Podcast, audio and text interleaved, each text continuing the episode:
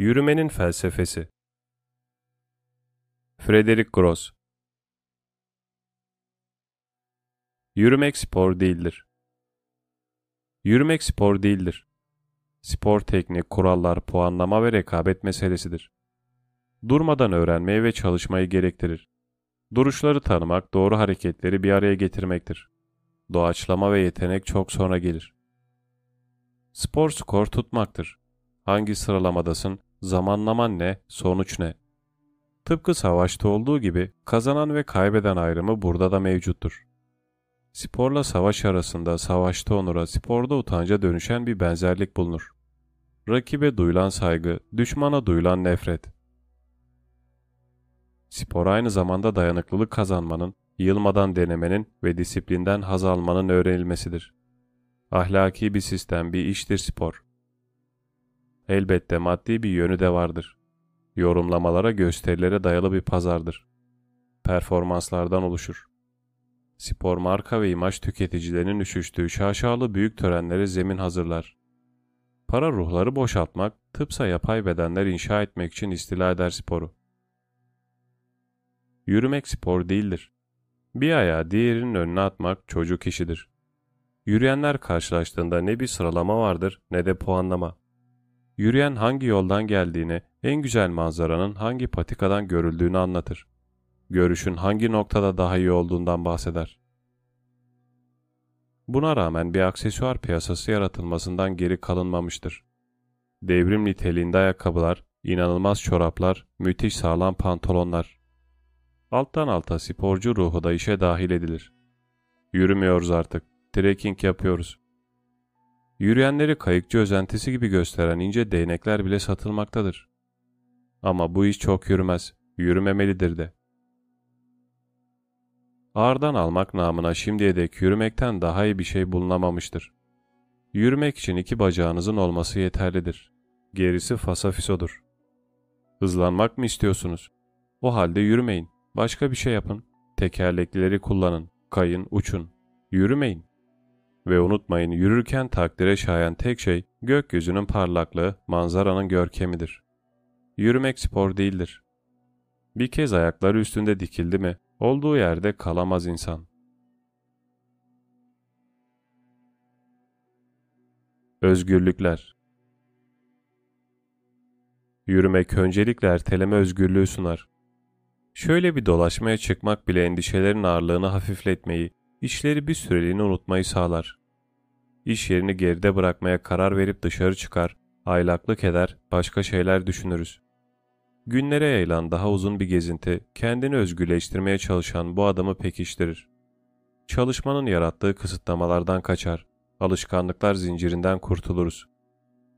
Peki ama bu yürüyüş özgürlüğü uzun bir yolculuğa kıyasla nasıl daha fazla hissettirir?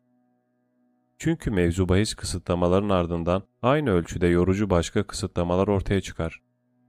Çantaların ağırlığı, mesafelerin uzunluğu, hava koşullarının belirsizliği, yağmur ve fırtına tehlikesi, kavurucu sıcaklar, ilkel konaklama koşulları, biraz ıstırap. Fakat sadece yürüyüş bizi mecburiyet yanılsamalarından kurtarmayı başarır. Öte yandan yürüyüş hatırı sayılır gerekliliklerin hakimiyetindedir. Onca mesafeyi kat etmek için onca adım anlamına gelen onca saat yürümelidir insan. Aklınıza estiği gibi atamazsınız adımlarınızı. Zira alelade bir bahçe gezintisine çıkmamışsınızdır. Hangi sapaktan döneceğinizi şaşırırsanız bedelini ağır ödemek zorunda kalabilirsiniz. Dağ size gömüldüğünde ya da sağanak boşandığında yürümeye devam etmek zorundasınızdır. Yiyecek ve su ihtiyacınızı güzergah ve kaynaklara bağlı olarak ustalıkla hesaplamanız gerekir. Konforsuzluktan bahsetmiyorum bile. Oysa asıl harika olan ona rağmen değil, ondan dolayı haz almaktır. Söylemek istediğim şu. Yiyecek ve içecek seçeneklerinin sınırlı olması, her türlü hava koşuluna maruz kalmak, yalnızca adımların kararlılığına güvenmek gibi durumlar bir yanılsama yaratır. Olanaklar arttığı için iletişim, satın alma, konaklama, yürümek ticari şeylere, ürünler, taşımacılık, sosyal organizasyonlar bağlıymış gibi algılanır. Bu mikro özgürlükler sistemin hızını artırmaktan başka işe yaramaz. Böylece sistem sizi daha fazla sınırlar. Halbuki zaman ve mekandan sıyrılmanızı sağlayan her şey sizi hızdan uzaklaştırır. Yürüyenin karşılaştığı koşulları daha önce benzer bir şey yaşamamış birine kabaca tarif etseniz, hepsi tuhaf, anormal, hatta gönüllü bir esaret gibi gelir. Çünkü şehirli insan alışveriş zincirinden kopmak, enformasyonu, imajları ve ürünleri yeniden dağıtan parçası olmamak ve tüm bunların onlara biçtiğiniz gerçeklik ve önem kadar gerçek veya önemli olduklarını fark etmek gibi yürüyenin özgürlük kabul ettiği şeyleri yoksunluk olarak değerlendirmeye meyillidir. Zincirlerinden boşanan dünyanız yıkımından kurtulmakla kalmaz. Bütün zincirlerin nasıl ağır, boğucu ve aşırı kısıtlayıcı oldukları da çıkar ortaya. Özgürlük bir lokma ekmek, bir yudum su, uçsuz bucaksız kırlardır o halde. Bu erteleme özgürlüğünün sevinciyle yola çıkmaktan dolayı mutlusunuzdur. Diğer taraftan geri dönmek de mutlu eder sizi. Parantez için alınmış bir mutluluktur bu. Bir iki günlük kaçamak yapma özgürlüğüdür. Geri döndüğünüzde hemen her şey bıraktığınız gibidir. Eski alışkanlıklar kaldıkları yerden devam eder. Hız, kendini ve başkalarını ihmal etme, telaş ve yorgunluk. Sadeliğin büyüsü bir yürüyüş sürmüştür. Temiz hava nasıl da iyi gelmiş. Geçici özgürlük, ardından kürkçü dükkanına dönüş. İkinci özgürlük daha saldırgan, daha asidir. Erteleme yürüyüşleri gündelik yaşantılarımızda sadece geçici bir kesintiye izin verir. Ağdan birkaç günlüğüne kaçmak, ıssız yollara adımlayarak kısa süreliğine sistemin dışına çıkmayı tecrübe etmek. Gel gelelim bağlarını bütünüyle koparmaya da karar verebilir insan. Kerouac veya Sinder'in metinlerinde kuralları çiğnemenin büyüsünü ve engin ufukların çağrısını görürsünüz. Aptalca uzlaşmalardan, dört duvarın uyuşturan güvenliğinden, aynanın sıkıcılığından, tekrarın yıpratıcılığından, tuzu kuruların ataletinden ve değişime besledikleri nefretten kurtulmak. Delilik ve rüyalar nasıl hayata geçmek isterse, nihayetinde hareket etmek ve kurallara baş kaldırmakla kışkırtılmak ister. Yürümeye karar vermek, uzaklara herhangi bir yere gitmek, başka bir şey denemek, yabanın çağrısı olarak algılanabilir bu defa. Bu yürüyüşlerde yıldızlı göklerin doğanın muazzam gücünü keşfedersiniz. İştahınız kabarır, yücelikleriyle bedenleriniz doyar. Dünyanın kapısını bir kez çaldınız mı sizi hiçbir şey tutamaz. Adımlarınızı bin kere geçtiğiniz hep kürkçü dükkanına varan kaldırımlar yönlendirmez artık. Dönemeçler yıldızlar gibi titrek titrek parlar. O kan donduran seçimi yapma korkusuyla yeniden karşılaşırsınız. Baş döndürücüdür özgürlük. Bu sefer mesele basit zevkler tatma uğruna düzenden sıyrılmak değil, sizi ve insanlığı aşan doğanın asiliğinden fışkıran bir özgürlükle tanışmaktır. Yürüyüş türlü türlü ölçüsüzlüklere neden olabilir. Sersemleten aşırı yorgunluk, ruhu allak bullak eden sınırsız bir güzellik, bedeni sınırlarının zorlandığı zirvelerle yüksek geçitlerde yaşanan aşırı sarhoşluk gibi. Yürümek içimizdeki bu isyankar kadim yönü uyandırarak son bulur. Arzularımız kibarlıktan uzaklaşıp tavizsizleşir. Dürtülerimiz ilham bulur. Çünkü yürümek bizi alıp yaşamın düşey eksenine yerleştirir. Arzularımız ve dürtülerimiz ayaklarımızın hemen altındaki sele kapılıp gider. Demek istediğim yürüyerek benliğinizle buluşmaya gitmezsiniz. Burada mevzu kendinizi yeniden bulmak, bir ben veya kayıp bir kimliğe yeniden kavuşmak için eski bağlardan kurtulmak değildir. Yürüyerek kimlik fikrinin kendisinden, biri olma, bir isim ve hikayeye sahip olma isteğinden kaçarsınız. Biri olmak herkesin kendinden bahsettiği yüksek sosyete toplantılarında ya da terapi seanslarında iyidir. Oysa biri olmak, boynumuzu ağır ve aptalca bir kurgu zincirleyen, bizi benlik tasvirimize sadık kalmaya zorlayan toplumsal bir zorunluluk değil midir? Yürürken biri olmama özgürlüğünü yakalarız. Çünkü yürüyen bedenin tarihi yoktur. O sadece hareket halindeki kadim yaşamdır. İşte biz iki ayağı üstünde hareket eden, büyük ağaçlar arasındaki katıksız güç ve haykırıştan ibaret bir hayvanız. Yürürken yeniden keşfedilmiş o hayvanın varlığını ortaya koymak için sıkça haykırmamız da bu yüzdendir. Ginsberg ve Brooks'un dahil olduğu Beat kuşağının yücelttiği bu büyük özgürlüğün yaşamlarımızı unufak edip uysal inlerimizi havaya uçurması gereken bu enerji sefahatinin içinde dağlarda yürümek de şüphesiz bizi masumiyete eriştireceğini umduğumuz uyuşturucu, alkol ve seks alemleri gibi bir araçtır. Ne var ki bu özgürlük bir düşün farkına varmamızı sağlar. Çürümüş, kirlenmiş, yabancılaştıran, içler acısı bir medeniyeti reddetmenin ifadesi olarak yürümek. Whitman'ı okuyorum. Ne söylüyor biliyor musun? Ayaklanın köleler, yabancı despotlar sarsılsın. Ona göre eski çöl yollarındaki halk ozanının, zen kaçağı ozanın tutumu bu olmalı. Dünya her şeyin tüketilmesi zorunluluğuna ve tüketme gücüne sahip olmak, buzdolabı, televizyon, araba, belli başlı saç yağları, deodorantlar ve benzeri süprüntüler gibi aslında sahip olmak istemedikleri işe yaramaz hurda yığınlarını satın alma gücüne sahip olmak için çalışmayı reddeden sırt çantalı gezginlerin, darma serserilerinin buluşma yeri olarak hayal edilmeli. Binlerce, milyonlarca Amerikalı gencin sırt çantalarıyla yollara düştüğü büyük bir sırt çantası devrimini görür gibiyim. Yürümenin nadiren sağladığı son bir özgürlük daha vardır. Basit hazların yeniden keşfedilmesinin, arkaik hayvanın yeniden keşfedilmesinin ardından gelir. Vazgeçişle gelen özgürlük. Hint uygarlığını kaleme alan en önemli yazarlardan Henrik Zimmer, Hindu felsefesinde yaşam yolculuğunun dört aşamaya ayrıldığını söyler. İlki çıraklık, öğrencilik, müritlik aşamasıdır. Yani yaşamın sabahında esasen efendinin buyruklarına itaat edilir. Verdiği dersler dinlenir, eleştirilere boyun eğilir ve ilkelere ayak uydurulur.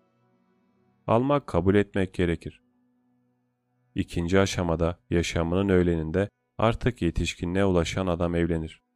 Ailesinin sorumluluğunu üstlenerek evinin efendisi olur. Servetin elinden geldiğince idare eder. Din adamlarının geçimine yardım eder. Toplumsal zorlamalara boyun eğdiği gibi bu zorlamaları başkalarına da dayatır. Ona toplum ve aile içinde bir rol biçen toplumsal maskeleri takmayı kabul eder. Ardından yaşamının öğle sonrasında çocuklar nöbeti devralmaya hazır hale geldiklerinde adam toplumsal görevleri, ailevi sorumlulukları, ekonomik endişeleri tümden reddedip keşiş hayatına geçebilir. Bu aşama ormana çekilmedir.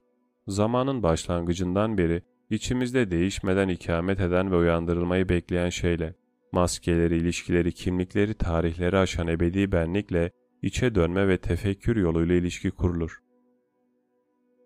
Yaşamamızın sonsuz ve görkemli olması gereken yaz gecesinde keşişin yerine seyyah alır nihayet.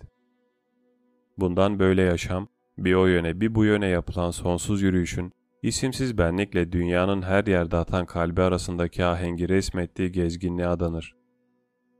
Bilge her şeyi reddeder. Tüm zincirlerden tamamen kurtularak ulaşılan özgürlüğün en yüksek mertebesidir bu. Artık ne kendine ne de dünyaya bulaşır bilge. Geçmişe ve geleceğe aynı ölçüde kayıtsız kalarak bir arada var olmanın ebedi şimdiliği olur sadece. Swami Ramdas'ın haç günlüklerinde de gördüğümüz gibi her şeyi reddettiğimizde her şey bol bol sunulur bize. Her şeyden kasıt varlığın yoğunluğudur. Uzun yürüyüşlerde bu içten vazgeçişin getirdiği özgürlüğü bir anlığına da olsa yaşarsınız. Uzun süre yürüdüğünüzde ne kadardır yürüdüğünüzü ya da varış noktanıza ulaşmak için daha ne kadar yürümeniz gerektiğini kestiremediğiniz bir an gelir. O katı zorunlulukların ağırlığını omuzlarınızda hissedip bu da yeter bana dersiniz. Hayatta kalmak için daha fazlası gerekmez ki. Bu şekilde günlerce, yüzyıllarca devam edebilirim. Nereye, niçin gittiğinizi zar zor hatırlarsınız. O da geçmişiniz veya saatin kaç olduğu kadar önemsizdir artık. Kendinizi özgür hissedersiniz. Çünkü cehennemle yaptığınız anlaşmanın isim, yaş, meslek, özgeçmiş gibi eski işaretlerini hatırladığınız her an hepsi son derece gülünç, önemsiz ve gerçek dışı görünür gözünüze.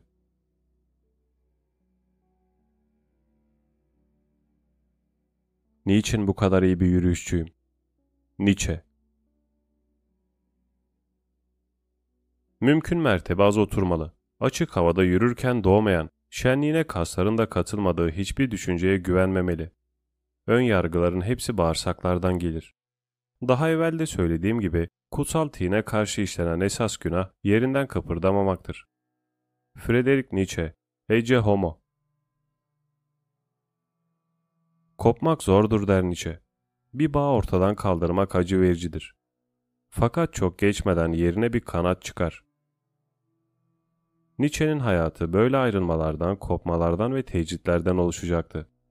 Dünyadan, toplumdan, yoldaşlardan, meslektaşlardan, kadınlardan, arkadaşlardan ve ana babadan. Fakat yalnızlığın içine salladığı her kürek özgürlüğünün biraz daha derinleşmesinin işaretiydi. Hesap vermek yok, engel oluşturacak uzlaşmalar yok. Görüşü açık ve tarafsız. Nietzsche yorulmak nedir bilmeyen hatırı sayılır bir yürüyüşçüydü. Sık sık yürüyüşten bahsederdi.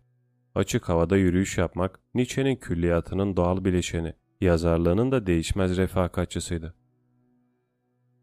Nietzsche'nin yaşamı dört perdeye ayrılabilir.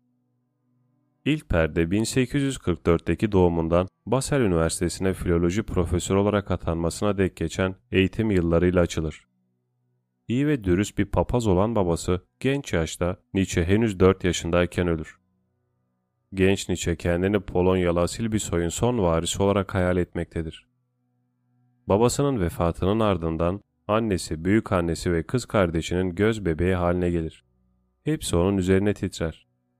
Bu üstün zekalı çocuk zor bir okul olan meşhur Fort Ortaokulu'nda klasik bir eğitim alır. Burada faydasını daha sonra göreceği, emir vermeyi bilmek için itaat etmeyi bilmek gerekir düsturuna dayalı sıkı bir nizama tabi tutulur. Annesi büyük bir sevgi ve hayranlık beslediği oğlunun parlak zekasını Tanrı'nın hizmetinde kullanan bir teolog olacağını ummaktadır.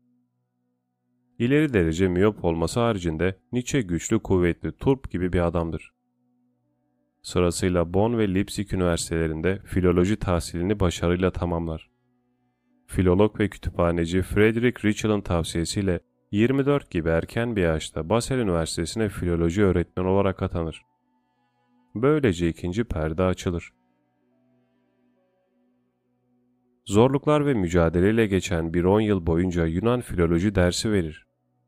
Çok yoğun bir çalışma temposu vardır. Üniversitenin yanı sıra şehirdeki en büyük ortaokulda da ders vermek zorundadır. Ancak Nietzsche'nin ilgi alanı yalnızca filolojiyle sınırlı değildir. Aslında her şeyden önce uzunca bir süre müzikle uğraşmayı denemiş. Sonrasında felsefeye merak sarmıştır. Ama ona kucak açan filoloji olur. Nietzsche de onu kucaklar. Gerçi gönlü buruktur biraz. Zira en büyük isteği bu değildir. Yine de bu sayede hiç olmazsa Yunan yazarları okumuştur. Tragedya yazarları Aisiklios, Sofokles, şairler Homeros, Hesiodos, filozoflar Herakleitos, Anaximandros ve tarihçiler. Özellikle Diyojen Lertios. Çünkü onun insanları sistemlerin üstünde ve ötesinde resmettiğini söylemiştir. İlk yıl çok iyi gider. Derslerine heyecanla hazırlanır. Başarısını öğrencilerinin gözlerinden okur. Yeni arkadaşlar edinir. İçlerinden biri teoloji öğretmeni Franz Urbeck, can dostu yoldaşı olur. Yaşanacak facianın ardından Torino'ya onu bulmaya gidecek olan da bu hem iyi hem de kötü gün dostudur.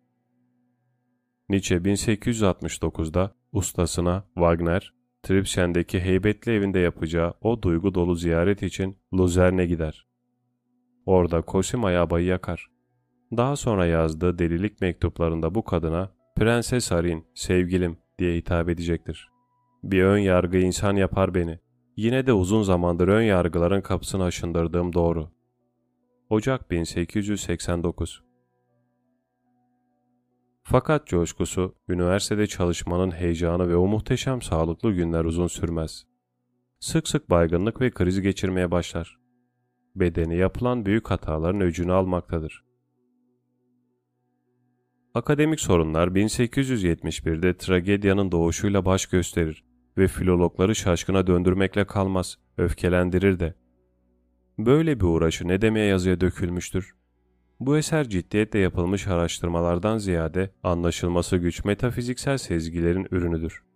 Karmaşayla düzen arasındaki ebedi çatışma.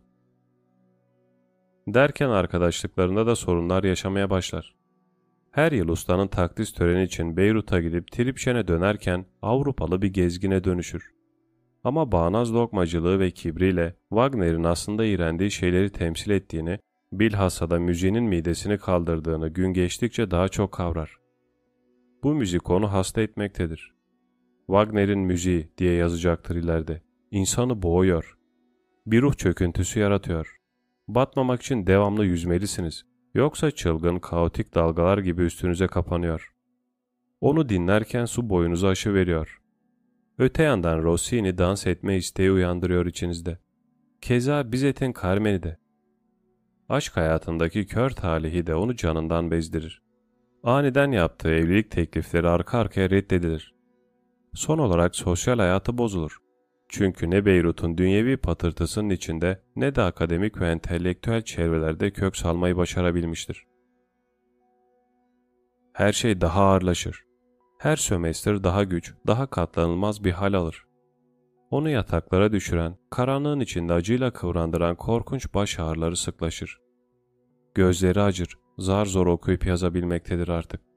Yazmaya veya okumaya ayırdığı her 15 dakika migrenle geçecek saatlere mal olur. Gözlerini kağıda sabitleyemediğinden başkalarından onun için okumalarını rica eder.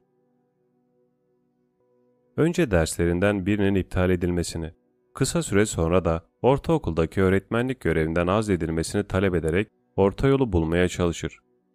Bu girişimlerinin sonunda soluklanmak, gücünü yeniden kazanmak, toparlanmak için bir sene izin alır. Ama hiçbir işe yaramaz.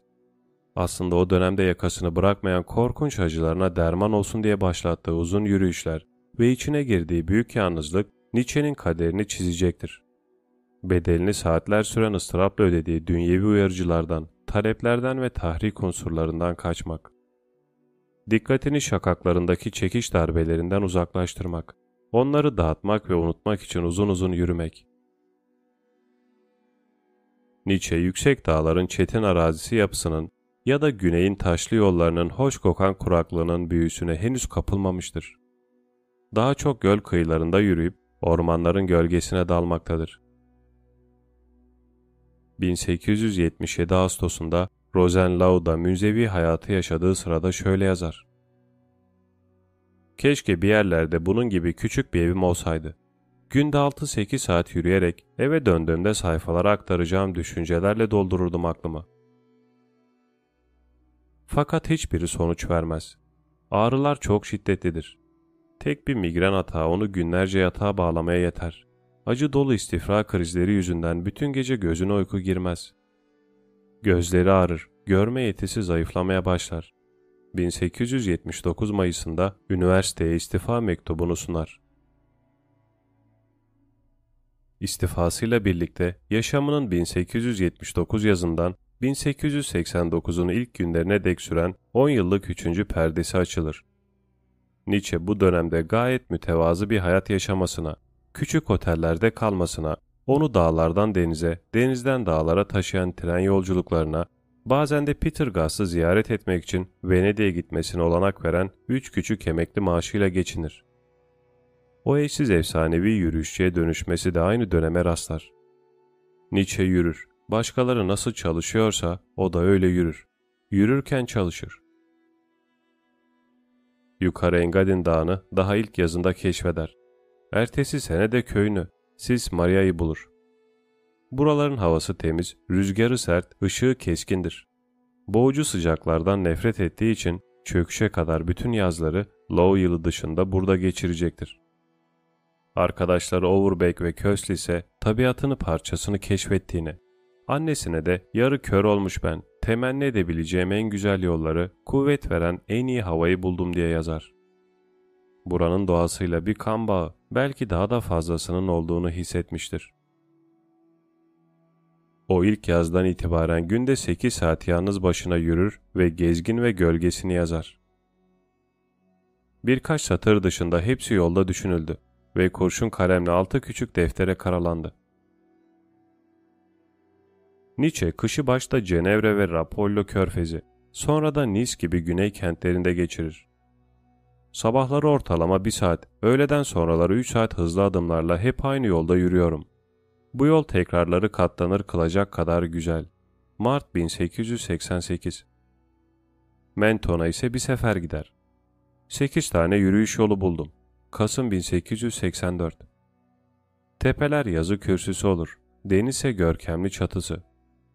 Deniz ve alabildiğince gökyüzü. Bunca zaman ne diye işkence etmişim kendime. Ocak 1881 Açık havada dünyaya ve insanlara yukarıdan bakarak yürürken yazar. Hayal kurar, keşfeder, kendinden geçer. Buldukları karşısında ürker, alt üst olur ve aklına gelen fikirlere kapılır. Duygularımın yoğunluğu beni aynı anda hem güldürüyor hem de ürpertiyor. Birkaç sefer gözlerimin kızarmış olması gibi gülünç bir sebepten odamdan çıkamadım. Neden mi? Önceki gün uzun yürüyüşlerim sırasında çok ağladım. Ama öyle içli gözyaşları değil. Salına salına şarkılar söyleyerek sevinç gözyaşları döktüm. Bugünün insanları karşısındaki ayrıcalığımı gösteren yeni bir bakış kazandım. Ağustos 1881 Nietzsche aralarında tan kızıllığı, ahlakın soy kütüğü üzerine, şen bilim, iyinin ve kötünün ötesinde ve unutmadan böyle söyledi Zerdüşt'ün bulunduğu en önemli eserlerini bu on yıl zarfında yazar. Keşiş olur. Keşişe dönüşmüş buldum kendimi yeniden. Günde 10 saat keşiş adımları atıyorum. Temmuz 1880 Münzevi gezgin olur. Yürüyüş burada Kant'taki gibi işe ara vermek ya da oturmaktan kamburu çıkmış, iki büklüm olmuş vücuda yapılan asgari bir temizlik değildir. Nietzsche çalışmak için yürümek zorundadır. Dinlenmenin, hatta refakatçisi olmanın bile ötesinde Nietzsche'nin tam olarak parçasıdır yürüyüş. Sadece kitaplar arasında düşünebilenlerden, aklını kitapların dürtüklemesini bekleyenlerden değiliz biz. Bizim etosumuz açık havada, tercihen yolların bile tefekküre daldığı ıssız dağlarda veya deniz kıyılarında yürüyerek, sekerek, tırmanarak, dans ederek düşünmektir. 1989 Onca insan kitaplarını sadece başka kitaplar okuyarak yazmıştır. O kitapların pek çoğu havasız kütüphanelerin kokusunu taşır. Bir kitabı neye dayanarak değerlendiririz? Kokusuna göre, ileride göreceğimiz üzere ritmine göre hatta. Kokusuna göre zira bir dolu kitabın üstüne okuma salonlarının veya masalarının o küf kokusu sinmiştir. Havasız ışıksız odalar. Rafların arasına doğru düzgün nüfuz edemeyen hava bir de küfle, usul usul çürüyen kağıtların kokusuyla ve mürekkepteki kimyasal değişimle ağırlaşır. Buraların havası zehir yüklüdür. Bazı kitaplarsa ferah havayı solur. Dışarının zindeleştiren havasını, ulu dağların rüzgarını, göğe uzanan sarp kayalıkların zangırdatan buz gibi soluğunu ya da çamların arasından geçen güney yollarının taze ve serin sabah esintisini. Bu kitaplar nefes alır. Mağrur ölü bir bilgeliğe bulanıp ağırlaşmamışlardır. Yazarın fikirlerinin aklında nasıl belirdiğini, fikirlerin mürekkep hokkasının başında, karnı sıkışmış, kafası sayfalara gömülmüş haldeyken mi gelip gelmediğini çabucak anlarız. Ki bu durumda kitabıyla alakamızı da çabucak keseriz. Kasılmış bağırsaklar kendini hızla ele verme konusunda bundan hiç şüpheniz olmasın, ağır havadan, alçak tavanlardan ve dar odalardan geri kalmaz.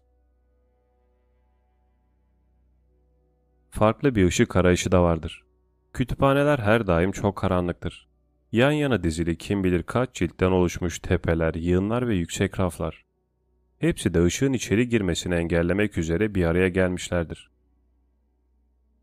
Bazı kitaplar dağların keskin ışığını veya denizin güneşli pırıltılarını yansıtır.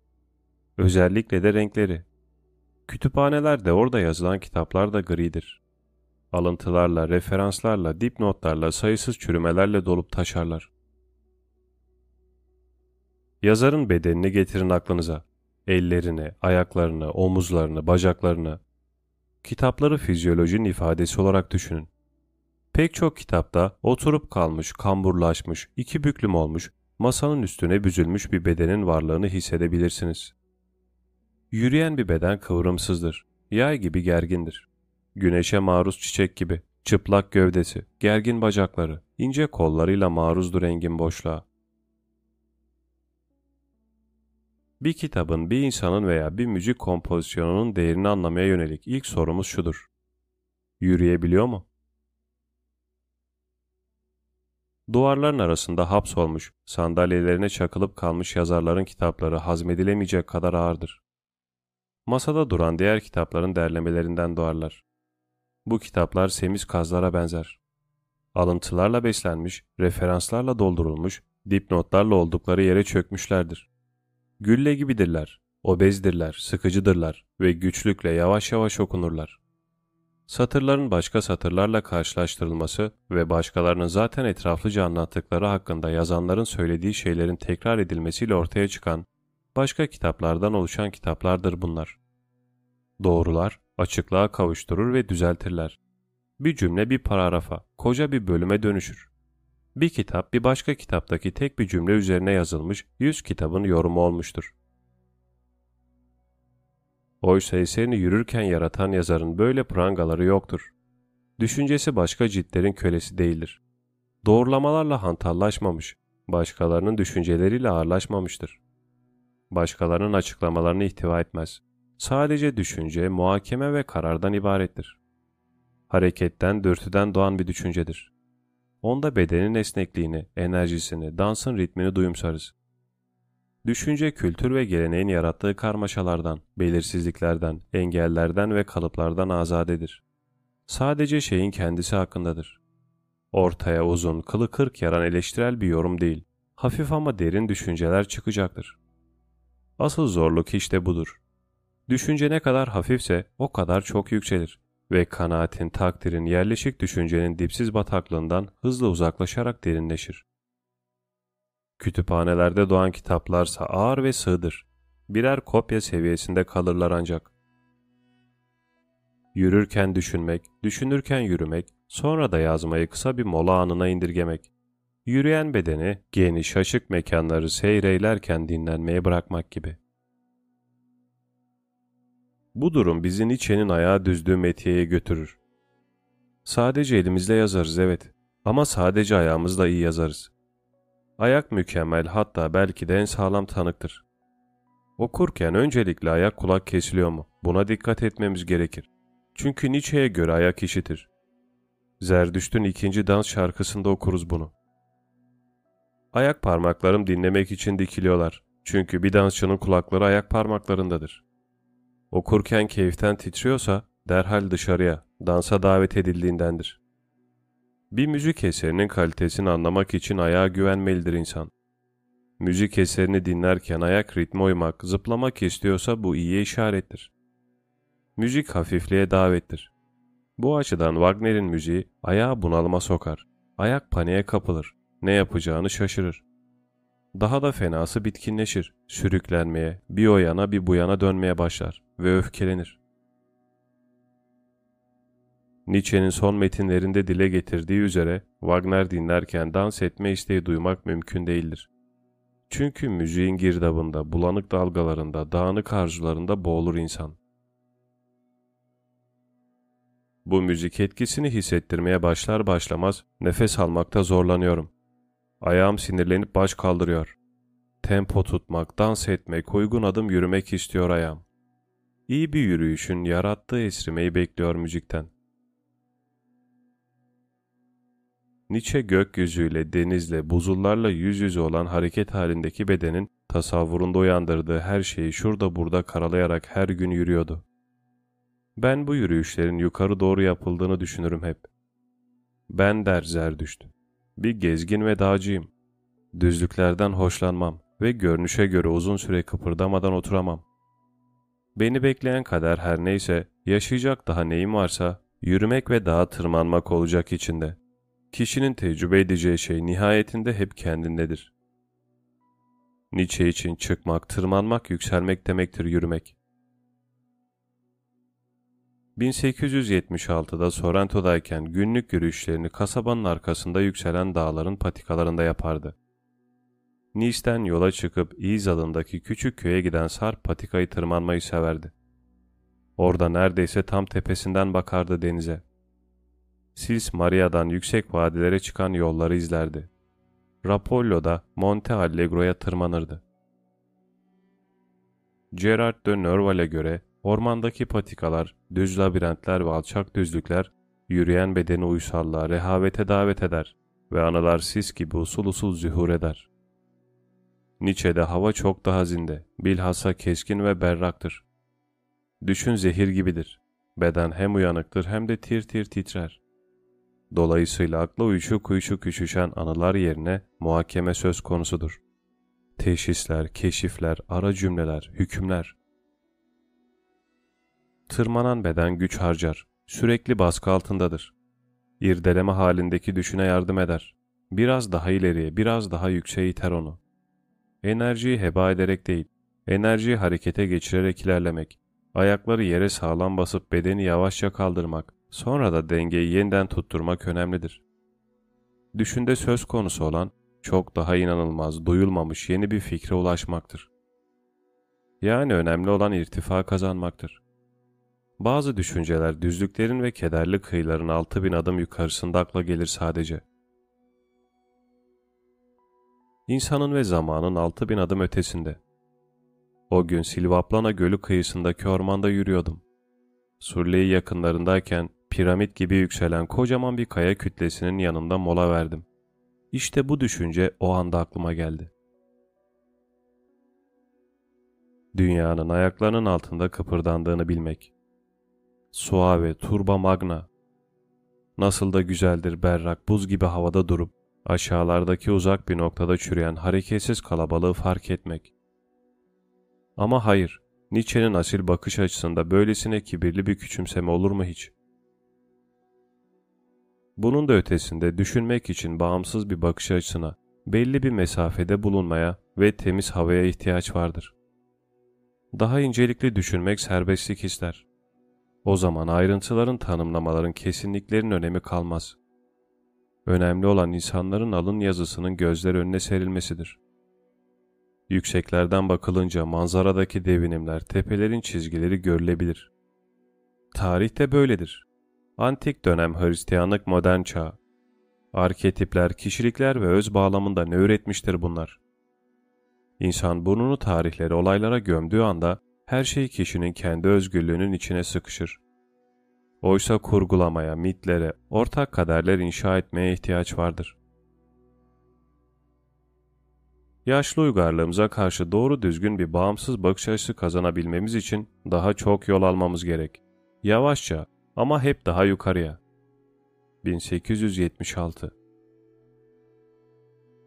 Yolun kendisi kadar belirgin bir şey vardır. O da yerlerinde oturanların aptalca aldırışsızlığı değil, Nietzsche'nin her zaman kendi sorunu addettiği merhamettir. Çocukluğumdan beri acımak en büyük zaafım lafını teyit edip durdum. Eylül 1884 İnsanların kendilerinden yoksun oldukları için ayinler ya da eğlencelerle oyalanmalarına, hüzünlü suretlere bölünmelerine, benzerleri tarafından oyalanma ihtiyaçlarına duyulan merhamettir bu. Halbuki yukarılardan bağımsız bir bakış açısıyla bakıldığında insanın neyin hasta ettiği anlaşılır. Yerleşik ahlakın zehri. Bu uzun mu uzun yürüyüşlerde bir yamaç aşıldığında yeni bir manzara belirir bir anda. Harcanan gücün uzun tırmanışın ardından beden etrafına şöyle bir döner ve ayaklarının altına serili sonsuzluğu görür veya yolun kıvrılmasıyla birlikte bir dönüşüme şahit olur. Bir dağ dizisi, bir görkem vardır uzanmış bekleyen. Bir dolu özlü sözün kaynağı, perspektifteki bu ani değişikliklerin, beklenmedik anda başka bir şeyle karşılaşmanın ve kişinin kendine özel yeni bir manzara keşfetmesinin yarattığı sevinçtir. Velhasıl Bengi dönüşün yürüyüş deneyimine borcundan bahsetmek icap eder. Tabi Nietzsche'nin uzun gezintilerini tanıdığı yollarda, tekrar tekrar yürümekten hoşlandığı yön tabelalı patikalarda yaptığını da göz önünde bulundurarak. İnsan görmeyi beklediği görüntünün ortaya çıkacağı dönemece ulaşmak için uzun uzun yürür. Oraya vardığında manzara hep titreşir. Bu titreşim yürüyenin bedeninde tekrar eder kendini. Akort edilmiş iki tel gibi titreşip duran, Birbirlerinin titreşiminden beslenen iki mevcudiyetin ahengi sonsuz kez baştan tanışmak gibidir. Bengi dönüş, bu iki olumlamanın tekrarının sürekli bir döngü içinde açıldıkça açılması, mevcudiyetlerin titreşiminin döngüsel dönüşümüdür. Yürüyenin manzaranın hareketsizliği karşısındaki hareketsizliği. Sonsuz değiş tokuş döngüselliğinin doğmasını sağlayan bu müşterek mevcudiyetin yoğunluğudur. Ben her zaman buradayım. Yarın da bu manzarayı seyrediyor olacağım. Fakat Nietzsche 1880'lerin ortasında artık eskisi gibi yürüyemediğinden şikayet etmektedir. Sırtı ağrıdığı için koltukta uzun süre arkasına yaslanarak oturmak zorundadır. Yine de yürümekte ısrar eder. Fakat yürüyüşleri kısalmıştır. Hatta zaman zaman yanında refakatçi de alır. Sils'in keşişi diye anılan adam, kendisine hayran genç kadın muhafızlarla yürüyüşe çıkmaktadır artık. Eğitimci olarak Schopenhauer'u tercüme eden Helen Zimner, ona yöredeki asillerin büyük desteğini sağlayan genç aristokrat Meta von Salis, öğrenci Resa von Schirnhofer ve felsefeye henüz uyanmış Helen Druskowitz. Gezintiler eskisi gibi değildir. Yalnızlık azalmıştır. Nietzsche etrafı kültürlü kadınlarla çevrili, görgülü nazik beyefendi oynamaktadır. Onları Bengi dönüş aydınlanmasını yaşadığı kayaya götürür. Wagner'le arkadaşlığının sırlarını anlatır kederle. Sonra ıstırap yavaş yavaş bir kez daha yakasına yapışır.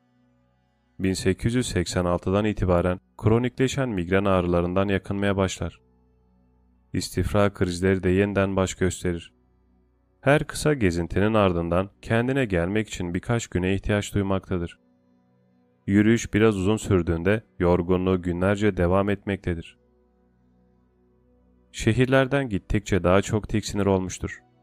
Ona göre şehirler kirli ve pahalıdır.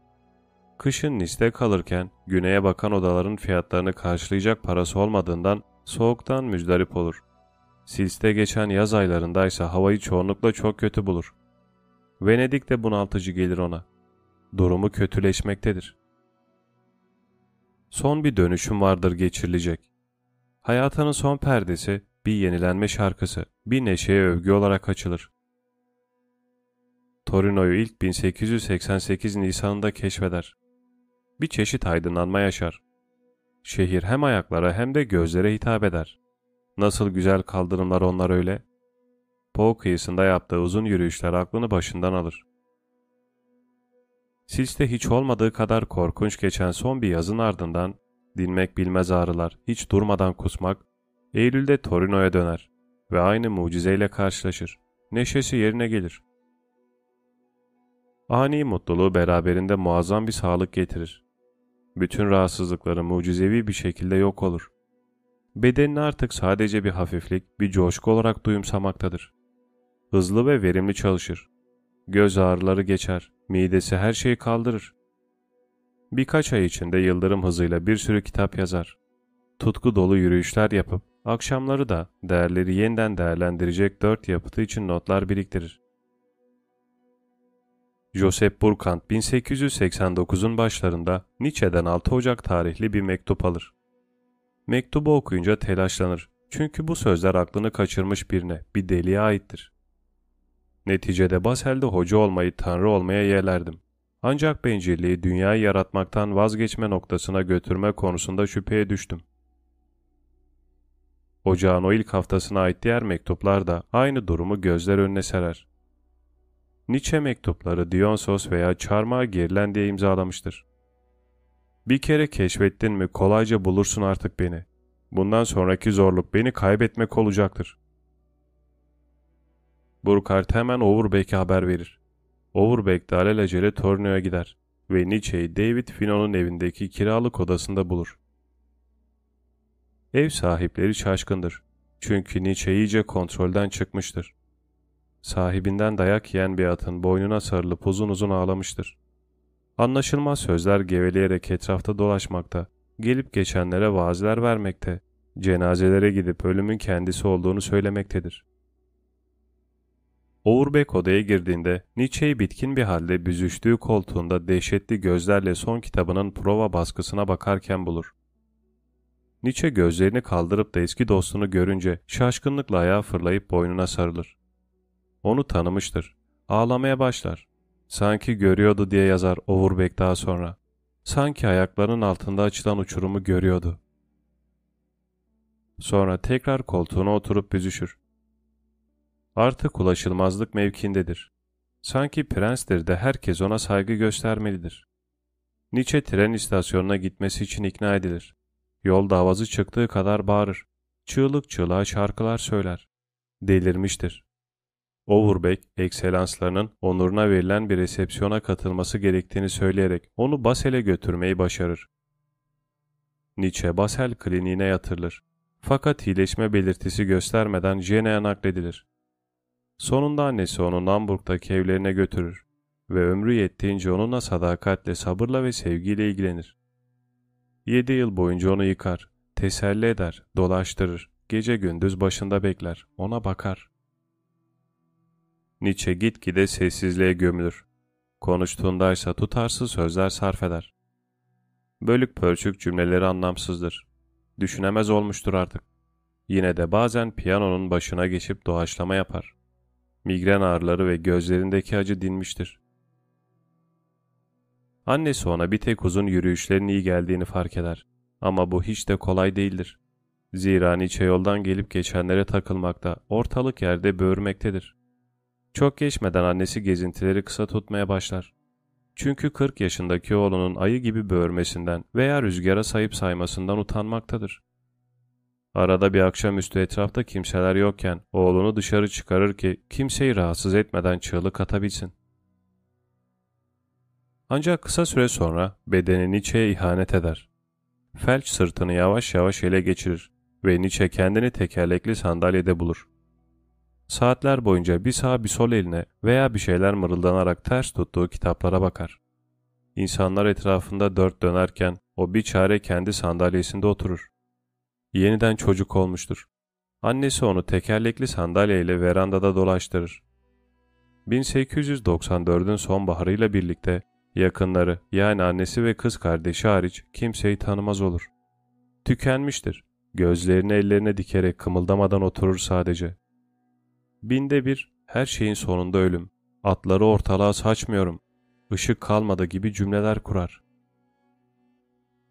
Çöküş yavaş ama kaçınılmazdır. Çukura kaçmış gözlerinin feri son sürat söner. Nietzsche 25 Ağustos 1900'de Weimar'da hayatını kaybeder. Muhtemelen gelecekteki insanlar için bir kaçınılmazlık. Onların kaçınılmazı olacağım. Dolayısıyla bir gün dilsiz kalmam kesinlikle mümkün. Hem de insanlığın hatrına.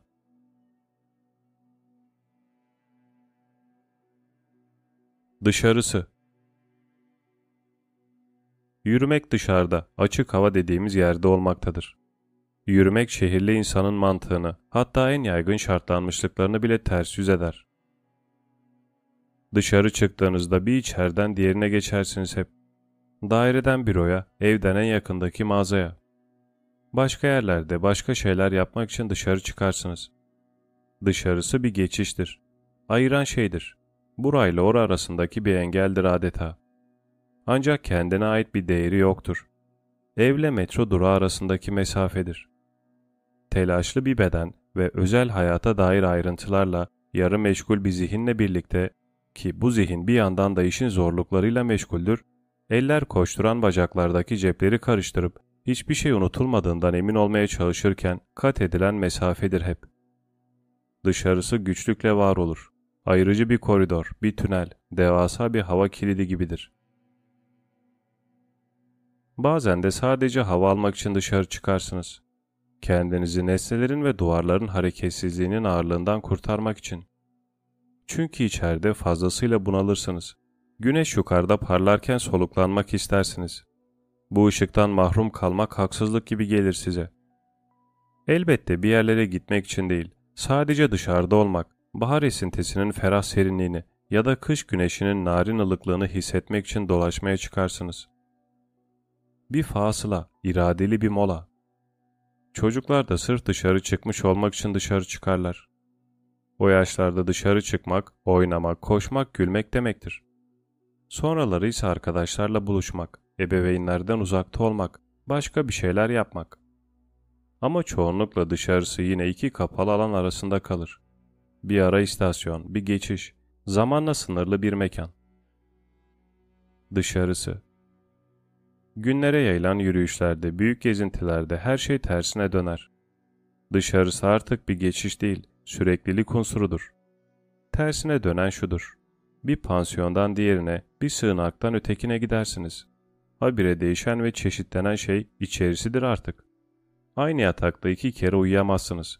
Her akşam başka bir ev sahibi misafir eder sizi. Her dekor, her ortam yeni bir sürprizdir. Çeşit çeşit duvarlar, taşlar. Durursunuz. Gece çökmüş, beden yorulmuştur. Dinlenmeniz gerekir. Bu içeriler her defasında kilometre taşlarıdır. Dışarıda daha uzun süre kalmayı sağlayan araçlardır. Geçişlerdir. Bahsedilmeye değer bir başka konuda sabah atılan o ilk adımların yarattığı tuhaf etkidir. Haritaya bakmış, yola karar vermiş, vedalaşmış, çantalarınızı toplamış, izleyeceğiniz patikayı işaretlemiş, gideceğiniz yönü gözden geçirmişsinizdir. Sanki tereddütle yola çıkmayı ertelemek için bu işlere verirsiniz kendinizi. Durur, yönü kontrol eder, bulunduğunuz noktada dönersiniz. Sonra yol önünüzde açılıverir. Yola atılır, ritmi tutturursunuz. Başınızı kaldırınca yolda olduğunuzu görürsünüz. Sırf yürümek, dışarıda kalmak için düşmüşsünüzdür yola. Olan biten budur. Her şey bundan ibarettir. Oradasınızdır. Dışarısı bizim bir diğer parçamızdır. Bir araya geldiğimizde hayatta olduğumuzun tam ayırdına varırız. Bir pansiyondan diğerine gitmek için ayrılırsınız. Ama üzerinize yapışan süreklilik hissi etrafınızı kuşatan manzaralar ve hep orada duran tepe sıralarından ileri gelir. Ve onların arasında sanki kendi evimdeymiş gibi dolaşan benim. Yürüyerek meskenimi ölçüyorum. Kat edip ardınızda bıraktığınız mecburi yollar sizin için tek gecelik yataklar, tek seferlik yemekhanelerdir. Ve buraların sakinleri de birer hayalettir. Kalıcı meskeniniz sadece manzaradır. İşte dışarısı ile içerisi arasındaki o büyük ayrım yürüyüşle alt üst olur. Dağları ovaları aşıp pansiyonda konakladığımızı söylememeliyiz. Zira bunun neredeyse tam tersi olmaktadır. Günler boyunca ikamet ettiğim yer bu tabiattır. Onu yavaş yavaş ele geçirir, mekanım kılarım. Dünyanın tam ortasında istirahat duvarlarını ardınızda bıraktığınız ve yüzünüzün rüzgarla buluştuğu anda sabahların o tuhaf etkisi de ortaya çıkabilir artık. Sabahtan akşama kadar evim burası işte. Yürüyerek ikamet edeceğim yer.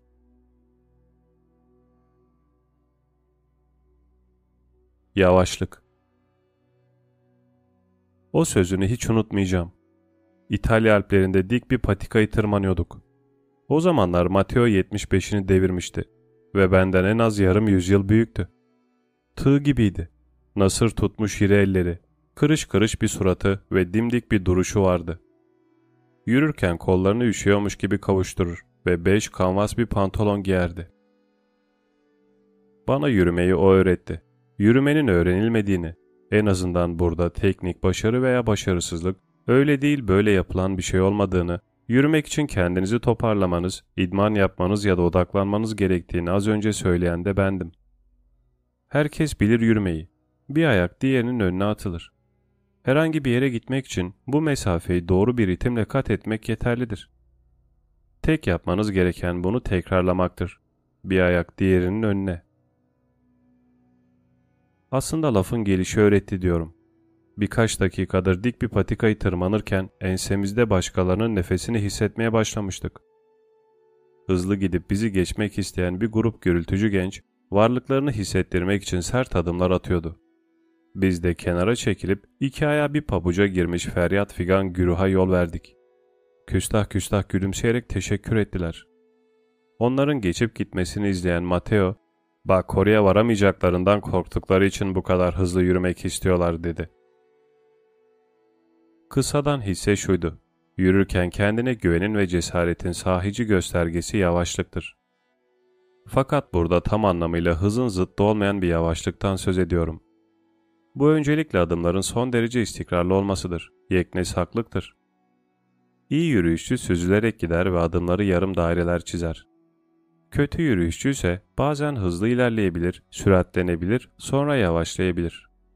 Hareketleri kesik kesiktir. Adımları köşeli açılar çizer. Aniden kazandığı hızın ardından soluk soluğa kalır. Coşkuyla hareket etmenin, bedeni itip kalkmanın sonucu kanter içinde kalmış kıpkırmızı bir surattır. Yavaşlık tam olarak acelecin zıttıdır. Tepeye vardığımızda sporcu grupla tekrar karşılaştık. Hepsi oturmuş yürüme süreleri üstüne heyecanla yorum yapıyor. Anlaşılmaz hesaplarla uğraşıyordu. Bu kadar acele etmelerinin nedeni belli bir süreyi tutturmak istemeleriydi. Zamanı doğru değerlendirmek tuhaf bir ifade. Manzarayı seyretmek için biraz durduktan sonra yavaş yavaş yola koyulduk. O sırada grup değerlendirmelerine ve kıyaslamalarına hala devam ediyordu. Hızın zaman kazandırdığı bir yanılsamadır. Hesap ilk bakışta kolaydır. Yapacaklarını 3 saat yerine 2 saatte yapıp 1 saat kazan. Fakat bu günün her saati birbirine eşitmişçesine yapılan soyut bir hesaplamadır. Bilakis zamanı hızlandıran acelecilik ve sürattir. Böylece zaman daha çabuk geçer ve 2 saatlik bir telaş günü kısaltır. Bölümlere ayrılmış her dakika lime lime olur, çatlayana kadar dolar. Bir saatin içine yığınla şey istiflersiniz. Yavaş yavaş yürüdüğünüz günlerse çok uzundur. Daha uzun yaşamanızı sağlar. Çünkü zamanı eklemlere eziyet ederek geçirmek yerine her saatin, her dakikanın, her saniyenin nefes almasına, derinleşmesine izin verirsiniz. Acele etmek birden fazla şeyi tek seferde ve çabucak yapmaktır. Önce bu, sonra şu, ardından öteki. Acele ettiğinizde zaman türlü türlü şeyin hiçbir düzen olmadan tıkıştırıldığı bir çekmece gibi çatlayacak kadar dolar. Yavaşlık saniyelerin bozuk bir musluktan pıt pıt düşen su damlaları gibi teker teker damla damla aktığı o noktada zamanla hemhal olmaktır. Zamanın esnemesi mekanı derinleştirir. Yürümenin sırlarından biridir bu. Manzaraya onu her adımda biraz daha tanıdık kılan bir yavaşlıkla yaklaşmak. Tıpkı dostluğu derinleştiren düzenli görüşmeler gibi. Böylece gün boyu yanı başınızda duran, farklı saatlerde farklı ışıklar altında gözlemlediğiniz bir dağ silüeti kendini bütün detaylarıyla size teslim eder. Yürürken hiçbir şey hareket etmez. Sadece tepeler belli belirsiz yakınlaşır ve manzara değişir. Trende veya arabadayken bir dağın bize geldiğini görürüz. Göz atiktir, kıvraktır. Her şeyi anladığını, kavradığını sanır. Yürürken hiçbir şey gerçekten yerinden oynamaz. Daha ziyade mevcudiyet bedene yerleşir yavaşça. Yürürken aslında yakınlaştığımız yoktur. Sadece şeyler bedene daha fazla nüfuz eder. Bizi çevreleyen manzara, tatlar, renkler, kokularla dolu bir kasedir. Beden de onun içinde demlenir.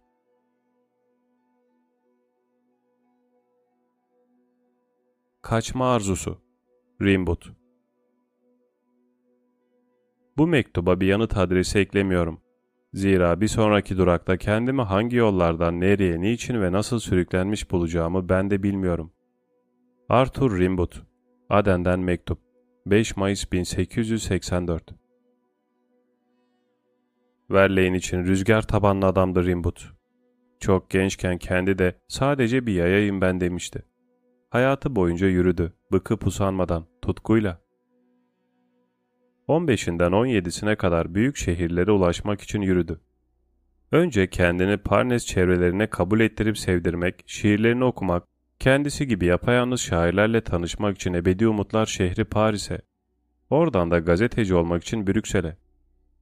20'sinden 24'üne kadar birçok kez güneye gitmeyi denedi. Kışın evine döndü. Seyahate hazırlandı. Akdeniz'de Charleville arasında mekik dokudu. Güneşe doğru yürüdü. 25'inden ölümüne kadarsa çöl yollarını kat etti. Bu sefer güneşin alnında. Aden'den Harar'a defalarca. Hadi gidelim. Yürümek, yük, çöl, can sıkıntısı ve sinir harbi. Şairler kentinin cazibesine kapılan ve Charleville'de kendini hem yalnız hem de işe yaramaz hisseden Rimbaud, 15 yaşında aklında bir dolu naif düşle Paris'e doğru yola çıkar. Bir Ağustos günü sabahın köründe kimseye haber vermeden yayan düşer yollara. Muhtemelen Givet'e kadar yürüdükten sonra trene biner. Fakat kitaplarını satarak elde ettiği para çok iyi bir öğrenci olduğu için değerli kitapları vardır. Başkente giden yolun tamamını karşılamaya yetmez. Strasbourg garına vardığında polis de onu beklemektedir. Hırsızlık ve serserilik yapmaktan tutuklanıp doğruca karakola, oradan da Mazas hapishanesine götürülür. Yardımına retorik öğretmeni meşhur Gorges Izambard koşar ve demiryolu şirketine yolculuğun eksik kalan miktarını ödeyerek öğrencisini kurtarır. Charleville'e giden tren hattı savaş nedeniyle kapalı olduğu için Rimbaud Hamisi İzambard'ın doğudaki ailesinin yanına gider. Orada ablaları tarafından şımartılıp edebiyat konuşarak mutlu günler geçirir. Ama annesi onu çağırmaktadır. Henüz bir ay geçmiştir ki Rimbaud birkaç kitap daha satıp tekrar kaçar. Fume'ye kadar trenle gider. Oradan Müse'ye doğru köy köy yürüyerek devam edip Charleri'ye varır. Sekiz gün boyunca çakıllı yollarda parçalamıştım botlarımı. Charleri'ye gidiyordum. Çalışmak için Charlie gazetesine başvurur ama reddedilir. Böylece Rimbaud, Hamisi İzambart'ı bulmak üzere ya da bulabileceğini umarak beş kuruş parası olmadan ve yine yürüyerek Brüksel'e yönelir. Gidiyordum yumruklarım delik ceplerimde. Paltom bile hayaliydi artık. Göğün altında yürüyordum, ilham perileri. Ve kul köleydim size. Ah tanrım, ne muhteşem aşklar düşledim. Eller cepte, ebedi zaferleri ve aşkı düşünerek, neşeyle haykırarak 50 kilometre yürür. Fakat Izambart orada değildir. Öğretmenin arkadaşı Durant ona geri dönmesi için gereken parayı verir. Rimbaud doğruca kendi evine değil, doğayı yani ailesinin yanına gider. Benim ben, geri döndüm. Oraya vardığında yollarda doğmuş, kaçışlar ve maceralarla gelen aydınlanmaların, patikaların ve sallanan kolların ritmiyle oluşmuş bir şiirle doldur içi. Mutluluğun ve kırsaldaki hanlarda geçen neşeli istirahatlerin şiiriyle. Aşılan yolların getirdiği tatmin, içi ferahlayan beden, gençlik. Mesut mu Mesut, bacaklarımı masanın altına uzattım. Sarı sonbahar tonlar arasında günlerce süren yürüyüşler.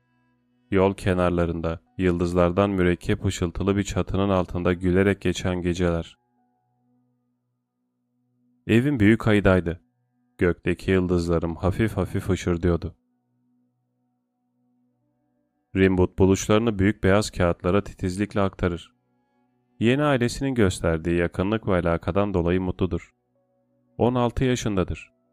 1 Kasım'da Rimbaud'un annesi masraf çıkmasın diye kendi gitmek yerine polisi İzambar'da gönderip oğlunu derhal eve getirmesini buyurur.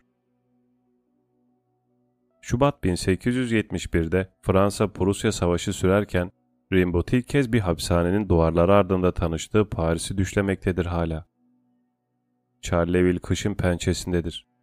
Arthur havalara girmiştir. Saçlarını uzattıkça uzatır. Ana caddeyi pipo tüttüre tüttüre gururla arşınlar. Ama çok geçmeden tekrar huysuzlanır ve gizliden gizliye sıradaki kaçış planını hazırlar. Bu sefer gümüş bir saat satarak kavuşur tren bileti için gereken paraya. Rimbaud 25 Şubat itibarıyla kitap evlerinin vitrinlerine hayran hayran bakarak, şiirde ne yenilikler olduğunu merak ederek, kömür mavnalarında uyup artık yemeklerle beslenerek ebedi çevrelerle bağını kurmanın yollarını bulmaya çalışarak Paris'te başıboş dolaşmaktadır. Ancak zaman edebiyat zamanı değildir. Prusyalılar yaklaştığından şehir karanlığa gömülmüştür. Cepleri gibi midesi de boş olan Rimbaud evine dönmek için düşman hatlarını yürüyerek geçer. Ara sıra da köylülerin at arabaları yetişir imdadına. Eve bir gece yarı çıplak ve ağır bir bronşite yakalanmış olarak varır. Baharda evden tekrar ayrılmış mıdır? Efsane mi gerçek mi olduğunu bilmediğimiz bu muammayı hiçbir zaman çözemeyebiliriz. Şu var ki Rimbaud Paris komününden gelen haberle sarsılmış olmalıdır. Komünist oluşumundan çıkma bir yazar olan kendisi Charleville'deyken Paris'te baş kaldırıldığını bilmek onu muhtemelen kudurtmuştur. Çocukluğu dindar geçse de sonradan azılı bir cumhuriyetçiye ve kilise karşıtına dönüşmüştür. Kardeşlik ve özgürlük adına başlayan ayaklanmayla kendinden geçer. Kurulu düzen yenilendi. Komün Mart ayında ilan edilir. Rimbaud'un Nisan'da Paris'te görüldüğü söylenir. Ancak bunun doğru olup olmadığını hiçbir zaman öğrenemeyeceğiz. Ernest Döley'e göre Rimbaud misillere katılmış. Babylon kışlasında keskin nişancı olarak görevlendirilmiştir. Hikayenin bu kısmı 15 gün sürmüş olabilir. Paris'e kömür manvasıyla gelip sefil bir ilaç halde yürüyerek eve döndüğü rivayet edilir. Para olmayınca haliyle vaziyet budur. Paris'e dördüncü kez döner. Ancak bu sefer tam bir kutsanmadır bu yolculuk.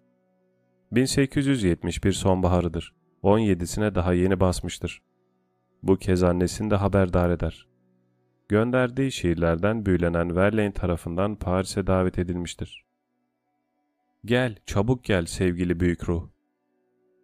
İnsanlar onun için tren parası toplamıştır. Rimbaud bir teminat, bir armağan, bir kanıt olarak sarhoş gemisini de yanında götürür. Malum olduğu üzere bunu Verlaine'in Rimbaud'a baktığı tutku dolu fırtınalı bir ilişkiyle geçen üç uzun yıl izler. Zültiz çılgınlıklar, Londra'ya birlikte yapılan üç ıstıraplı seyahat, sefil içki alemleri, korkunç kavgaların ardından gelen heybetli barışmalar.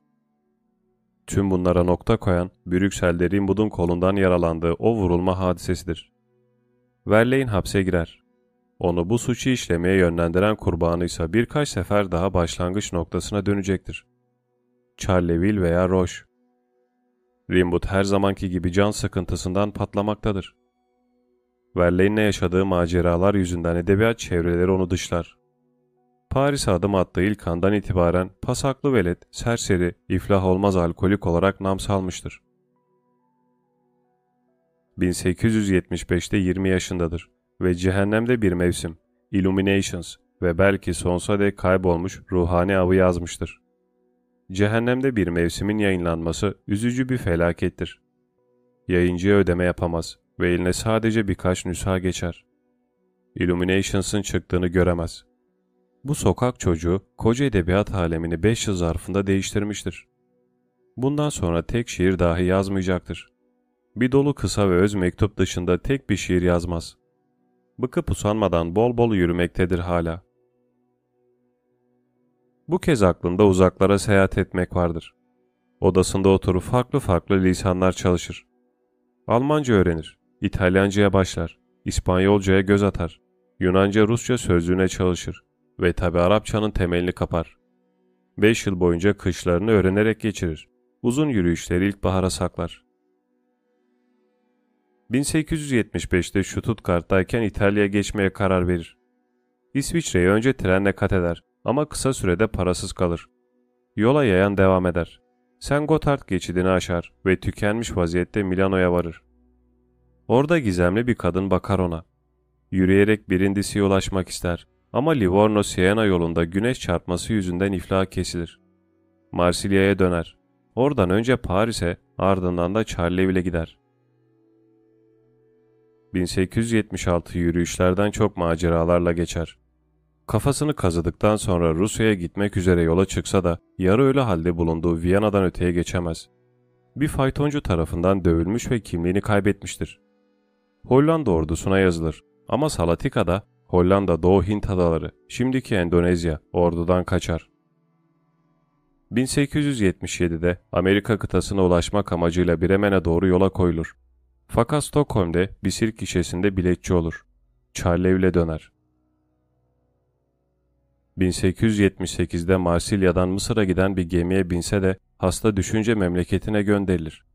Evine yürüyerek gider. Sonra İsviçre'ye doğru yola çıkar. Sen Gotthard üzerinden Cenova'ya yürür.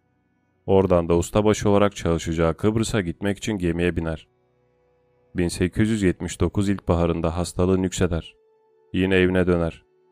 Kışın ilk soğuklarıyla birlikte tekrar Marsilya'ya iner ama hastalığı yüzünden gerisin geri döner.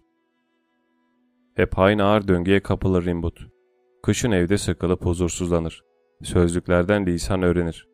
Zamanın geri kalanında da şansını dener. 1880'de yeniden Kıbrıs'a gitmek üzere yola çıkar.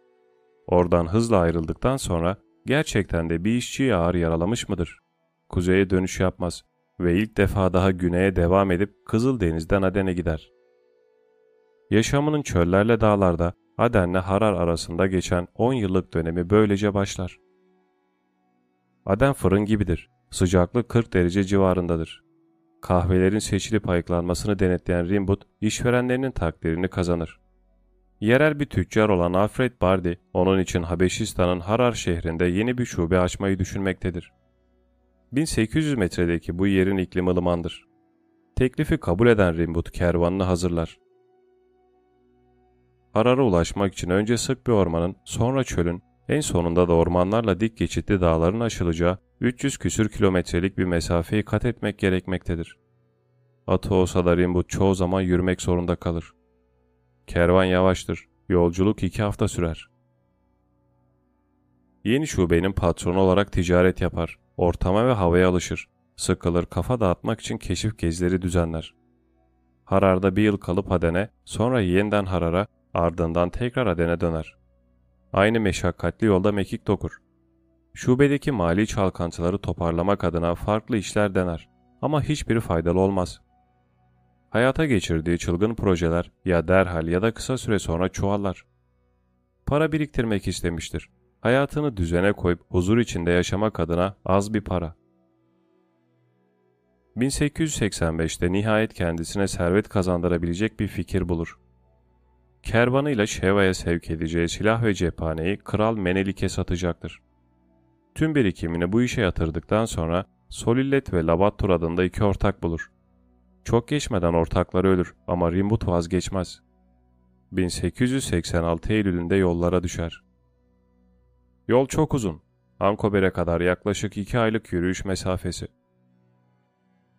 Rimbud'un yola çıkışına şahit olan Ugo Ferrandi şöyle yazar. Kervanın önüne geçmişti. Hep yayaydı. En kurak çölde 50 günlük bir yolculuk. Tajaroh'la Ankober arasında bazalt kayalarla kaplı uçsuz bucaksız ölü bir çölden geçen ücra bir yoldur bu. Yer kavrulmaktadır. Ayı çağrıştıran dehşetli korkunç yollardır bunlar. Vardığında kralı bulamaz. Gezi mali bir felakete dönüşmüştür. Rimbut tükenmiş, her şeyini kaybetmiştir. Harara dönüp küçük ticaret işlerine devam eder. Ta ki dizi ağrımaya başlayıp davul gibi şişene kadar. Artık 36 yaşındadır. Arthur Rimbaud 15 yaşındayken çekici ve mesafeli mavi gözleriyle kırılgan bir çocuktu. Kaçışlarının sabahında tan ağrırken karanlık evinde çıt çıkarmadan kalkar ve kapıyı usulca kapatırdı ardından. Küçük solgun yolların gölgelerden yavaşça sıyrılmasını izlerken kalbi pırpır ederdi. Hadi gidelim. Yürüyerek, hep yürüyerek, rakip tanımayan bacaklarla yeryüzünün büyüklüğünü ölçerek. Kim bilir kaç defa Charleville'den Charlerie'ye gitmiştir. Okulun kapalı olduğu o savaş aylarında Delahaye ile birlikte tütün almak için kim bilir kaç defa Belçika yoluna düşmüştür. O gittiğine değmeyen Paris'ten kim bilir kaç defa aç bilaç dönmüştür. Kim bilir kaç defa Marsilya ve İtalya'ya giden güney yollarını aşındırmıştır. Nihayetinde kim bilir kaç defa çöllere vurmuştur kendini. Her zaman her defasında yürüyerek. Sadece bir yayayım ben. Başka bir şey değil. Yürümek ve ilerlemek için öfke gerekir. Rimbut'ta da her zaman bir coşkun idası, bir nevi öfkeli neşe mevcuttur. Hadi gidelim. Şapka, palto, yumruklar ceplerde ve çıkıyoruz yola. Tam yol ileri. Hadi gidelim. Ve yürürdü. Öfke gerekir terk eylemek ve yürümek için. Dışarıdan gelen bir şey değildir bu. Enginliğin çağrısına kapılarak bir gerçeklik vadisine ya da kışkırtan bir hazineye doğru yürümek değildir mevzu bahis olan. Daha ziyade içeriden gelen bir öfkedir. Burada olmanın acısı, bir yerde durmanın, yaşarken görülmemenin, kalmanın imkansızlığı hissedilir karın boşluğunda. Sizin oralarda hava kötü diye yazar Rimbut Harar'ın dağlarından. Sizin oralarda kışlar çok uzun, yağmurlar çok soğuk. Ama bizim buralarda, Habeşistan'da bu sefillik ve can sıkıntısı dayanılacak gibi değil. Bu hareketsizlik usandırıyor insanı. Okuyacak hiçbir şey yok. Konuşacak kimse yok. Kazanacak bir şey yok. Burası dayanılmaz. Burada bir gün daha kalınamaz. Burası iğrenç. Gitme zamanıdır. Tam yol ileri. Çıkılacak bütün yollar, güneşe daha fazla ışığa çıkan bütün yollar güzeldir.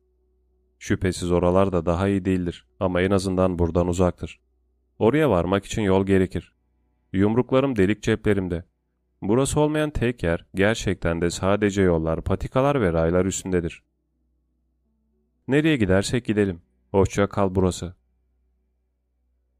Öfkenin beyhudeliğin ifadesi olarak yürümek. Yola koyulmak, ayrılmak demektir. Geride bırakmak. Yürüyerek yola çıktığınızda diğer ulaşım yöntemlerindeki gibi ha deyince geri dönemezsiniz. Yürümek geri dönüş olmayan bir şeydir. Yola çıktığınızda hem kaygılı hem neşelisinizdir. Kaygılısınızdır çünkü bir şeyleri bırakıp gidiyorsunuzdur. Geri dönmek başarısızlıktır. Yürüyerek dönmek imkansızdır. Kısa bir yürüyüş yapıyorsanız başka tabi. Ama uzun süre günlerce yürüyorsanız mümkün değildir dönmek. Yürümek ileri gitmek demektir.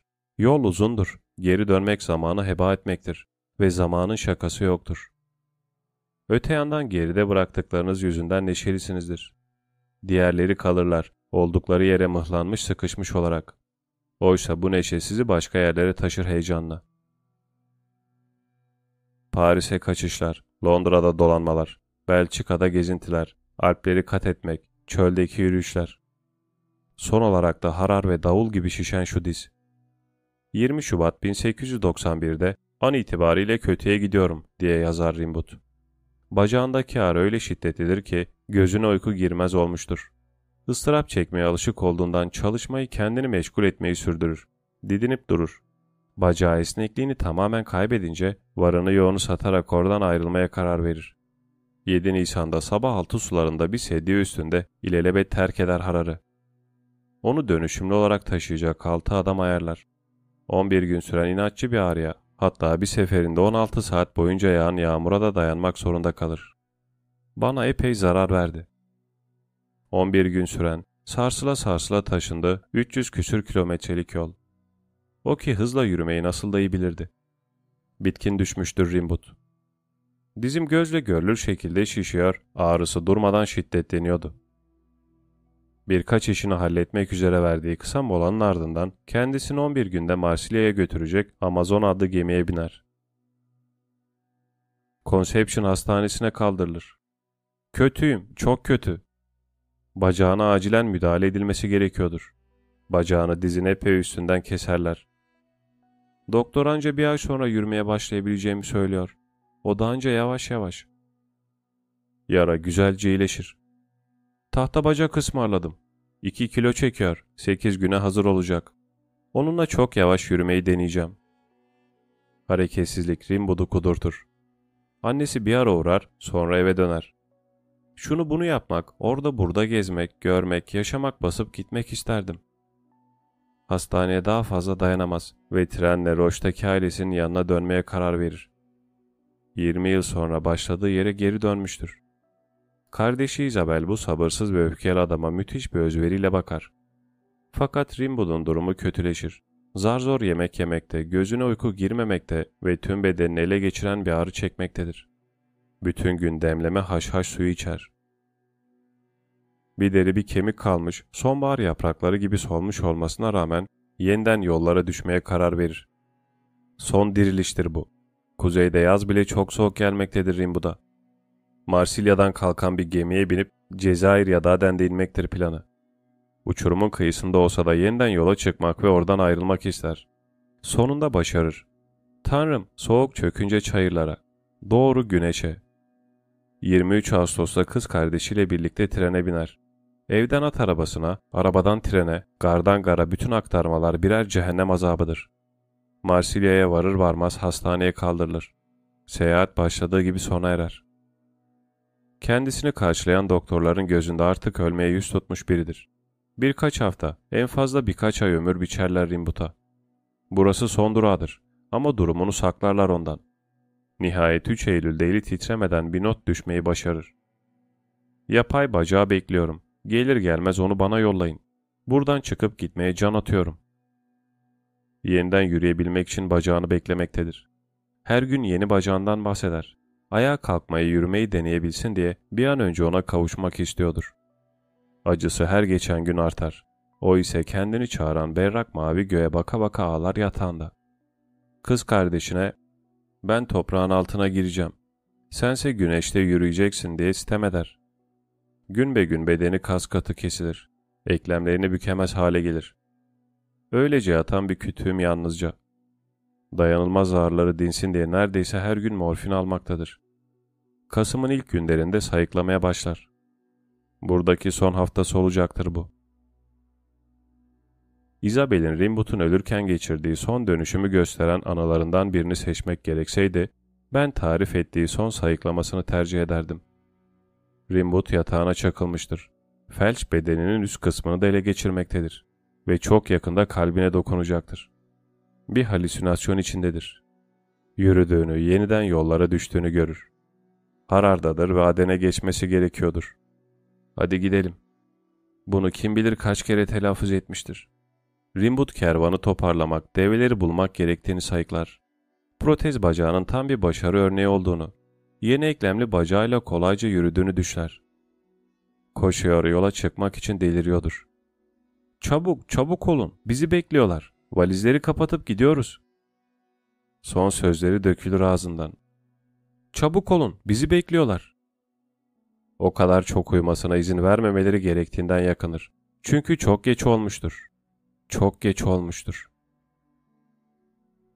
Tanrım soğuk çökünce çayırlara, uzaklara gitmek, bir kez daha aileden ve anneden kaçmak, Ardenlerin soğuğundan, karanlık ormanlarda uğuldayan buz gibi rüzgarlardan uzaklaşmak, hüzün ve can sıkıntısından, kapalı havadan, siyah çalan günlerden, gri mi gri gökyüzündeki kapkara kargalardan, kışın iğrenç sefaletinden, oturup kalmışların aşağılık budalalığından kaçıp kurtulmak. Mayıs'ın çalı bülbüllerini geride bırakarak. Yürümek. Bana göre Rimbaud için yürümek bir kaçıştı. Yürürken yakalanan bir şeyleri geride bırakmanın verdiği o daimi memnuniyet hali. Yürürken geri dönmek söz konusu değildir. Çekip gitmiş, yola çıkmışsınızdır. İşte o kadar. Yorgunluğun, tükenmişliğin, kendinizi ve dünyayı unutmuş olmanın muazzam keyfini hissedersiniz akabinde. Eskiden anlattıklarınız, bütün o bıkkın homurdanmalarınız adımlarınızın sesiyle bastırılır. Her şeyi bastırır yorgunluk. Niçin yürüdüğünüzün hep farkındasınızdır. İlerlemek, yola çıkmak, ulaşmak, tekrar yola çıkmak. Hadi gidelim. Tam yol ileri. Sadece bir yayayım ben. 10 Kasım 1891'de henüz 37 yaşındayken ölür. Conception Hastanesi'nin ölüm kayıtlarında şöyle yazar. Charleville'de doğmuştu, Marsilya'dan geçiyordu. Geçiyordu. Oraya sırf tekrar yola çıkmak için gelmişti. Yalnızlıklar Yürüyüşten hakkıyla keyif alabilmek için yalnız olmak gerekir. İki kişi bile olsa yürüyüşe grup halinde çıktıysanız buna sadece lafta yürüyüş denir. Esasında pikniğe çıkmışsınızdır. Yürüyüşe yalnız çıkılmalıdır. Çünkü yürürken özgürlük elzemdir. Çünkü keyfinize göre durabilmeli, devam edebilmeli, istediğiniz yola sapabilmelisinizdir. Çünkü ritminizi bizzat kendiniz belirleyebilmelisinizdir. Robert Louis Stevenson Virgin Bus Paris Can Other Essays İnsan gerçekten yalnız mı yürümelidir? Böyle düşünenler sadece Nietzsche, Toro Rousseau değildir. Birlikte yürürken adımlar çarpar, aksar, yanlış hızda gider. Yürürken öncelikle temel ritminizi bulmanız, onu korumanız lazımdır. Doğru temel ritim size uygun olan, sizi yormayan ve tükenmeden 10 saatten fazla yürümenize olanak veren ritimdir. Ancak bu ritim çok şaşmazdır. Bir başkasının ritmini yakalamak, yani normalden daha hızlı ya da yavaş yürümek zorunda kaldığınızda bedeniniz bu adımları gerektiği gibi takip edemez. Yine de mutlak yalnızlık şart değildir. Yanınızda 3-4 kişi olabilir. Bu şekilde konuşmadan ilerleyebilirsiniz. Herkes kendi adımına hızına bakar. Arada kısa mesafeler oluşur ve en öndeki zaman zaman durup arkasına dönerek her şey yolunda mı diye sorar kendi soyutlanmışlığını koruyarak. Düşünmeden, hatta neredeyse kayıtsızca. Bir el işaretiyle cevap verilir ona. Diğerleri elleri kalçalarında en arkadakini beklerler. Sonra tekrar yola çıkılır ve bir bakmışsınız ki sıra değişmiş. Ritimler değişir, birbiriyle kesişir. Çünkü kendi temponuzda yürümek hep aynı düzende yürümek anlamına gelmez. Beden makine değildir. Ara ara kendini gevşetir ya da keyif anları yaratır. Dolayısıyla 3-4 kişilik yürüyüşler bu paylaşılan yalnızlık anlarına imkan tanır. Çünkü yalnızlık da tıpkı ekmek ve gün ışığı gibi paylaşılır. Dört kişiden fazlası bir araya geldi mi bir koloni yürüyen bir ordu çıkar ortaya. Bağrışmalar, uğultular, bir onun bir bunun yanından geçmeler, birbirini beklemeler, bir adım sonra klana dönüşecek gruplaşmalar. Herkes araç gereçleriyle övünür. Yemek zamanlarında bir şeyler tattırılmak istenir. Güzel sürprizler yapılır. Herkes kendi yemeğiyle öne çıkmak ister. Tam bir cehennem azabı. Basit sade hiçbir şey yoktur artık. Dağlara nakil olmuş bir toplum parçası vardır. Mukayeseye başlanır. Yalnızlığı dört kişiden fazlasıyla paylaşmak mümkün değildir. Hal böyleyken en iyisi tek başına yürümektir. Tabii ki insan hiçbir zaman tamamen yalnız değildir. Toron'un söylediği gibi, özellikle kimselerin uğramadığı sabah saatlerinde evde bana eşlik eden pek çok arkadaşım olur. Ağaçlar, güneşler, çakıl taşları. Aslında bizi yalnızlığa sürükleyen çoğunlukla başkasıyla karşılaşmaktır. Sohbet kendinden ve farklılıklarından bahsetmeye götürür kişiyi. Ve bu başkası bizi tarihimiz ve kimliğimiz içindeki bencil ve yalanlar söyleyen özümüze taşır yavaş yavaş. Sanki hep öyleymişiz gibi. Doğaya dalıp gitmek dikkatinizi dağıtır. Her şey sizinle konuşur, sizi selamlar, sizden ilgi ister. Ağaçlar, çiçekler, yolların rengi. Rüzgarın iniltisi, böceklerin vızıltısı, derelerin çağıltısı, adımlarınızın sesi. Hepsi varlığınıza yanıt veren mırıltılardır. Yağmur da öyle. İnce, yumuşak bir yağmur şaşmaz bir refakatçi. Rengini, ahengini, eslerini dinlediğiniz bir mırıltıdır. Taşa düşen damlaların o kendine has şıpırtısı, hızı değişmeyen yağmurun ezgilerle örülmüş uzun sicimleri. Tefekkürün mutlak kavrayışıyla bize sunulan onca şeye şahitlik ederek yürürken yalnız kalmak mümkün değildir. Bir gayret kayanın tepesine tırmandıktan sonra oturup manzarayı seyre daldığımızda yaşadığımız sarhoşluk. O araziler, evler, ormanlar, patikalar hepsi bizimdir, bizim içindir. Yükselerek onların efendisi kılarız kendimizi. Geriye bu hakimiyetin tadını çıkarmak kalır sadece. Dünyaya sahip olunca kim yalnız hissedebilir ki kendini? Görmek, egemen olmak, bakmak, sahip olmak demektir. Hem de mülkiyetin külfetleri olmadan, dünyanın manzarasından adeta çalarak faydalanırız. Ama tam olarak çalmak da değildir bu. Çünkü tırmanmak emek sarf etmeyi gerektirir. Gördüğüm, görebildiğim her şey bana aittir. Ne kadar uzağa görüyorsam o kadar çoğuna sahibim. Yalnız değilim. Dünya bana ait, benim için ve benimle var. Bilge bir gezgin hakkında bir hikaye vardır. Bilge karanlık ve fırtınalı bir havada dibinde olgun buğdaylarla kaplı küçük bir tarla olan büyük bir vadiden aşağı yürüyormuş. Yabani otların arasında ve karanlık göğün altında rüzgarın usulca dalgalandırdığı kare şeklinde bir parıltı oluşturuyormuş tarla. Gezgin ağır adımlarla yürürken bu güzel görüntünün tadını çıkarıyormuş. Çok geçmeden yorucu bir günün ardından başı önde evine dönen bir çiftçiyle karşılaşmış ve adamı durdurup kolunu sıkarak içten bir sesle teşekkür ederim demiş. Çiftçi hafifçe irkilip sana verecek hiçbir şeyim yok zavallı adam diye karşılık vermiş. Bunun üstüne yaşlı gezgin yumuşak bir sesle bir şeyler verdirtmek için teşekkür etmedim sana. Zaten her şeyi vermiş olduğun için teşekkür ettim. Şu buğday tarlasıyla çocuğun gibi ilgilenmişsin. O da senin emeğinle kavuşmuş bugünkü güzelliğine.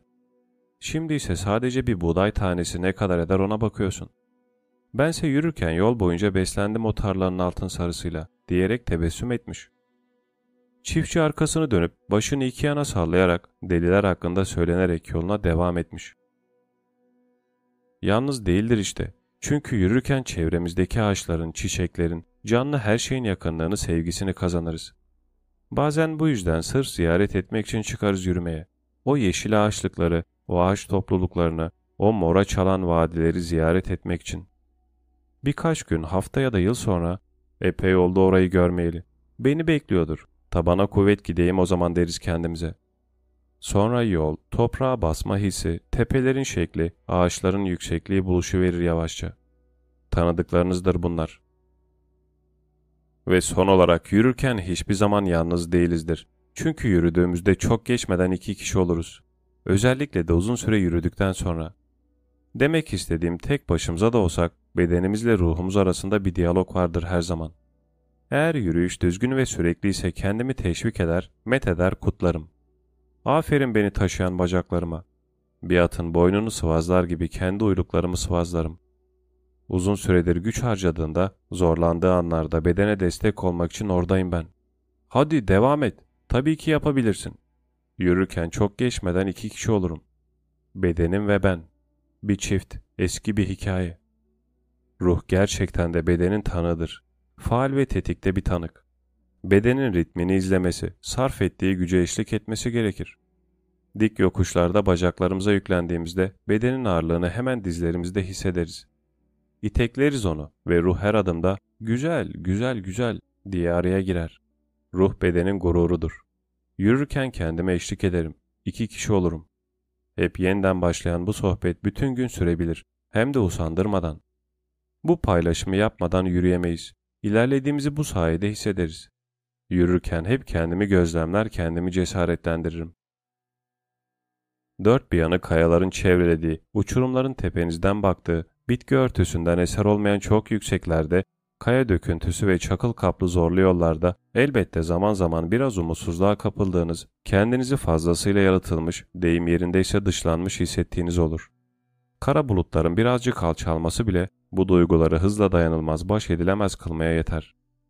Boğazınız düğümlenir. Zorlu patikaları yüreğiniz ağzınızda aceleyle inersiniz. Devasa kayaların ezici sessizliği altında bu şekilde tek başına uzun süre yürümek imkansızdır. Adımlarınız inanılmaz bir şiddetle yankılanır. Nefes alan, hareket eden bedeniniz bir ucube. Soğuk, mağrur, kusursuz ebedi cevherdeki yaşamın reddettiği bir lekedir. Aynı şekilde kuş uçmaz kervan geçmez bir yerde yağmur ve sisten göz gözü görmüyor. Bedeniniz soğuktan donuyorken de uzun süre yalnız yürüyemezsiniz. Sessizlikler Sessizlik ekseriyetle karşılaştığım insanlardan daha fazla şey öğretiyor bana. Henry David Thoreau The Journal 1837-1861 Yalnızlıklar nasıl muhtelifse sessizlikler de muhteliftir. İnsan sessizlikte yürür hep. Sokakları, kalabalık yolları, kamusal alanları, bütün o hız, itişip kakışmalar, yaygara, binlerce adımın patırtısı, sözcüklerin, bağırışların ve mırıltıların gürültüsü, motorların kulak tırmalayan gümbürtüsünü terk ettiğiniz anda sessizlik her şeyi şeffaflaştırır. Her şey sakin, tetikte ve istirahat halindedir. Dünyanın dırdırı, uğultusu, homurtusu ardınızdadır artık. Yürürken ilkin kulaklarda muazzam bir soluk olarak belli eder kendini sessizlik. Bulutları dağıtan ferah bir rüzgar gibi algılarsınız onu. Mesela ormanların sessizliği farklıdır. Ağaç kümeleri etrafımızda hareketli değişken duvarlar oluşturur. Çoktandır var olan yollarda, yılan kavi dar toprak şeritlerinde yürürüz. Yön duygumuzu çabucak yitiririz. Buralarda ürkek ve tedirgindir sessizlik. Yazın öğleden sonra inatçı güneşin alnında, dağların sarp kayalıklarında, taşlık patikalarda yapılan zor yürüyüşlerin sessizliği vardır bir de. Çevreyle irtibatınızı kesen, sizi ezip geçen taş misali sessizlik. Ayaklarınızın altında ezilen taşların hafif gıcırtısını duyarsınız yalnızca. Hepten yok oluş gibi merhametsiz ve kesin sessizlik. Oraya ait değilmişçesine duran bir maviliktir gökyüzü. Başınız önde, ara sıra kendinizi teskin etmek için mırıldanarak ilerlersiniz. Açık gökyüzü ve kireç taşından kayalar aynı şeyi vurgular. Hiçbir şey önüne geçemez sessizliğin. Bu kıpırtısızlığın içinde adeta vücut bulan sessizlik bir yay gibi gerildikçe gerilir. Seher vakti sessizliği vardır sonra. Sonbaharda uzun mesafe yürüyüşleri için yola çok erken çıkmak gerekir. Dışarısı olduğu gibi mora çalar, sarı ve kırmızı yaprakların arasından loş bir ışık süzülür. Her şeye gebedir bu sessizlik. Mavi gecenin belli belirsiz izlerini taşıyan karanlık ağaçların arasında aheste aheste yürürsünüz. Onları uyandırmaktan korkarsınız adeta.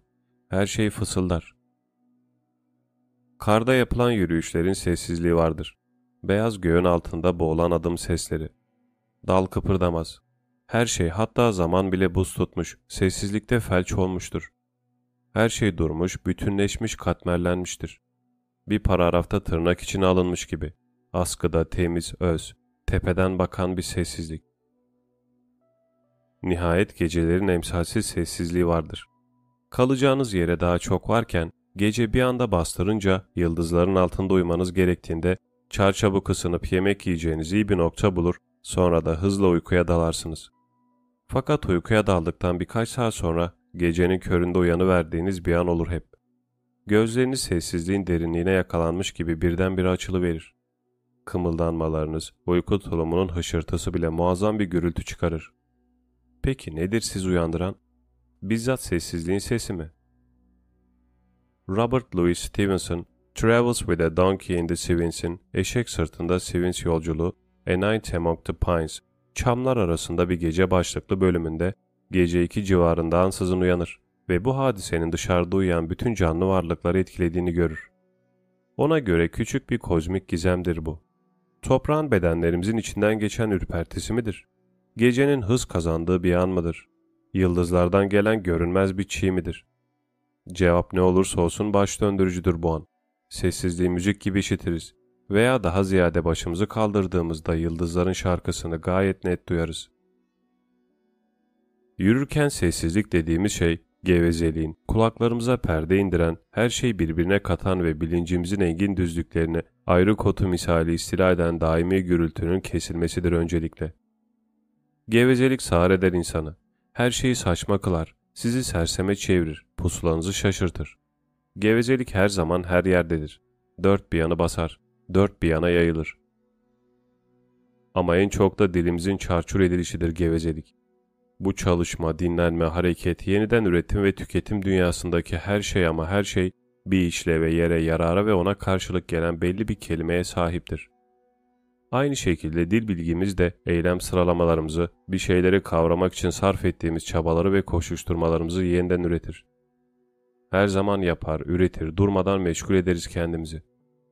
Dilimiz imal edilmiş şeylerin, öngörülebilir jestlerin, normalleştirilmiş davranışların, kabul edilmiş tavırların kurallarına uydurulmaktadır.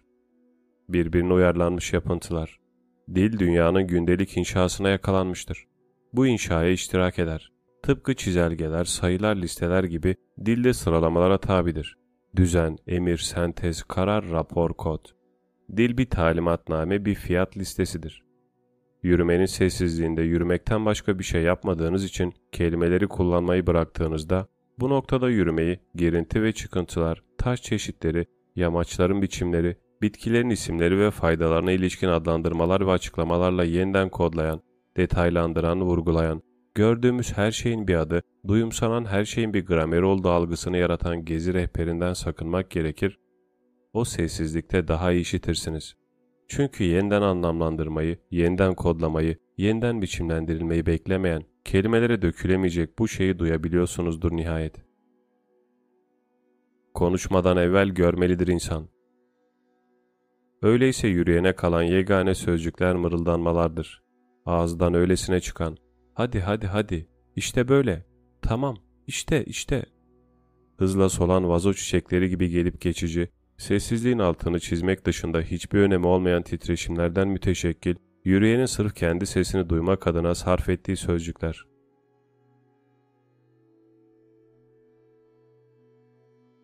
Yürüyenin gündüz düşleri Rousseau Rousseau sadece yürürken gerçek anlamda düşünebildiğini, aklını toparlayabildiğini, yaratabildiğini ve isim bulabildiğini söyler. Bir masa ve sandalye görmek bile midesini bulandırıp cesaretini kırmaya yeter. Fikirler uzun gezintiler esnasında gelir aklına. Cümleler yoldayken sıçrar dudaklarına. Patikalar harekete geçirir hayal gücünü. Yürümeden hiçbir şey yapmam. Benim çalışma odam kırlardır. Masa, kağıtlar ve kitaplardan oluşan bir manzara beni daraltır. Çalışma araç gereçleri bezginlik verir bana. Yazı yazmak için masaya oturursam yazacak bir şey bulamam ve bir düşüncem olması gereği de beni tamamen düşüncesiz bırakır. Rousseau'nun yapıtlarında üç farklı yürüyüşe rastlanır. Şafak, öğle ve akşamüstü yürüyüşleri. 16'sından 19'una kadar yürür. Coşku dolu, hevesli uzun seyahatlerdir bunlar. Sonrasında 20 yıl boyunca sadece üstü açık faytonlarda yolculuk yapıp şevkle şan şöhret arayan kendi deyimiyle bir bey olacaktır.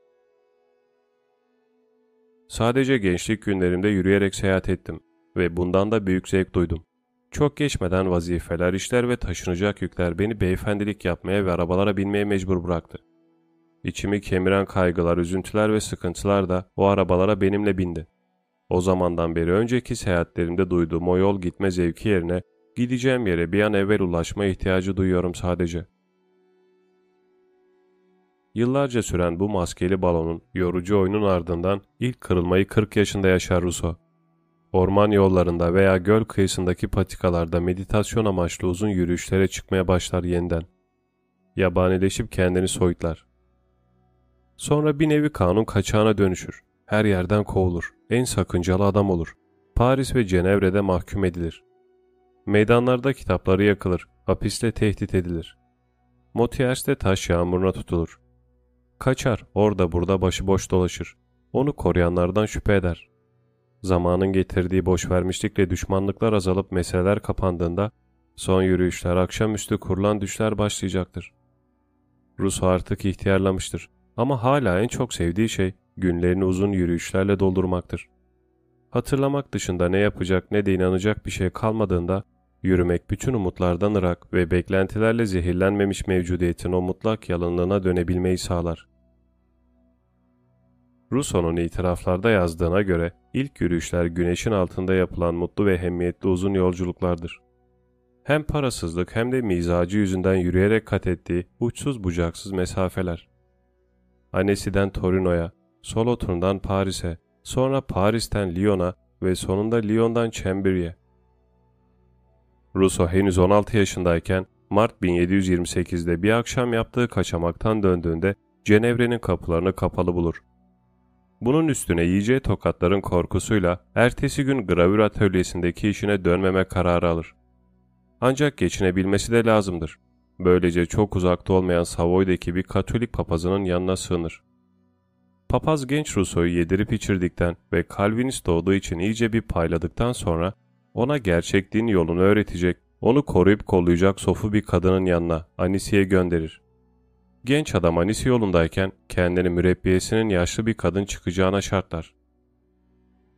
Oraya vardığında farklı bir şeyle karşılaşır. Mürebbiyesi 28 yaşındadır. Yumuşacık bakışlar, meleklere has bir ağız ve latif mi latif kollar. Madame Warens'tir bu. Rousseau kadının sureti karşısında aşk ve tutkuyla titrer. Aşkla tanışmıştır. Yardımsever ve cömerttir. Adeta bir tatlılık meleğidir o. Henüz tanışmışlardır. Ama ne yazık ki kadının gönlünü hoş etmek için oradan ayrılmak zorundadır. Madame Varens onu dinini değiştirmesi, protestanlıktan dönmesi için Torino'ya gönderir. Bay Sabran ve epey ağır yürüyen eşiyle birlikte düşer yollara. Dağlardaki kar hala kalkmadığı için yolculuk 20 gün sürer. Fakat nihayet Mont Cenis üzerinden Alpleri aşarlar. Kendilerini Hannibal gibi dinç ve her şeye kadir hissederler. Kendime dair hiçbir endişem kalmamıştı. Bu vazifeyi başkaları üstlenmişti. Bu yükten azat hafif adımlarla yürüyordum. Ruhum genç arzular, büyülü umutlar, parlak ikbal planlarıyla dolup taşıyordu. Torino'da yaşadığı olaylı haftanın ardından Katolik olan Russo, uşaklık yapmayı denedikten sonra bir yıl geçmeden hamisinin yanına döner. Yolculuk tesadüfen yolunun kesiştiği yeni bir yoldaşla, Beckel, tasasızlığın verdiği neşeli ruh hali içinde yürüyerek yapılır yine. Üçüncü yolculuk bir dolu beklenmedik kolay ve tuhaf maceradan sonra 1731'de gerçekleşir. Russo İsviçre solu turundadır ve iyi niyetli kimseler onu Paris'e kendisini asker olarak yetiştireceği bir yeğen arayan ona öyle gelmiştir bir emekli albayla tanışmaya gönderir.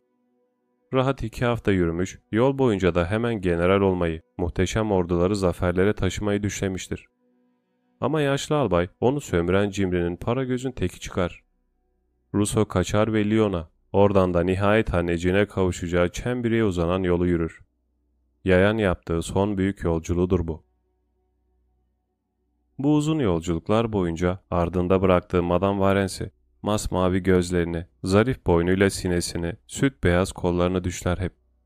Yol kenarındaki hanlarda onun hayaletleri ve benzerleriyle karşılaştığını tasavvur eder.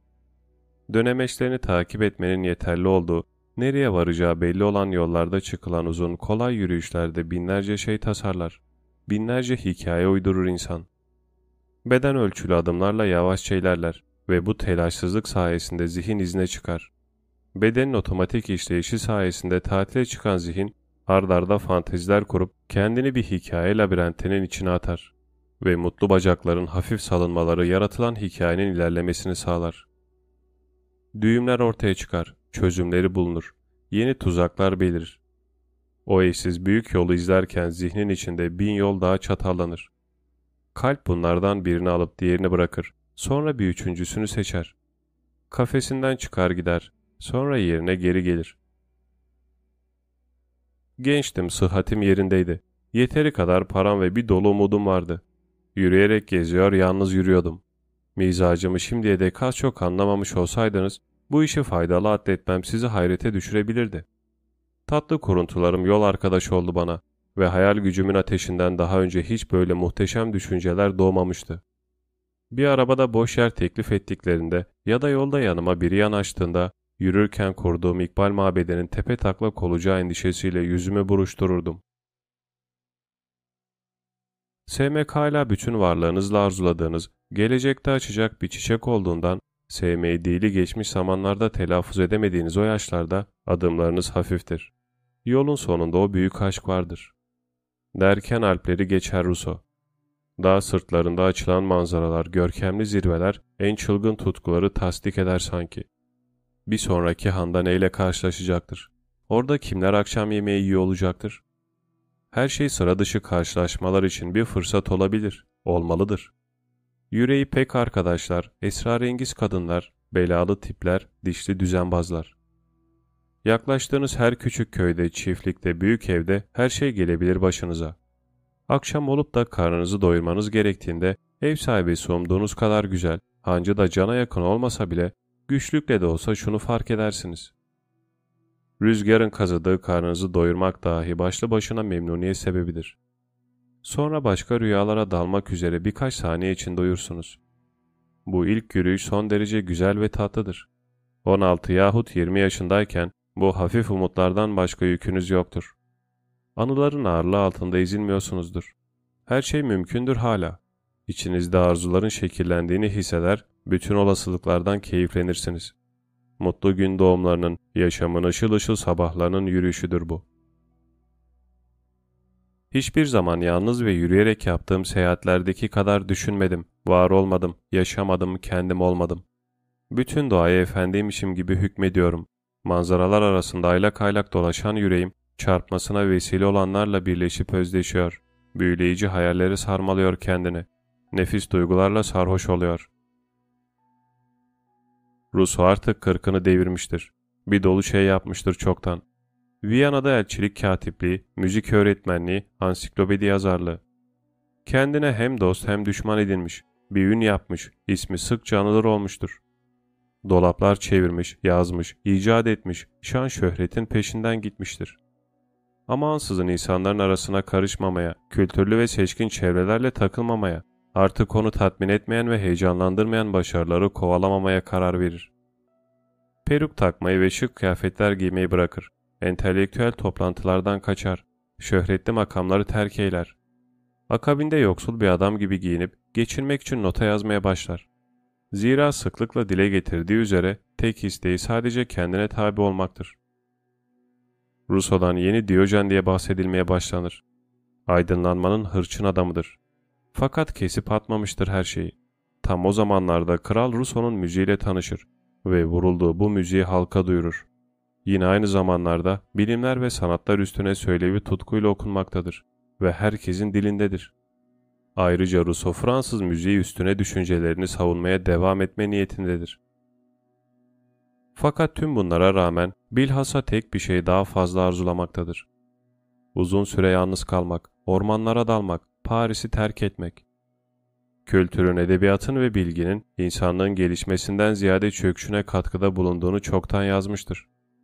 Zamanın düşünürleri, çevresindeki herkes akıl yoluyla özgürleşme, eğitimle mükemmelleşme, bilimle ilerleme türküsünü tutturmuşken, Rousseau toplumun insanı yozlaştırdığını göstermeye amaçlar. Fakat bunu ilk söylevinde yazdığında hala meşhur olma peşindedir. Rousseau'nun yaşamı tanınmaya, bilinmeye, sevilmeye ve alkışlanmaya beslediği bu arzuyu gözler önüne serer. 40 yaşını devirdiğinde sosyal arayışlara, sosyetik ahbaplıklara, baş döndürücü modalara ve bitmek bilmez dedikodulara dur demeye karar verir. Rousseau'nun orman yollarından ve gürültü patırtıdan uzakta yalnız olmaktan başka isteği kalmamıştır. Her gün toplumsal saygınlığını teyit etmek, arkadaşlarını ölçüp biçmek, düşmanlarını yoklamak, destekçilerini hoş tutmak, hiç durmadan beş para etmez züppelerle budalaların gözündeki önemini anlamaya çalışmak, bakışlarına karşılık vermek, sözcüklerin intikamını sözcüklerle almak yerine uzaklarda, başka yerlerde olmak, gecelerin sessiz ve derin, sabahlarınsa berrak olduğu ormanlara sığınmaktır arzusu. Amacına ulaşması için pek çok insanı kendinden uzaklaştırabilmesi gerekir ve bunu nasıl yapacağını bilir de. Hayatını koşturmalardan ve sürünmelerden azat edip sadece yürüyecektir. Rousseau'nun ikinci söylevini insanlar arasında eşitsizliğin kökenini yazdığı dönemdir bu. Sabahları evden çıkıp Saint Germain ya da Bois de Boulogne ormanlarında yürür. 1753 Kasım'ı hiç olmadığı kadar ılık ve güzeldir. Yumuşak ve derin mavi gökyüzünün altında her yanı yaprakların hışırtısı ve altınlı kızıllı sonbahar renkleri sarmıştır. O halde ne yapar Rousseau? Yürür, çalışır, keşfeder. Her gün yalnız başına düzenli olarak yürür. Ağır ayakkabılarıyla toprağı çiğnemek, korluklarda kaybolmak, kadim ağaçların arasında dönüp durmaktır yaptığı. Yalnızdır ve hayvanlarla ağaçların boğuk homurtularıyla, yaprakların arasında dans eden rüzgarın nefesiyle, dalların takırtı ve gıcırtılarıyla sarmalanmış, daha ziyade dolmuştur. Yalnız ve doymuştur. Çünkü artık nefes alabilmektedir. Nefes alıp kendini orman yollarına bıraktığı gibi yavaş bir mutluluğa, anlık zevkler barındırmayan mutlak sakinliğe bırakır. Tek düze bir gün gibi sürüp giden ılık bir mutluluktur tattığı. Sadece orada olmanın, kış güneşini yanaklarında hissetmenin, ormanın boğuk gıcırtılarını işitmenin mutluluğu. Rus ormanda yürürken dünyevi duyguların sağanağından kurtulmuş, toplumsal arzuların artık nüfuz etmediği, nihayet ilk zamanlarındaki gibi atan yüreğindeki coşkuyu dinler. Ayrıca bugün boyu süren yürüyüşlerde kendinde homo viatoru, yürüyen insanı, kültürle, eğitimle, sanatla bozulmamış doğal insanı bulmaya yönelik çılgın planının çatısını kurar. Kitaplardan ve entelektüel toplantılardan önceki, toplumdan ve ücretli emekten önceki maziye karışmış insandır bu. Rousseau kendi kimliğini bulmak, gizlenmiş bir tekilliği yeniden keşfetmek, maskelerin ağırlığından kurtulmak için değil, başka bir çağa ait o insanı, ilk insanı kendi içinde bulmak için yürür. Dünya ile ve dünyanın dehşetleriyle bağını koparmak, yalnızlıkla arınmak, ilahi kaderine hazırlanmak için çöle gider gibi değil, doğadan taze taze çıkmış, katışıksız ilkel insanı kendi içinde bulmak için yürür. Russo kendini en derinlere, en yabana atarak uzun uzun yürürken durmadan şunları sorar. İçimde direnen şey ne? Ağaçlar gibi kök salmış, uzaktan hışırtılar çıkardığını işittiğim hayvanlar kadar huzursuz kim var benim içimde? Kendimde doğal olan ne bulabileceğim? Kitaplarda değil, sadece yalnız başına yürüyerek bulabileceğim şey ne? İlk insanın, bütünüyle vahşi olan insanın hatlarını çıkarmak, bu orman yürüyüşlerinde toplumsal insanın üstündeki verniği yavaş yavaş kazıyarak, sadece uygarlaşmış, doğası değişmiş, toplumsal tutkularla şişmiş son insandan bahsettikleri için kitaplarda olmayan bu portreyi teşhir etmek, ilk insanın resmini çizmek. Böylece keşfetmek, yalnız kimsesiz dünyadan uzak, sadece ağaçların ve hayvanların eşliğinde o ilk insanı yeniden keşfetmek kendinde. Günün geri kalanını ormanda geçiriyor, ilk çağların resmini arayıp buluyor ve öyküsünü cesurca karalıyordum. İnsanların acınası yalanlarını yakalıyor, hiç sakınmadan insan doğasını tüm çıplaklığıyla ifşa ediyor.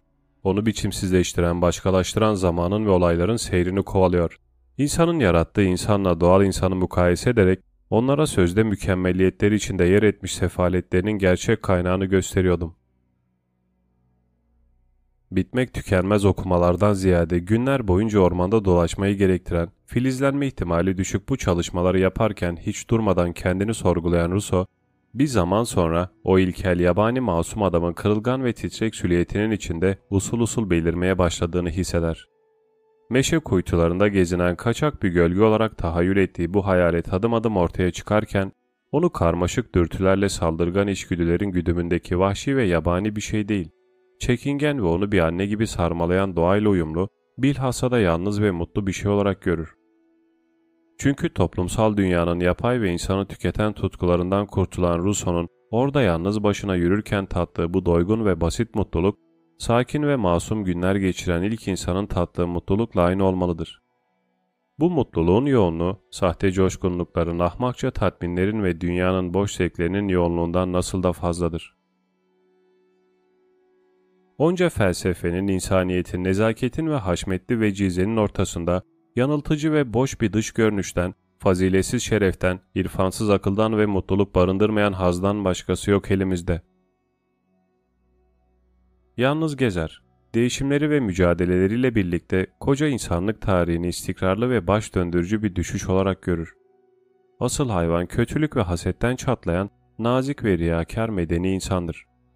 Asıl orman, adaletsizlik ve şiddet, eşitsizlik ve sefalet dolu toplumsal dünyayla, polis gücü ve ordularıyla devletlerdir. Boğazına kadar kin, nefret, kıskançlık ve hınca batmıştır toplumsal insan. Fakat Rousseau yalnız gezer. İnsan tutkularının doğuştan gelen hakikatini kültürün kalın tabakalarının altında gün yüzüne çıkarmaya çalıştığında yalnızca naif ve koşulsuz bir öz sevgi, buradaki öz sevgi sevmenin tam zıttı olan kendini yeğlemekten, yani bencillik ve kırılgan öz saygıdan fersah fersah uzaktır. Başka bir ifadeyle insanı kendine alaka duymaya, kendini korumaya ve kendi huzuruyla mutluluğuna özen göstermeye yönlendiren içgüdüsel bir yatkınlık keşfeder. Dolayısıyla doğal insan içgüdüsel olarak kendini sever ama asla kendini yeğlemez. Sadece toplum içinde öğrenilir kendini yeğlemek. İnsan kendini sevmeyi yeniden öğrenebilmek için uzun mu uzun bir yol tepmelidir. Yüreğindeki bütün aptal tutkuları def ettikten, tekinsiz yollar boyunca maskelerinden kurtulduktan sonra nihayet yalnız kalan Russo da içinde saf şeffaf sonsuz bir merhametin filizlendiğini hisseder.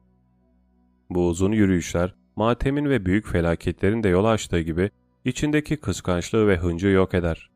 Eski nefretler, husumetler birdenbire beyhude önemsiz ve faydasız görünür. Tabii ki bu eski hasımların bir anda sevilmeye başlanacağı, kucaklanacağı anlamına gelmez. Bu sevgi dolu barışıklıklar, inatçı nefretler ve husumetlerle aynı kumaştan dokunmuş, aynı tuvale işlenmiştir.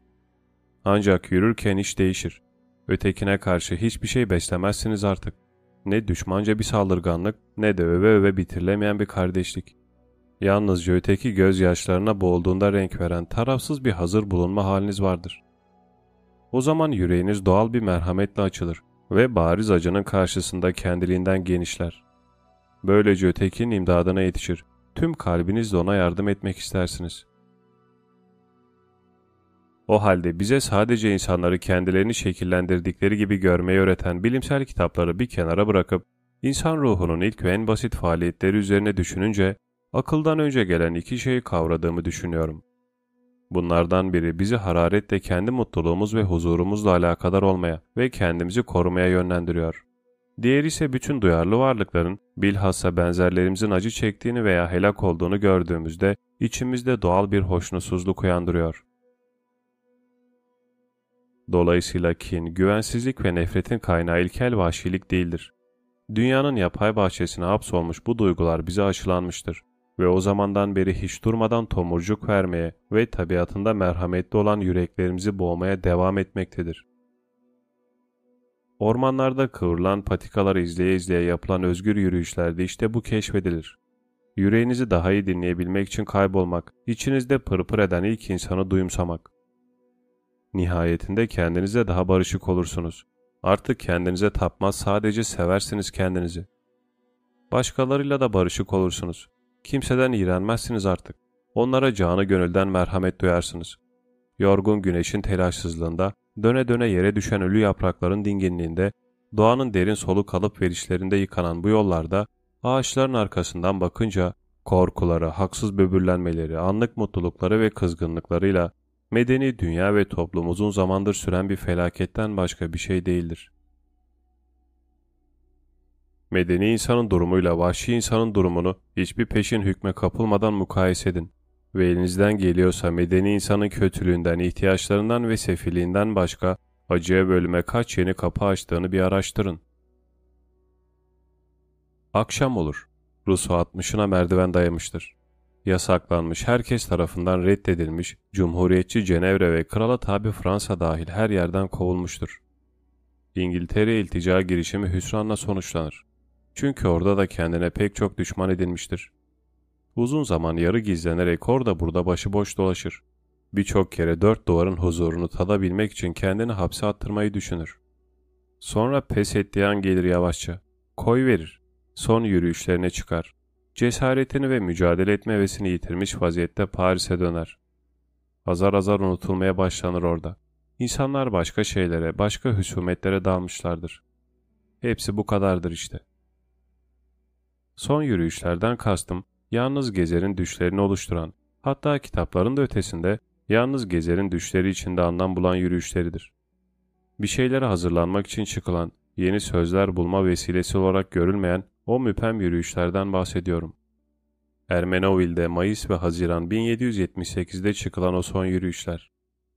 Russo için yürümek artık ne bir yöntemdir ne de bulgulama ve kestirim yapmak için gerçekleştirilen bir eylemdir. Artık yeni buluşları teşvik etmek için değil, sadece ve sadece hiçbir şey için çıkar yürüyüşe. Batan güneşin hareketine katılmak, dakikaların, saatlerin, günlerin temposunu ağır adımlarıyla aksettirmek için. Günü biraz da olsa vurgulamak adına müzik çalarken parmakların farkında olmadan masada tempo tutması gibi düşünmeksizin yürür.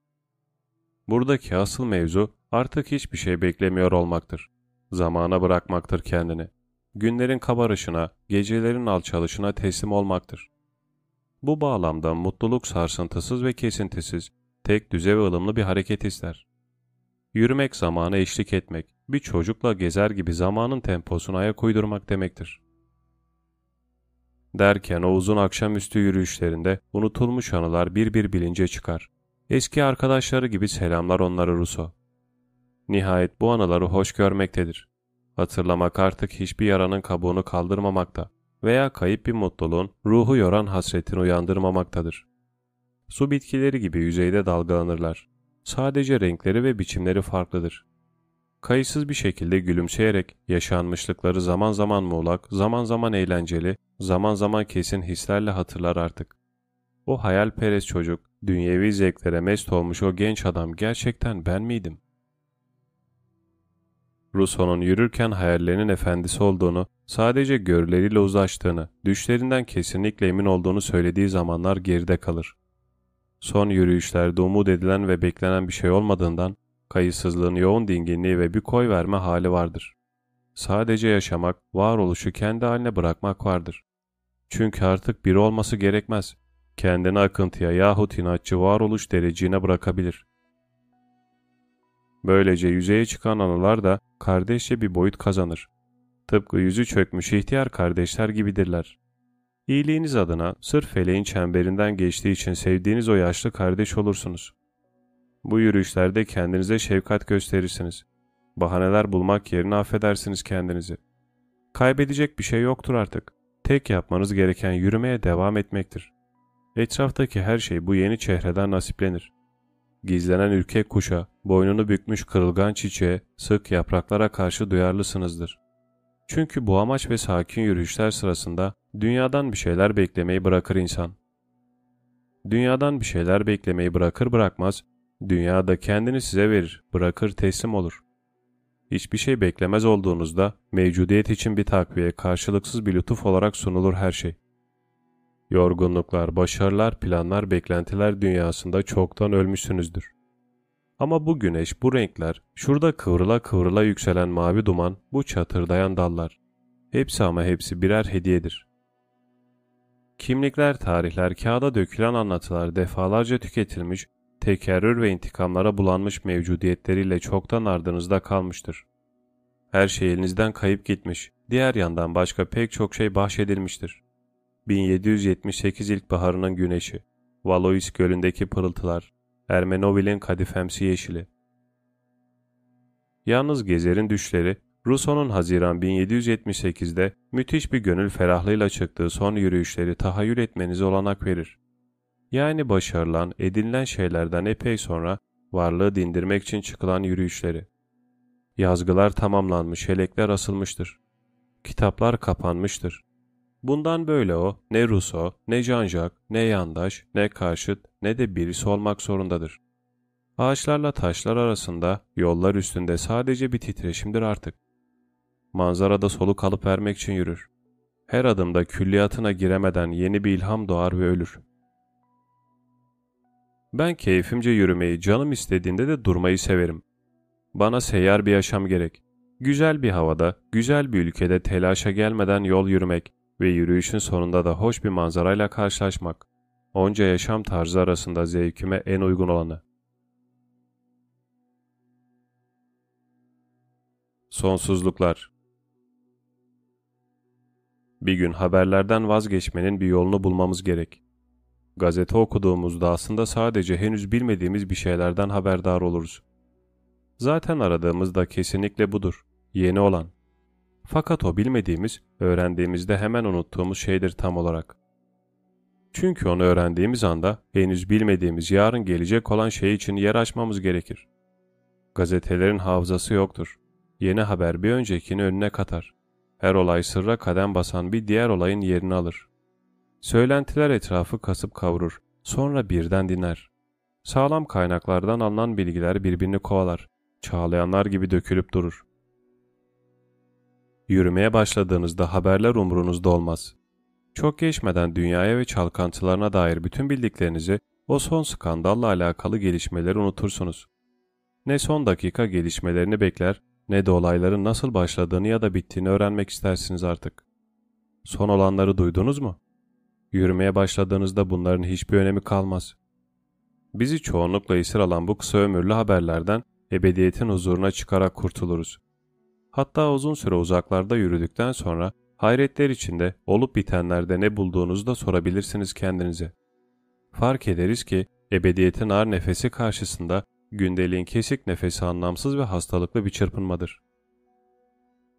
Kayaların, ovaların ve ufuk çizgisinin sonsuzluğuyla karşılaşırız ilk. Dirençlidir bunlar, değişmezdir. Her yana sirayet etmiş bu bütünlükle yüzleşmek, ıvır zıvır gerçekleri, kısır harabeleri, rüzgarın süpürdüğü toz zerreleri kadar önemsiz kılar. Olduğu yerde titreşen hareketsiz bir sonsuzluktur bu. Yürümek gürültü patırtı yapmadan sürüp giden bu gerçekleri, kayaların ortasında büyüyen ağacı, nöbetteki kuşu, yolunu bulan dereyi hiçbir karşılık beklemeden tecrübe etmektir. Yürümek söylenti ve yakınmaları aniden susturur. İçimizde durmadan başkalarını eleştiren, kendini değerlendiren, yorumlayan, izaha yeltenen sonu gelmez gevezeliği keser. Yürümek kuyruk acılarını, ahmakça tatminleri, kolayca alınmış hayali intikamları açığa çıkaran kendi kendine konuşmaları bitirir. Bir dağa bakarken, büyük ağaçların arasında yürürken şöyle düşünürsünüz. Buradalar işte. Buradalar. Hem de benim için değil. Zaten buradaydılar. Benden önce varlardı. Benden sonra da var olacaklar. İşleri yaratanın da yüklenenin de kendimiz olduğunu gayet iyi anlayıp onlarla uğraşmaktan ve onlar tarafından alıkonmaktan kurtulacağımız bir gün elbet gelecek. Çalışmak, birikim yapmak, hiçbir kariyer fırsatını kaçırmamak için hep pusuda beklemek, bir mevkiye göz dikmek, iş yetiştirmek, rakipleri düşünüp endişelenmek. Bunu yap, şunu görmeye git, öbürünü davet et. Sosyal ilişkilerdeki baskılar, kültürel modalar, iş yoğunluğu.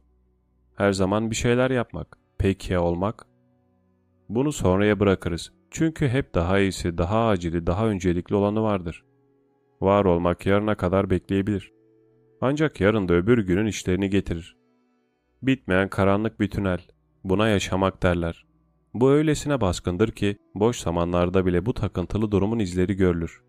Aşırı derecede spor yapmak, uyarıcılar yardımıyla dinlenmek, pahalı akşam yemekleri, yoğun gece hayatı, ateş pahası tatiller, bu tünelden insan ya melankoliyle ya da ölümle çıkar. Yürürken yürümekten başka bir şey yapmayız. Yürümekten başka yapılacak şey olmaması saf bir varlık duygusunun yeniden kazanılmasını, çocukluk çağına olduğu gibi nüfuz etmiş o basit var olma mutluluğunun yeniden keşfedilmesini sağlar. Yürümek yükümüzü hafifleterek, yapma takıntısını içimizden söküp atarak, çocuklukta yaşanan o sonsuzlukla yeniden bağlantı kurmamızın yolunu açar. Yürümek çocuk oyundur bana göre. Geçip giden güne, parlak güneşe, ağaçların büyüklüğüne, göğün maviliğine hayran kalmak. Bunları tatmak için ne tecrübeli ne de becerikli olmak gerekir. Hem çok uzun süre hem de çok uzaklara yürümüş insanlara itimat etmemek tam da bu yüzden yerindedir. Onlar her şeyi görmüştür çoktan. Karşılaştırma yapıp dururlar. Ebedi çocuksa hiç bu kadar güzel bir şey görmemiş olandır. Çünkü karşılaştırma yapmaz. Dolayısıyla birkaç gün birkaç hafta yürüdüğümüzde Sadece mesleğimizi, komşularımızı, ilişkilerimizi, alışkanlıklarımızı, tedirginliklerimizi değil, kaotik kimliklerimizi, yüzlerimizi ve maskelerimizi de geride bırakırız. Artık hiçbiri tutunamaz. Çünkü yürümek bedenden başka bir şey istemez. Bilginiz, okumalarınız, ilişkileriniz burada işe yaramaz. Yürümek için bir çift bacak, görmek için de bir çift meraklı göz yeterlidir. Yürüyün, bir başınıza, ister dağların üstünde, ister ormanın içinde. Tepeler ya da yemyeşil sık dallar için hiçbir şey ifade etmezsiniz. Bir hiçsinizdir. Bir rolünüz, mevkiniz, hatta kişiliğiniz bile yoktur artık. Yollardaki sivri taşları, hafifçe sürtünen uzun otları ve rüzgarın ferahlığını hisseden bir bedenden ibaretsinizdir. Yürürken dünyanın şimdisi de yoktur geleceği de. Sadece sabah ve akşam döngüleri vardır. Bütün gün yapılacak şey hep aynıdır. Yürümek. Yürürken gördüklerinden, bir Temmuz akşamında maviye çalan taşlardan, öğle vaktinde gümüşü yeşile çalan zeytin ağacı yapraklarından, sabahları mora çalan tepelerden büyülen insanın ne geçmişi, ne projeleri ne de deneyimi vardır. İçinde o ebedi çocuk yaşar. Yürürken yalnızca anlık bir tanıklıktan ibarettir varlığım. Ormandayken insan seneleri ardında bırakır. Tıpkı derisini ardında bırakan yılanlar gibi ve o sırada hayatının hangi dönemini yaşıyor olursa olsun artık hep çocuk kalacaktır. Ormanda ebedi gençlik bulunmuştur. Bilirim ki orada doğanın iyileştiremeyeceği hiçbir şey gelmez başıma. Ne bir talihsizlik ne de bir kötülük. Zira gözlerim bana bırakılmıştır. Tasasız havayla yıkanan başım sonsuz boşluğa çevrili çıplak toprakta dikilirken bütün bayağı bencilliklerim yok olur. Şeffaf bir göz yuvarlağına dönüşürüm. Hiçim ben, her şeyi görürüm. Ralph Waldo Emerson Doğa bizi sarsa sarsa uyandırır insanlık kabusundan. Bir şey daha vardır. Sonsuz bir bütünlük hissi. Acaba manzaranın yalnızca yürürken anlayabileceğimiz hali nedir? Arabayla geçerken de aynı manzaraları görürüm elbette. Dağların kusursuz silüetlerini seyreder, haşmetli çölleri aşar, muhteşem ormanlardan geçerim. Bazen kenara çekip dururum. Bacaklarımı esnetir, birkaç fotoğraf çekerim. Ağaçların ismi, bitkilerin biçimi, engebelerin adını anlatabilir birileri. Ayrıntılarını verebilirler. Güneş yine yakıcı, renkler yine parlak, gökyüzü yine cömerttir. Ama yürümek özümsemeye vesile olur. Durmadan yürürüz. Bir dağın karşısındayken yüceliği derimizin içine nüfuz eder. Ağır ağır yokuş aşağı inerken tepelerin şeklini saatler boyu soluruz. Beden ezip geçtiği toprakta demlenir ve böylece yavaş yavaş manzaranın içinde olmaktan çıkıp manzaranın ta kendisi olur. Bu demek değildir ki yürüyen kişi manzarada sabit basit bir noktaya dönüşür. Daha ziyade bir aydınlanma, bir yükselme anıdır bu. Bir anda parlayan ateş tutuşan zaman gibidir. Sonsuzluk duygusu ansızın varlıklar arasındaki titreşim verir. Sonsuzluk kıvılcım gibidir orada. Yabanın Fethi Toro David Henry Toro, Temmuz 1817'de Massachusetts eyaletine bağlı küçük bir kasaba olan Concord'da bir kurşun kalem imalatçısının üçüncü çocuğu olarak dünyaya gelir. Harvard Üniversitesi'nden mezun olur olmaz devlet lisesinde ders vermeye başlar. Ancak hem öğrencilerine fiziksel ceza vermeyi reddettiği hem de dersleri sınıfla uzun yürüyüşler yaparken vermeyi yeğlediği için iki hafta sonra istifa eder. Ailesinin kurşun kalem fabrikasına döner. 1837'de isimlerinin yerlerini değiştirir. Bundan böyle Henry David olarak kanılacaktır ve ölene kadar tutacağı günlüğünü yazmaya koyulur. 1838'de erkek kardeşiyle birlikte bir özel okul açar ama bu girişim kısa ömürlü olur. Çok geçmeden Emersonların evinde kahya olarak çalışmaya başlar. Dıddi halde şiirleri ve denemeleri yayımlanır. Şehirde sık sık uğradığı Transandantalizm Derneği'nin dergi çıkarmasına yardım eder. Bir ara Emerson'un yeğenlerine özel ders vermek üzere Concord'dan ayrılıp New York eyaletindeki Staten Island'a gider ama orada da ancak bir sene kalır. Mart 1845'te Emerson'un Walden Gölü yakınlarındaki arazisinde bir kulübe inşa etmeye başlar kendine. Onun felsefi icraatı olacaktır bu. Gölün kıyısında ağaçların arasında kendi yağıyla kavrularak iki seneden fazla yaşar. Toprağı beller, etrafta dolaşır, okur yazar.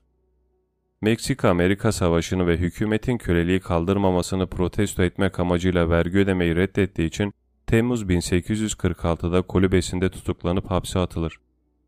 Bu deneyimi sonucunda büyük ve tesirli bir siyasi yapıt olan sivil itaatsizliği kalem alacaktır. Toro bir hayırseverin onun isteği dışında vergi borcunu ödemesi üzerine ertesi gün hapisten çıkar. Temmuz 1847'de Walden'ı terk edip bir sene Emersonların yanında kalır. Sonra ailesinin evine döner ve topograf olarak çalışır. Quebec, New Hampshire ve White Mountains'a yerli kabilelerle tanışmasına vesile olan seyahatler yapar. Köleliğe karşı savaşır. 44 yaşında tüberkülozdan ölen Toro, aralarında ormanda geçirdiği iki seneyi anlattığı büyüleyici Walden'ın ve yürümek üzerine ilk felsefi kitabı olan Yürümenin bulunduğu büyüleyici bir külliyat bırakır ardında. 19. yüzyılın ilk yarısında yaşayan Toro, çok geçmeden topyekün kapitalizme ve endüstriyel sömürüye evrilecek olan büyük ölçekli kitlesel üretim çağının başlangıcına tanıklık eder. Kar takıntısının yaratacağı rekabeti ve bundan böyle sadece servet madeni olarak görülecek doğanın yağmalanışını öngörür.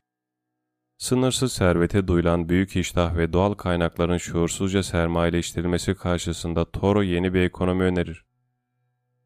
Yeni ekonominin ilkesi basittir. Herhangi bir eylemin ne kazandıracağı değil, bu eylemin gerçek hayattan neyi alıp götüreceği sorulmalıdır. Bir şeyin maliyeti aslında ister derhal ister uzun vadede olsun, hayatta neye mal olduğuyla ölçülür. Aynı zamanda karı faydadan ayırmaya yarayan bir yoldur bu.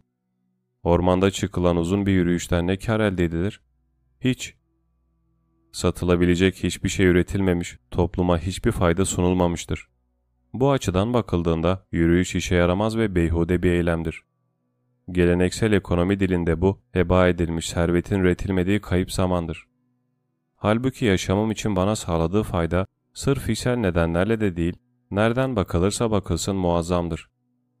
Yürüyüş sırasında insanı serseme çeviren dünyalık dertlerin kuşatmasından kurtulur ve aklım zevklerin bıkkınlık verici boş boğazlıklarından azade, kendime kulak verebilirim. Tüm gün kendi kendimi sermayesi olurum. Ya dinleyerek ya da düşüncelere dalarak geçirdiğim sadece bana ait bir zaman.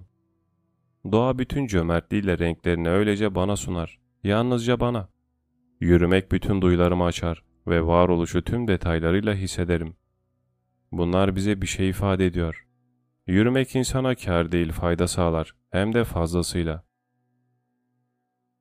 Karla fayda arasındaki fark, kar getiren eylemleri benim yerime bir başkasının da yapabilecek olmasıdır. Ve gerçekten de kar getiren eylemler zaten başkaları tarafından da yapılabilir ola gelmiştir. Rekabet ilkesinin yarattığı sabit bir gerçektir bu. Öte yandan benim için faydalı olan şey, tavırlara, davranışlara, yaşamamın başkasına katil surette devredemeyeceğim anlarına bağlıdır. Toro bir mektubunda kendiniz için saptadığınız herhangi bir eylemi tartabilmek için şu soruyu sormanızı tembihler. Bunu benim yerime başkası da yapabilir mi? Cevabınız evetse o fikri bırakın. Tabi hayati önem taşımıyorsa. Derinlemesine yaşamak. İşte bunu bizim yerimize kimse yapamaz. İş için yerimizi başkasına verebiliriz ama yürümek için değil. En büyük fark budur işte. Eğer ben ben değilsem kim benim yerimde olacak? Toro'da çarpıcı olan savunun içeriği değildir. Ne de olsa antik çağlarda alimler ruhani zenginliklerden yana tavır alarak dünyevi hazineleri küçümsediklerini çoktan ilan etmiş. Bir insanın zenginliğinin hiçbir eksiği bulunmadığını hissetmesine bağlı olduğunu dillendirmişlerdir. Asıl etkileyici olan savunun biçimidir. Toro'da kemikleşmiş bir hesap takıntısı vardır. Sırf nitelik adına ekonomik nicelik hesaplarını bir kenara atalım demez. Aksine hesaplamamızı, her zaman ölçüp tartmamızı savunur. Tam olarak ne kazanıyorum veya ne kaybediyorum? Daha çok para kazanmak adına sade bir yaşamdan neleri feda ediyorum? Zengin olmak zenginlere neye mal oluyor? Çalışmaya, endişelenmeye, hep tetikte olmaya ve hiçbir zaman oluruna bırakmamaya mı? Toro bir çatıya, duvarlara, bir yatağa ve sandalyelere ihtiyacımız olduğunu kabul eder. Ama tam olarak hangi çatı, hangi eşyalardır bunlar? Eğer yaldızlı kapı kolları ve çok büyük bir ev istiyorsanız, bunun için senelerce çalışmanız ve hava durumunu ya da gökyüzünün rengini unutmanız gerekir. Böylece kimseye faydası dokunmayacak epey kar elde edersiniz.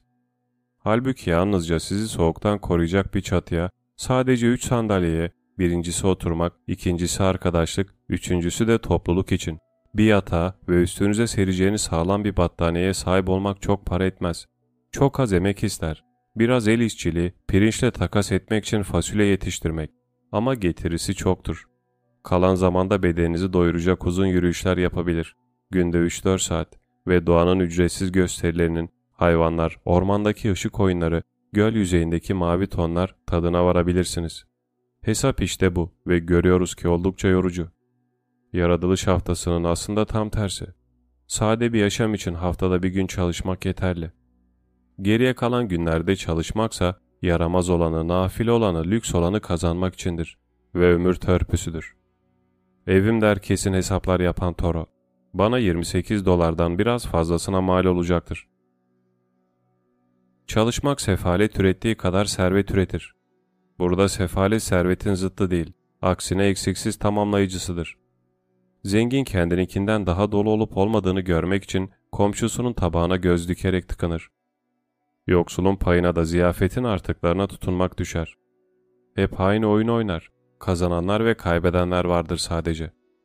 Toron'un söz ettiği tutumluluk, hep daha fazlasına sahip olmak için kendilerine yabancılaşanların servetinin olduğu kadar, sıfıra sıfır elde var sıfırı kazanmak için helak olanların sefaletinin de karşıtıdır. Sisteme karşıttır bu tutumluluk. Mevzu bahis oyuna katılmamaktır. Paraya tutunmak, kemer sıkarak tasarruf yapmak, harcama yapmaktan çekinmek değil. Oyunun tamamen dışında olmak demektir. Tercih edilmiş bilinçli bir tutumluluktur bu. Tutumluluk tam olarak kanaatkarlık değildir. Kanaatkarlıkta aşırıya kaçma eğilimle direnme durumu söz konusudur. Kanaatkarlık zevkten aşırılığa yönelen eğilimi saptar. Kendini tutma, çoğu zarar, azı karar meselesidir. Kanaatkarlıkta bir katılık, zevkleri hor görme ya da daha ziyade zevk korkusu vardır. Kanaatkar olmak koy vermenin reddi, kapılıp gitme korkusuyla aşırılıktan kaçınmaktır. Tutumluluksa sadeliğin doyurucu olduğunu, azla ve hiçbir şeyle yakalanan kusursuz ağzı keşfetmektir. Su, bir meyve ve rüzgarın soluğu. Ah soluduğumuz havayla sarhoş olabilmek diye yazar Toro. Mal mülk edinip zengin olmanın bir sürü çaba gerektirdiğini söyleyerek insanın gün be gün deliler gibi didindiğini görmemizi ve çalışarak kendinden esirgediği onca şeyi düşünmemizi ister Toro. Hesaplamaya devam etmek gerekir. Ona göre an gelecek yürüyerek daha hızlı gidildiğini anlayacağızdır. Çünkü bir koşum takımına bir arabaya sahip olmanın bedeli günlerce çalışmaktır. Arabayla bir günde kat edeceğiniz mesafenin bedeli aylarca çalışmaktır. O halde yürüyün. Böylece gideceğiniz yere daha erken varır, üstüne üstlük gökyüzünün derinliğiyle ağaçların rengini de kazanırsınız. Toro gördüğümü kendimin kılarım diye yazar. Yürürken kış geceleri için renkli duygular ve güneşli anılar biriktirmek demektir bu. Gerçek hazinemiz, gerçek mal varlığımız, edindiğimiz ve koruduğumuz temsiller toplamıdır. Hayallerime dönüyorum hep. Dünya zenginliğinin sırtında taşınmış ebedi bir servet bu. Dar günler için kenara konulacak bir şey. Fakat zenginliği elde etmek ondan kurtulmaktan daha kolaydır yine de. Zenginin ruhu kabuk bağlar içine gömülür. Maddi olana sürtünüp durmaktan nasır tutar. Yoksulunsa kalbi bu zenginliklere sahip olamamanın getirdiği kıskançlık ve öfkeyle daralır. Konfordan yoksun kalmak, yumuşak bir kanepe yerine tahta bir sandalye, soğuk doyumanın acizliği, 500 metre yürüyünce bastıran yorgunluk, zengin insan için acı vericidir. Yoksul da refah arzusunun tutsağı olarak zenginliğe inanmaya devam eder. Hayır, zenginliğin bedeli birçok insan için haddinden fazladır gerçekten. Toro bu muazzam yürüyüşçü, büyük bir gezginden başka her şey oldu. Maine ormanlarına, Quebec'e, New Hampshire'a birkaç kısa gezinti yapmışsa da, hakkında bolca yazdığı ve onu besleyen, Concord civarında elleri cebinde çıktığı yürüyüşlerdir. Küçük çaplı bir macera perest olduğu düşünülebilir belki. Ama gerçekte Toro bize egzotizm tehlikesine karşı uyarır. Uzaklara gidip orada gördüklerini anlatmak için yürüyen pek çok insan vardır. İlle de masal gibi rastlantılar, muhakkak efsanevi olaylar, hep görkemli manzaralar ve kesinlikle muhteşem yemekler. Hep bir gösteri haline rastlanır. Anlatıda, macerada mutlak bir abartı vardır. Ancak Toro'nun Walden'ı tüm gezi hikayelerinden daha büyüleyici gelebilir okura. Bu eserdeki dönüşümde abartılı macera perestlerin cafcaflı destanlarını yavan kılan bir radikallik hissedilir. Yürümek için çok uzaklara gitmek gerekmediğini söyleyemeyiz genellikle. Yürümenin gerçek istikameti ötekilik değil, uygar dünyaların kenarlarıdır. Yürümek kenara çekilmektir. Çalışanların kenarından, hız yapılan yolların kenarından, servet ve sefalet üretenlerin, sömürenlerin, emekçilerin kenarından, kış güneşinin solgun yumuşaklığını ve ilkbahar esintisinin tazeliğini hissetmekten daha önemli işleri olan ciddi insanların kenarından uzaklaşmaktır. Yürümek hem doğruluk hem de gerçeklik meselesidir. Yürümek gerçekliği tecrübe etmektir. Fiziki veya öznel anlamda gerçekliği değil, sağlamlığın gerçekliğini, dayanıklılık direnme ilkesi. Yürümek her adımda yeryüzünün sağlam olduğunu kanıtlamaktır. Her adımda bedenimin ağırlığı destek bulup seker, yaylanır. Her yerde sağlam bir zemin var. Tırmanışlarda adımı her zaman sağlam atmak gerekir. Bastığınız yeri dirençli olup olmadığını anlamak için yokladığınız belli belirsiz bir an vardır hep. Dahası havadaki ayağını yere basmadan önce bütün ağırlığınızı tek ayağınıza verirsiniz güvenle. Kara gömülen ayağınızın buza çarpabileceği karlı yollarda ya da bedeninizin sürekli kendini dengede tutmak ve ağırlığını yukarı kaldırmak zorunda olduğu taşlı veya kumlu kurak topraklarda bacaklar titrer. Aslında yürümez dans eder insan. Toprağın yumuşaklığı güçsüzleştirir tedirgin eder ayakları. Kaldırımlarsa aksine çok serttir. Davullar gibi titreşir. Adımın yarattığı sarsıntıyı alıp bedene geri gönderirler. Halbuki toprak alıp yutar o sarsıntıyı. Asfaltlı yolların kusursuz düzgünlüğü sonunda sıkar ayakları. Gerçeklik bu kadar tek düze değildir. Kimleri okumaya ayırdıkları kadar zaman ayırır yazmaya. Emerson Toron'un yazmaya yürümek kadar zaman ayırdığını hatırlatır. Kültürün ve kütüphanelerin tuzaklarından sıyrılmak için yapar bunu. Çünkü öbür türlü yazılan şey başkalarının yazılarıyla dolar. Yazmak sessiz canlı bir deneyimin tanıklığı olmalıdır. Başka bir kitabın yorumu, başka bir metnin açıklaması değil. Tanık kitap. Fakat bayrak yarışlarında kullanılan bayrak anlamında. Bayrağı diğerine aktarırız. O da koşmaya başlar. Böylece deneyimden doğan kitap deneyime sevk eder. Kitapların amacı yaşamayı öğretmek değil, ders verenlerin hüzünlü görevdir bu. İçimizde yaşama, başka türlü yaşama isteği uyandırmaktır. Kendi içimizde yaşama imkanını, yaşamın ilkesini bulmak. İki kitabın arasında yaşam sıkıcıdır. İki okumanın arası tek düze gündelik işlerle doludur. Ama kitap farklı bir varoluş umudu uyandırır. Kitaplar gündelik yaşamın sıkıntısından kaçış değil, bir yaşamdan ötekine geçiş aracı olmalıdır. Yaşamak için ayağa kalkmamışken yazmak için oturmak nasıl da beyhudedir. Yazıya taşınması gereken gerçeklik işte budur. Yere sağlam basan kuvvetli adımların ardından kağıda dökülen yazı.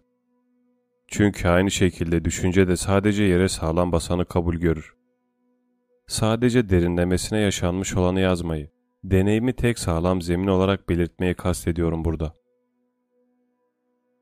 Gerçeklik diyebileceğimiz o sağlam zemine ve kayalara ayak basana ve hataya düşmeden işte bu diyebilene dek Paris'ten Londra'ya, New York'tan Boston ve Concord'a kadar bütün dünyayı, kilise ve devleti, şiiri, felsefeyi ve dini kaplamış şu fikir, yargı, gelenek, yanılsama, görünüş balçığını delip geçelim.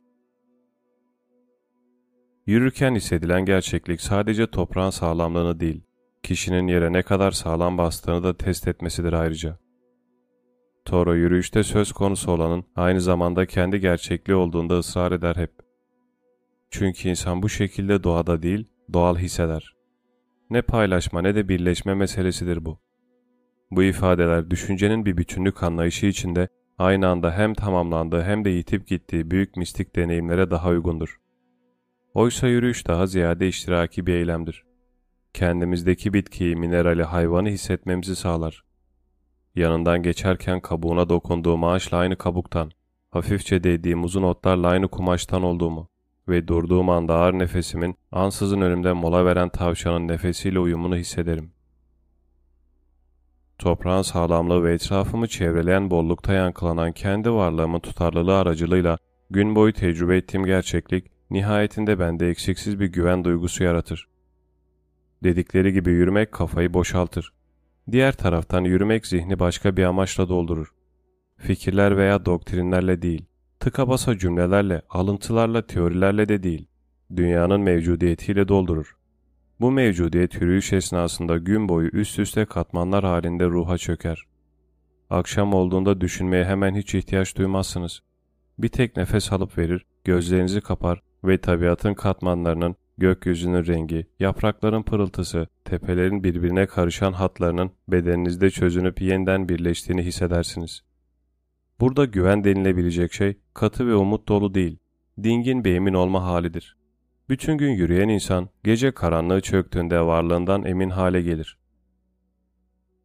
Bu güvenin bir diğer kaynağı da sabahtır. Toro bütün yapıtlarında sabahlara inanmak ister veya daha ziyade sabahlardır inancı doğuran. Günün doğuşuna eşlik etmek için yürümeye şafakta başlanmalıdır. Bu muallak kalacak karanlık vaktinde varoluşun mahmur sayıklamaları gibi hissederiz günü. Sabah yürümek irademizin zayıflığıyla karşılaşmaktır. Demek istediğim doğan günü adım adım takip ettiğimizde zorlamanın, isteklere sarılmanın ya da verilmiş herhangi bir kararın etkisine rastlamayız. Günün gerçekleri ağır ağır zuhur eder. Az sonra güneş doğacak ve başlayacaktır her şey. Tabiatın sesleri aydınlanan ihtişamı haşince bir dönüşüm göstererek tabiatın kırılganlığına ihanet eder. Gün hiçbir zaman bir irade eylemi olarak başlamaz. Tereddüte yer bırakmayan bir kesinlikle doğar. Sabah yürümek doğal başlangıçların gücünü anlamaktır. Sağlık kendini sabahlara duyulan sevgide belli eder. Toron'un sabah sevgisine ilkbahar övgülerinde rastlanır. Mesela Walden Gölü'nün buzullarının Nisan'da eriyip yok olması, nehirlerin kendi yataklarını bulması gibi. Ancak kimi sabahlarda ve bütün ilkbaharlarda bilhassa ebediyetin yeniden tezahürünü bulur. Sene her zamankinden daha taze bir umutla başlıyor. Gerçek umudun hep taze kalması hiçbir koşula, hiçbir doğrulamaya, hiçbir kanıta tabi olmamasından, umudun tecelli ediş biçiminde isminden fazlasının bulunduğunu bilmekten kaynaklanır. Çünkü temel olarak umut bir şey bilmek istemez. O yalnızca inanır. İnanmak, düşlemek ve umut etmek tüm edinilmiş bilgileri, alınmış dersleri ve geçmişi hiçe sayar. Doğanın tarihi yoktur. Hafızası en fazla bir yıllıktır. Toron'un ilk bahar deneyiminden kastı, yaşamak dışında hiçbir şeyin önemli olmadığı, amansız ve vahşi bir akıntıya bırakmaktır kendini. Onun da belirttiği gibi, bu aynı zamanda bir masumiyet serüvenidir. Her şey yeniden başlar, yeniden yola koyulur ve ışık gecenin yanında geçmişi de sürükleyip götürür. Bir ilkbahar sabahı affedilir insanlığın günahları. İlkbaharda veya şafakta yürürken ağaran güne göz kulak kesiliriz ve bizim için bu ahesteliğe tanıklık etmek dışında hiçbir şey önemli değildir. Artık yürüyenin de bir tarihi yoktur. Dolaşırken yanında taşıyamayacağı kadar ağırdır tarih. Sabah yürüyüşlerinde anılar yok olur. Yalnızca günün gecenin örtüsünü kaldıracağına dair şen bir güvenle dolar içi. Güneş bir sabah yıldızıdır sadece. Sabahın gelmesini sağlayan şeylerden biri de batıdır. Toru'ya göre güneş her zaman batıdan yükselir. Doğuda hafızamız bulunur. Doğu kültür ve kitaplardır. Tarih ve eski bozgunlardır. Geçmişten alınacak ders yoktur. Zira ders almak eski hataları tekrarlamaktır. İnsan tam da bu yüzden yaşlılara pek güvenmemeli ve onların sözde deneyimlerini tekrarladıkları hataların yüklü toplamıdır bu sadece kabul etmemelidir. İnsan sadece güvenin kendisine güvenmek zorundadır. Tazeliğe, gelecek batıdadır. Tarihi anlamak, sanat ve edebiyat eserlerini incelemek, soyumuzun köklerine inmek için doğuya yöneliriz. Batıya ise geleceğe gider gibi serüven ve atılım ruhuyla yöneliriz. Batı bir maden damarı, gelecek hazırlığı, varlık kaynağıdır. El değmemiş ve her daim yeni olandır. Batı aynı zamanda yabandır. Yaban keşfedilmemiş bakir doğadır. İnsanlıktan uzak birincil güçtür. Akademi dışı bilgi olarak Toron'un pek az şairin dağların batı yakasını tasvir etmeyi bildiğini söylediğini belirteyim. Öte yandan içimizde hala yaşayan evcilleştirilmemiş isyankar taraf ve bunu gözler önüne serendir. Emerson Toro için Amerikalıların en Amerikalısı derken geleceğin kaynağı olan ilkel yabanlığa karşı düşkünlüğünü kastetmiştir belki de. Gelecek batıda der Toro. Ablukadan ancak yabana daldıktan, onunla yüzleştikten sonra kurtulup kendini açacak. ve yeni olasılıklara teslim edebilecektir. Belki de Amerikan ütopyacılığı ile Avrupa düşçülüğü arasındaki fark da budur. Avrupalılar için yaban kökleri çağrıştırır, kadim bir kusur, karanlık bir başlangıç noktasıdır. Amerikalı Toro içinse yaban batıda, yani önündedir. Gelecek olasılığı orada uzanır. Yaban Avrupa tarihinin gecesi değil, dünyanın ve insanlığın sabahıdır. Sözünü ettiğim batı, yaban kelimesinin eş anlamlısından başka bir şey değildir. Ve ifade etmek isterim ki dünyanın koruyucu gücü yabandır. Yürümek bu yüzden dillendirildikleri anda eskiyen haberlerle ilişkimizi kesmeye neden olur. Kendinizi kaptırdığınız anda çarkın içine kısılırsınız der Toro. Sırada ne var öğrenmek istersiniz. Fakat asıl mesele neyin değiştiğini bilmek değil, ebediyen yeni kalana yaklaşmaktır. Sabahları gazete okumanın yerini yürüyüşler almalıdır. Haberler birbiriyle yer değiştirir, birbirlerine karışır, birbirlerini tekrarlarlar ve unutulurlar. Gel gelelim yürümeye başladığınızda bütün o gürültü patırtı yitip gider. Yeni olan nedir? Hiç. Durmadan yenilenen sakin bir ebediyet.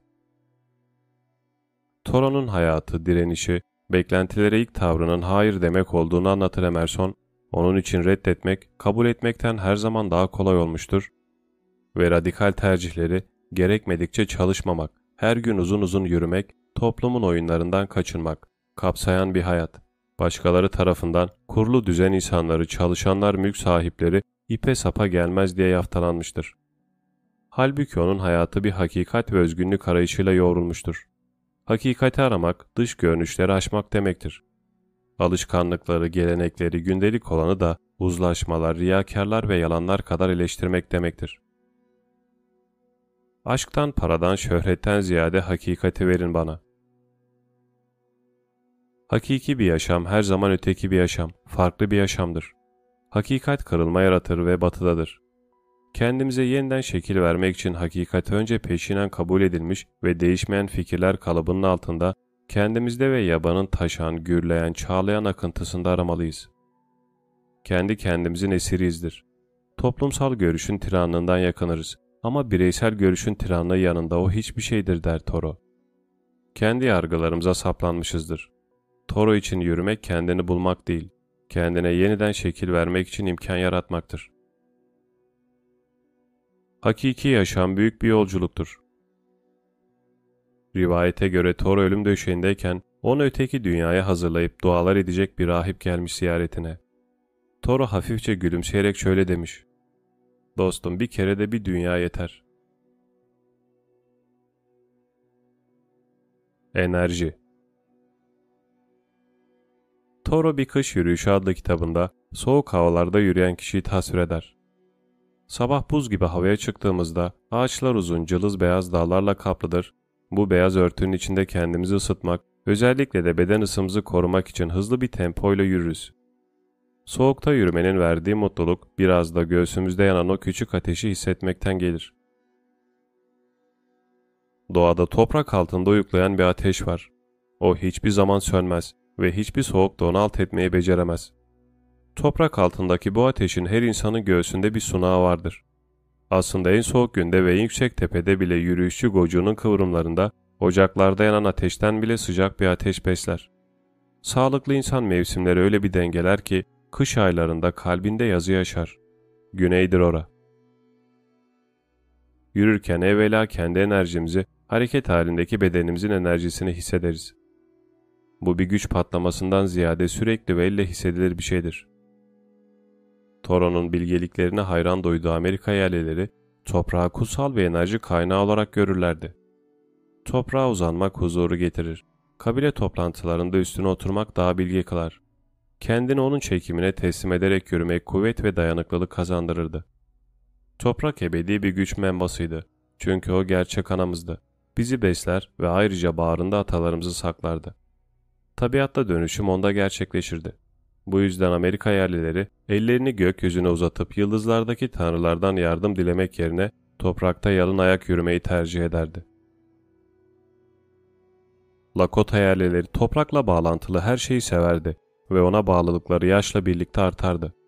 Kelimenin tam anlamıyla toprağa vurgun olan yaşlılar, annelerinin yanına oturur gibi saygıyla ve dizinin dibine yatar gibi sevgiyle yaklaşırlardı ona. Toprakla temas etmek tene iyi geldiğinden mokasenlerini çıkarıp kutsal toprakta yalın ayak yürümeye bayılırlardı. Çadırları sunaklarının ham maddesi olan toprağın üstünde yükselirdi. Havada uçan kuşlar onun üstüne konar ve toprak yaşayan her şeyi kusursuzca taşırdı. Toprak yatıştırır, kuvvetlendirir, arındırır ve iyileştirirdi. Bu yüzden yaşlı Kızılderililer kendilerini yaşamın kaynaklarından ayırmayıp toprağa bağlılıklarını sürdürürler. Toprağa oturmak veya uzanmak daha derin düşünmelerini, daha canlı hissetmelerini sağlardı. Böylece yaşamın en büyük gizemlerini daha iyi anlayabiliyor ve kendilerini yaşayan bütün güçlere yakın hissediyorlardı. Topraktan destek alıp yer çekimini hissedip her adımda onun üstünde dinlenerek yürümek sonsuz bir enerjiyi solumak gibidir. Fakat bu güç yalnızca bacaklara değil, dolaşıma da etki eder. Yürümek hareket demektir. Dinlenmeye kıyasla kalp daha hızlı ve güçlü atar, kan dolaşımı hızlanır. Adımların topraktaki yankısı kalbin gümbürtülerine karışır ve aynı ritimde ilerler. Kalp ve toprak dışında bir enerji kaynağı daha vardır. Manzaralar. Yürüyüşçüyü çağıran ve evinde hissettiren de budur. Tepeler, renkler, ağaçlar. Tepelerin arasında kıvrılan patikanın büyüsü, sonbaharda lal ve altın rengi örtülere bürünmüş üzüm bağlarının güzelliği, zeytin yapraklarının bulutsuz yaz göğünün altındaki gümüşi pırıltısı, birbirinden muntazam bir şekilde ayrılmış buzulların heybeti. Tüm bunlar destekler, taşır ve besler insanı. Haç yolculuğu Yürümek her zaman bir başına öylesine dolanmak, amaçsızca takılmak anlamına gelmez. Tarih boyunca gidişatı, nihayeti, amacı belirli kurallara tabi çeşitli şekillere bürünmüştür. Haç yolculuğu da bu büyük kültürel yapılardan biridir. Peregrinus'un ilk anlamı yabancı sürgündür. Hacı temel olarak bir yerlere, Roma'ya, Kudüs'e giden değil, öncelikle yurdundan uzakta yürüyendir. Başka bir ifadeyle hava almak ya da yediklerini sindirmek için birazcık yürüyüşe çıkan veya pazar günleri çiftliğini turlayan kişi için zaten o topraklar yurdudur. Ama hacı yurdundan uzaktaki kişidir. Bir yabancıdır. İlk Hristiyan teologlara göre bu dünyada sadece birer yolcu olduğumuzdan evimizi başımızı soktuğumuz bir sığınak, sahip olduklarımızı fazladan büyük, arkadaşları da yol üstünde karşılaştığımız insanlar olarak görmemizde fayda vardır. Biraz havadan sudan sohbet, birkaç tokalaşma, sonra da iyi akşamlar, iyi yolculuklar. Bu dünya fanidir der teologlar. İnsanlık sürgündür. Çünkü asıl yurduna burada ulaşması mümkün değildir. Tüm dünya gelip geçici bir barınaktır. Bir yürüyüşçü herhangi bir ülkeden nasıl geçiyorsa Hristiyanlar da öyle geçerler hayattan. Yani durmadan, tıpkı Kompostela hacılarının ilahilerinde söyledikleri gibi. Arkadaş oyalanmadan sağda solda yol almak zorundayız. Ara vermeden manastırdan manastıra yürüyüp hiçbirinde de uzun süre kalmayan Cirovak adı verilen keşişler ebedi yabancılar oluşumuzun abartılı belki de en iyi örneğidirler. Günümüzde de Atos Dağı'nda kültürlerini sürdüren bu keşişler ömürleri boyunca dağların dar patikalarını aşıp aynı yolları arşınlar. Gün bitimlerinde ise ayaklar onları nereye taşımışsa orada uyurlar. Gün boyunca yürürken dualar mırıldanır, hayatlarını bir hedefe ulaşma gayesi gütmeden geçirirler. Fakat cirovokların değer gördüğünden bahsetmek zordur. Bu göçebe insanlar fırsatçı ve berduş olarak görülmüş ve kilise de bu yaşam tarzını yasaklamıştır. Özellikle Sen Benoit, inananın ebedi keşişlik halinin sadece bir metafor olduğunu belirterek manastırda devamlı kalmayı salık vermiştir. Bu metaforu yollarda çarçur etmek yerine dua ve tefekkürün özüne inerken kullanmak gerektiğini savunmuştur. Özellikle Mısırlı Hristiyan teologlar hacı ve keşiş ayrımını yüzlerce yıl önce yapmışlardır. Dünyaya yabancı olma hali anlamına gelen zinetiyayı yüceltmek elbette gereklidir. Ama bunun için şaibeli bir berdüşlük yerine inzivaya çekilmek yeterlidir. Ebedi keşişlik her şeyi ardında bırakmayı, kendini soyutlamayı, fani olandan vazgeçmeyi ifade eder. İsa da müritlerine bunu salık vermiş. Eşlerini ve çocuklarını bırakıp topraklarından, mallarından ve mülklerinden vazgeçip Tanrı'nın kelamını yaymak için yollara düşmelerini istemiştir. Neyin varsa sat, hepsini yoksullara ver ve beni izle. Daha öncesinde ise İbrahim'in buyruğudur bu. Her şeyi bırak, sana göstereceğim yere git. Yürümek bir dönüşüm, bir çağrıdır. Her şeyi ardımızda bırakmak ve kendimizi arındırmak için yürürüz. dünyanın keşmekeşini, mesuliyet dağını didinmelerimizi ardımızda bırakırız. Unutmak artık burada olmamak için karayollarının muazzam sıkıcılığından, orman yollarının monotonluğundan iyisi yoktur. Yürüyün, bağlarınızı koparın, terki diyar eyleyin. Yürümeye başladığınızda gün boyunca vedalar birbirini izler. O yere bir daha dönüp dönemeyeceğinizden emin olamazsınız asla. Bu terk etme hali bakışlarınızı yoğunlaştırır. Bir tepeyi aşmadan evvel dönüp manzaraya bakışınız.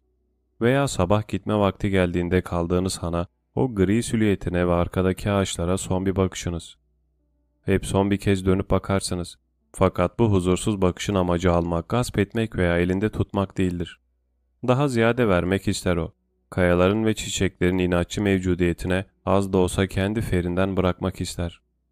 Yürüyüşçü adı konulmamış buzulların tarihsiz çayırların üstünde, yarınsız göklerin altındayken, bakışlarından her şeyin içine nüfuz edecek kıvılcımlar saçar. Yürüyorsa dünyayı daha şeffaf kılmak içindir. Acı insanlık haline dair bir metafor olmakla kalmaz. Aynı zamanda ete kemiğe bürünmüş tarihi bir mevcudiyete de sahiptir. Orta çağda hacı malum olduğu üzere daha farklı bir karakterdi. Hacılık o zamanlar tüzeldi. Hacılığa kilise ayiniyle halk huzurunda bir resmiyet çerçevesinde girilirdi. Ayinden sonra piskopos, yürüyüşçünün asasını hem yürümeye hem de köpeklere ve diğer hayvanlara karşı kendini korumasına yarayacak metal uçlu uzun sopa ve günlük tayınıyla gerekli evran bulunduğu heybesini kutsardı. Bu meşin heybe küçük, çünkü can zaten Tanrı'nın da tevekkül edilirdi ve hayvan derisinden faniliği hatırlasın diye olmalı, ağzı da her zaman açık durmalıydı. Çünkü hacı her daim vermeye, paylaşmaya, takas etmeye hazır bulunmalıydı. Bir hacı aynı zamanda geniş kenarlı şapkasından, kısa tüniğinden ve her yanını örten harmanisinden tanınabilirdi. Piskopos ya da cemaatin papazı bir törenle hacılığını kanıtlayabileceği bir mektup verirdi hacıya. Bu mektup, muhtelif manastırlarda ve misafirhanelerde konaklamasını sağlayacak, ayrıca kusanmış bir hacıya çatmaya cesaret etmeleri halinde en şiddetli cezaya çarptırılacak haydutlara karşı bir umut onu kollayacaktı. Tören alalade ve gösterişten uzaktı. Çünkü çıkılacak bu yolculuk bir nevi ölümdü. Kudüs bir yana, Roma ya da Santiago'ya gitmek dahi aylar sürerdi ve geri dönülebileceğinin de garantisi yoktu. Yorgunluğa yenik düşebilir, hırsızlardan ölümüne dayak yiyebilir, suda boğulabilir veya uçurumdan yuvarlanabilirdi. Dolayısıyla hacı yola çıkmadan önce eski hasımlarıyla barışmak, itilaflarını çözmek, hatta bir vasiyet yazmak zorundaydı. Peki bu kadar zorsa ne demeye yola çıkılıyordu? Sahipler çeşit çeşitti. Öncelikle bağlılığı artırmak ve sadakati kanıtlamak için yollara düşülürdü. Devotionus Causa Hacıya belli bir amaç, nihai aydınlık bir yön tayin edilirdi. Bir tapınak ziyareti. Büyük hac merkezleri havarilerin ve azizlerin gömülü olduğu yerlerdi. Kompostela'daki Aziz Büyük Yakup, Roma'daki Aziz Pavlus ve Aziz Petrus, İsa'nın Kudüs'teki boş mezarı, Tors'taki Aziz Martin ve Mont Saint Michel'deki baş melek Mikail'in kutsal emanetleri. Haç yolculuğu, inancın belirtisi, tutulan oruçlar ve kesintisiz duaların eşlik ettiği yürüyüşün tevazüsünde kendini gösteren devamlı bir çile çekme haliydi. Kefaret için de hacı olunurdu. Şayet bir inanan ya da rahip, vicdanına yük olan korkunç bir günahı, kutsala küfretme veya bir cinayet itiraf ederse, uzaklığı kabahatin büyüklüğüne göre değişen bir haç yolculuğuyla cezalandırılabilirdi. Orta çağda belirli sivil yargı mercileri de ağır cürümler, anne baba cinayeti, tecavüz ve benzeri için uzak bir haç yolculuğunu kabul ettirebiliyorlardı bazen. Böylece suçluyu toplumdan uzaklaştırmış da oluyorlardı. Engizisyon mahkemeleri de kafirleri bu geçici sürgüne göndermekten geri kalmıyordu. O zamanlar yolculuk yapmanın zorlukları zaten peşinen bilindiğinden haç yolculuğu kısmen katlanabilir bir kefaret olarak görülüyordu. Fakat bu yolculuk bazı ek şartlarla ağırlaştırılabiliyordu. Yalın ayak veya pranga takarak yürümek gibi. Bazen suçun işlendiği silahın eritilip dövüldüğü demir ya da çelikten kelepçeler ayların aşındırması ve ter yüzünden sonunda kırılırdı. Bu ağır koşullar olmasa bile aylar boyunca yağmura, soğuğa ya da güneşe, zira hacı tamamen korunmasız olurdu, maruz kalmak gerçek bir cehennem azabına dönüşebilirdi. Şimdi olduğu gibi eskiden de ayaklar, yürüyüşün ardından açılan irinli yaralar ve ağrı dolu çatlaklar yüzünden birer ıstırap kaynağına dönüşürdü. hacının manastırda karşılanmasıyla başlayan ayak yıkama ayini, rahiplerin İsa gibi mütevazi olmasından başka, hacının da özel bir itinayla yaklaşılması gereken bir figür olduğunu gösterirdi. İnancı göstermek ve günahların kefareti dışında şefaat dilemek için de yürünürdü. Bir akraba, arkadaş yahut kişinin kendisi hastaysa, dua etmenin mezarı ziyaret etmek, mezar başında dua etmek kadar etkili olmayacağı düşüncesiyle bir azizin mezarına gidip ondan şefaat dilemek için de düşülür yola. Ama kutsal mekana varılmadan evvel arınmak için uzun süre yürünmeli, acı çekilmeli ve çaba sarf edilmeliydi. Yorgunluk arındırıp kibri yok eder. Böylece dua daha sahici kılınırdı. Kutsal mekana varıldığında yara bere dolu ayaklar ve kirpas içindeki giysilerle de vurgulanan bir tevazuyla şefaat dilenirdi. Acı çeken bizzat yürüyen kişi ise mezara dokunup bedenini olabildiğince yakınlaştırarak uzun süre öylece kalır, sonra o kutsal yerden yayılan iyileştirici güç hasta bedenine nüfuz etsin diye geceyi mezarın yakınındaki bir yere uzanarak geçirirdi. Son olarak inanan kişi kendisine bahşedilen bir iyilik için huzura ermiş bir hayat, Tanrı vergisi bir yetenek, sağlığa kavuşmak, Tanrı'ya şükretmek adına da haç yolculuğuna çıkabilirdi. Nitekim Descartes kişisel aydınlanmasının ardından Paris'teki Notre Dame de Lorette'e haç yolculuğu yapmıştı. Binlerce mütevazi inanan da kendileri veya yakınlarına dua etmek ve gerçekleşen dilekleri için Tanrı'ya şükürlerini sunmak amacıyla en yakındaki kutsal mekana giderlerdi. Haç mevzusunu daha irdeleyebilmek için arketipleri birazcık arka plana almak gerek. Hacı zihnimizde şöyle bir temsil bulur. Elinde sopa üstünde sade bir abayla fırtına ve yağmur altında yürüyen yalnız biri. Karanlık çökmüştür ve Hacı Büyük Taş Manastır'ın çakan şimşeklerle bir anlığına aydınlanan devasa kapısını çalmaktadır. Halbuki gerçekte haç yolculukları güvenlik nedeniyle bir başına değil, küçük gruplar halinde ve şayet gidilecek yer çok uzaksa at üstünde yapılırdı. At üstünde yapıldıysa son durak yani kilisenin çan kulesi ya da katedralin kulesi belirince yere inip yolculuğunu yürüyerek bitirmek şarttı. Yolculuğu ayaklarla nihayete erdirme zorunluluğu hacıya pek çok ders verirdi. Öncelikle İsa'nın yoksulluğunu ve tevazusunu hatırlatırdı. Yalın ayak yürüyen kişi yoksullar yoksuldur. Yoksulun tek zenginliği bedenidir. Yürüyen kişi toprağın evladıdır. Her adım yer çekimine boyun eğmektir. Her adım bağlılığı gösterir ve toprağa vaat edilen ebedi istirahatgahıymış gibi över. Öte yandan yürümek acı vericidir. Yılmadan çaba göstermeyi gerektirir. Bir kutsal mekana acıyla arınmadan yaklaşılmaz ve yürümek sonsuza dek ebedi bir çaba ister. Hristiyanların ana rotaları Roma ve Kudüs'tü.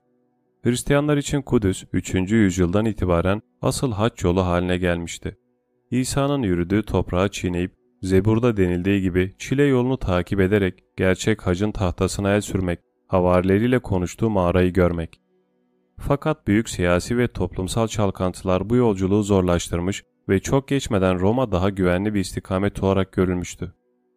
Önde gelen iki havari Petrus ve Paulus'un mezarlarının bulunduğu Roma, kurumsal Katolik kilisesinin merkezi ve kalbi olmuştu. Peregrinatio Romana'yı gerçekleştirmek, kiliseye tam teslimiyeti ve kilisenin tarihi görevine bağlılığı simgelerdi. Daha sonra 1300'den itibaren büyük bağışlanma yılları, jübile yılları ilan edilmişti. Bu yıllarda Roma'ya gidip tapınaktan tapınağa belirli bir güzergah tamamlamak, Aziz Petrus Bazilikası, Aziz John Lateran Bazilikası, surların dışındaki Aziz Pavlus Bazilikası, hacının bütün günahlarının bağışlanmasını sağlardı. Yani Roma hacı için kiliseye bağlılığı kanıtlama vesilesiydi. Ama ayrıca bir kurtuluş yoluydu da. Kompostela bu önemli haç yollarının sonuncusuydu. Aziz Büyük Yakup'un İsa'nın üç gözdesinden biridir ve Kral Herodes'in emriyle boynu vurulup ilk şehit havari olmuştur. Kemiklerinin müritleri tarafından bir gemiye yüklendiği ve geminin Galicia açıklarında battığı anlatılır. Bunun üzerine ağır mermer tabut sahile taşınmış ve orada unutulmuştur. Ta ki Pelaguis isimli bir ermişin rüyasına giren meleklerin tabutun yerini gösterdiği o meşhur güne kadar. Bu yer her gece bir dizi yıldızla Pelaguis'e işaret edilmiştir. Yeniden bulunan gömütün üstüne önce bir tapınak, sonra bir kilise ve nihayetinde de bir katedral inşa edilir. Kısa süre sonra Roma ve Kudüs'ün yanında kendine yer edinen bu kutsal mekan en önemli haç merkezlerinden biri olur. çok sonralar ortaya çıkmasına rağmen bu mekanın hızla gelişmesinin nasıl nedeninin ulaşım rahatlığı olduğu söylenir. Söz konusu olan elbette başlıca azilerden birinin ebedi istirahatgahıdır. Ama tercih edilmesinin nedeni Petrus ya da Pavlus'un mezarlarına göre daha yakın değilse de oraya ulaşmanın nispeten daha kolay, az eğimli tepeler, engebesiz bölgeler olmasıdır. Roma ve Kudüs Her iki şehir de o kadar mistik özelliğe sahiptir ki onlara varan yolların nasıl olduğu önemini yitirir. Buralardan yayılan ışık yolda karşılaşılan zorlukların gölgesini dağıtır. Roma'da izlenecek güzergah şudur. Aziz Petrus Bazilikası'ndan Aziz John Lateran Bazilikası'na, surların dışındaki Aziz Paulus Bazilikası'ndan Santa Maria Maggiore Bazilikası'na, Kudüs'ün Kutsal Hacı Bazilikası'ndan surların dışındaki Aziz Lorenzo Bazilikası'na. İlk şehitlerin tabutlarının sıralı olduğu uzun koridorlardan oluşan yeraltı mezarları ziyaret edilir. Uzun yolculuğun ardından asıl bağlılık yolu ebedi şehirde başlar. Kudüs'te başka bir durum söz konusudur.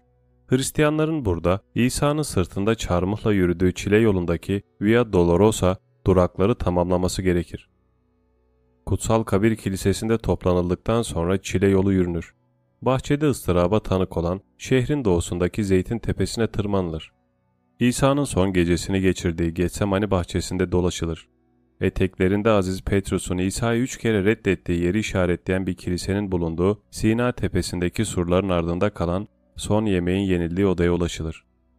Hatta oradan iki saatlik yürüme mesafesindeki Beytüllahim'e, sonra kuzeye ilerlenerek İsa'nın çocukluğunu geçirdiği Celile Gölü kıyılarına ve Cebrail'in Meryem'e İsa'ya hamile kalacağını bildirdiği mağaraya gidilebilir.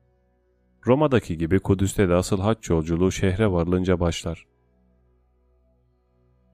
Santiago'da sadece bir katedral vardır. Güneş ve yolun sonu gibi eşsiz olan, bir başına görkemle yükselen bir katedral. Son taş yığınının oradan seçilmeye başlanır ve onu görür görmez atındaysa atından inen, yürüyorsa ayakkabılarını çıkaran, ne de olsa oraya büyük bir tevazu içinde varılmalıdır, acı gözyaşlarına boğulur. Santiago'ya varmak kelimenin tam anlamıyla sona varmaktır. Zaten Kompostela'yı böyle büyüleyici kılan da coğrafi konumu değil midir? Avrupa'nın en batısında Toro'nun dediği gibi yürümek batıya gitmektir, dünyanın sonundadır. Finisterre, ötesinde uzun zaman sınır olarak görülmüş bir okyanusun uzandığı toprak. Santiago'ya gitmek için güneşle birlikte hareket etmek gerekir. Santiago'ya giden yol ne Roma'ya ne de Kudüs'e giden yola benzer. Bu lahite giden yolu katlanabilir kılan bir gizemden bahsedilemez. Tersine bu yolculuk insanı daraltır. Kompostele'ye varmış olmak elbette başlı başına bir ödüldür. Ancak yolculuğun insanda bıraktığı etkiyi gidermez. Santiago'ya varabilmiş olmanın yanında oraya yapılan yolculuk nedeniyle de kişi takdir görür. Galicia haç yolculuğunun mistik yönü tapınağın yanı sıra yolun da kutsallaştırılmasından kaynaklanır. Yol, daha ziyade yollar. Oraya çıkan her yol farklı bir serüvendir.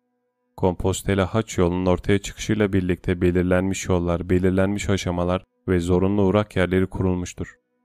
Dört ana yol ve sayısız ara yol vardır. Meştelli Meryem mabedinin önünde toplanıp İsa'nın ayaklarını kendi gözyaşlarıyla yıkamış bu kadın için gözyaşı döktükten sonra Vezelay'dan yola çıkıp Noplat'a, karanlıkta yaşayanların kurtarıcısı Leonard'ın mezarına gidilir. Aziz Martin'in naaşının yattığı Taurus'tan sonra ilkin vaftizci Yahya'nın kutsal başının bulunduğu Angel'de, ardından da 150 kasap tarafından öldürülen Aziz Etrop'un naaşının etrafında toplanılan Sentes'te durulur. Sen Maridupuy'den Bakire ve Şehit Azize Foy'un mezarını ziyarete Konküs'e gidilir. Aziz Gils mabetinden Tolus'ta Aziz Serni'nin naaşı ziyaret edilir. 12. yüzyıldan kalma Codex Calixtinus'un içindeki Compostela haç yolcusunun rehberi, kimi keramet sahibi, kimi şifacı azizleri mezarlarına çıkan yollarla beraber sıralar. Aynı şeyi defalarca yineleyerek azizlerin huzuruna tekrar tekrar çıkma hali, yol üstündeki kiliselerin birbirine benzerliğiyle de perçinlenir. Yollara birbirini yankılayan tapınaklar serpilmiştir. Ayrıca hacıların geceleri başlarını sokabileceği manastırlar ve yolculuktan bitap düşenleri kabul edip bazen onlara son tesellilerini veren bakım evleri de vardır. Yollar muhteşem de olsa bir türlü bitmeyen bir kitap gibi gelebilir insana. Orta Çağ edebiyatı tarihçisi Joseph Bedir, başlangıçta yol vardı der. Başlangıçtan kastı anlatanın romanın destanın başlangıcıdır. Bizim Fransız edebiyatımızın başlangıcına bakarsak haç yollarını buluruz. Bedir'e göre destanlar burada, Kompostela'nın tozlu yollarında yazılmıştır. Haç yolculuğu uzundu. İnsanlar geceleri konaklar ve yemekten yatma vaktine kadar belki de bir gece önce başka bir yerde duyduğu bir hikayeyi abartarak anlatırdı. Bu parça parça anlatılar zamanla bir araya gelerek büyük destanları oluştururdu. Compostela mucizesi tam da budur. Büyük Aziz'in kerametine yolla nihayet erdirmek.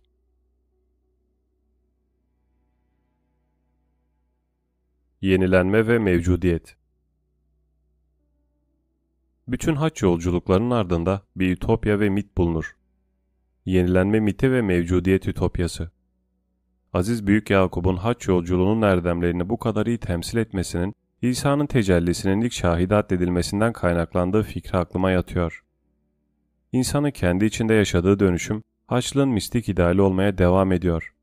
Yolculuktan değişmiş olarak dönmeyi umut etmek. Kutsal mekanların yakınlarında çoğunlukla arınmayı sağlayan bir kaynak, bir akarsu veya bir nehir vardır. Hacılar temizlenmek, kendilerinden arınmak için suya girerler. Hinduların her yıl Ganj nehrinde yıkanmaları en bilindik örneklerden biridir. Yürüyerek yeniden doğma ütopyasına verebileceğim örnekse Tibet'teki Kilaş Dağı'na yapılan haç yolculuğudur. Birçok doğu dini kocaman bir ovaya oturmuş buzdan bir kubbe olan bu ıssız ve görkemli dağ kutsal evrenin merkezi kabul eder. Hacılar Hindistan'ın büyük düzlüklerinden yola çıkarlar. Ardından buzlu geçitlerle derin vadilerin yer değiştirip durduğu Himalayaları aştıkları yüzlerce kilometrelik bir yol kat ederler.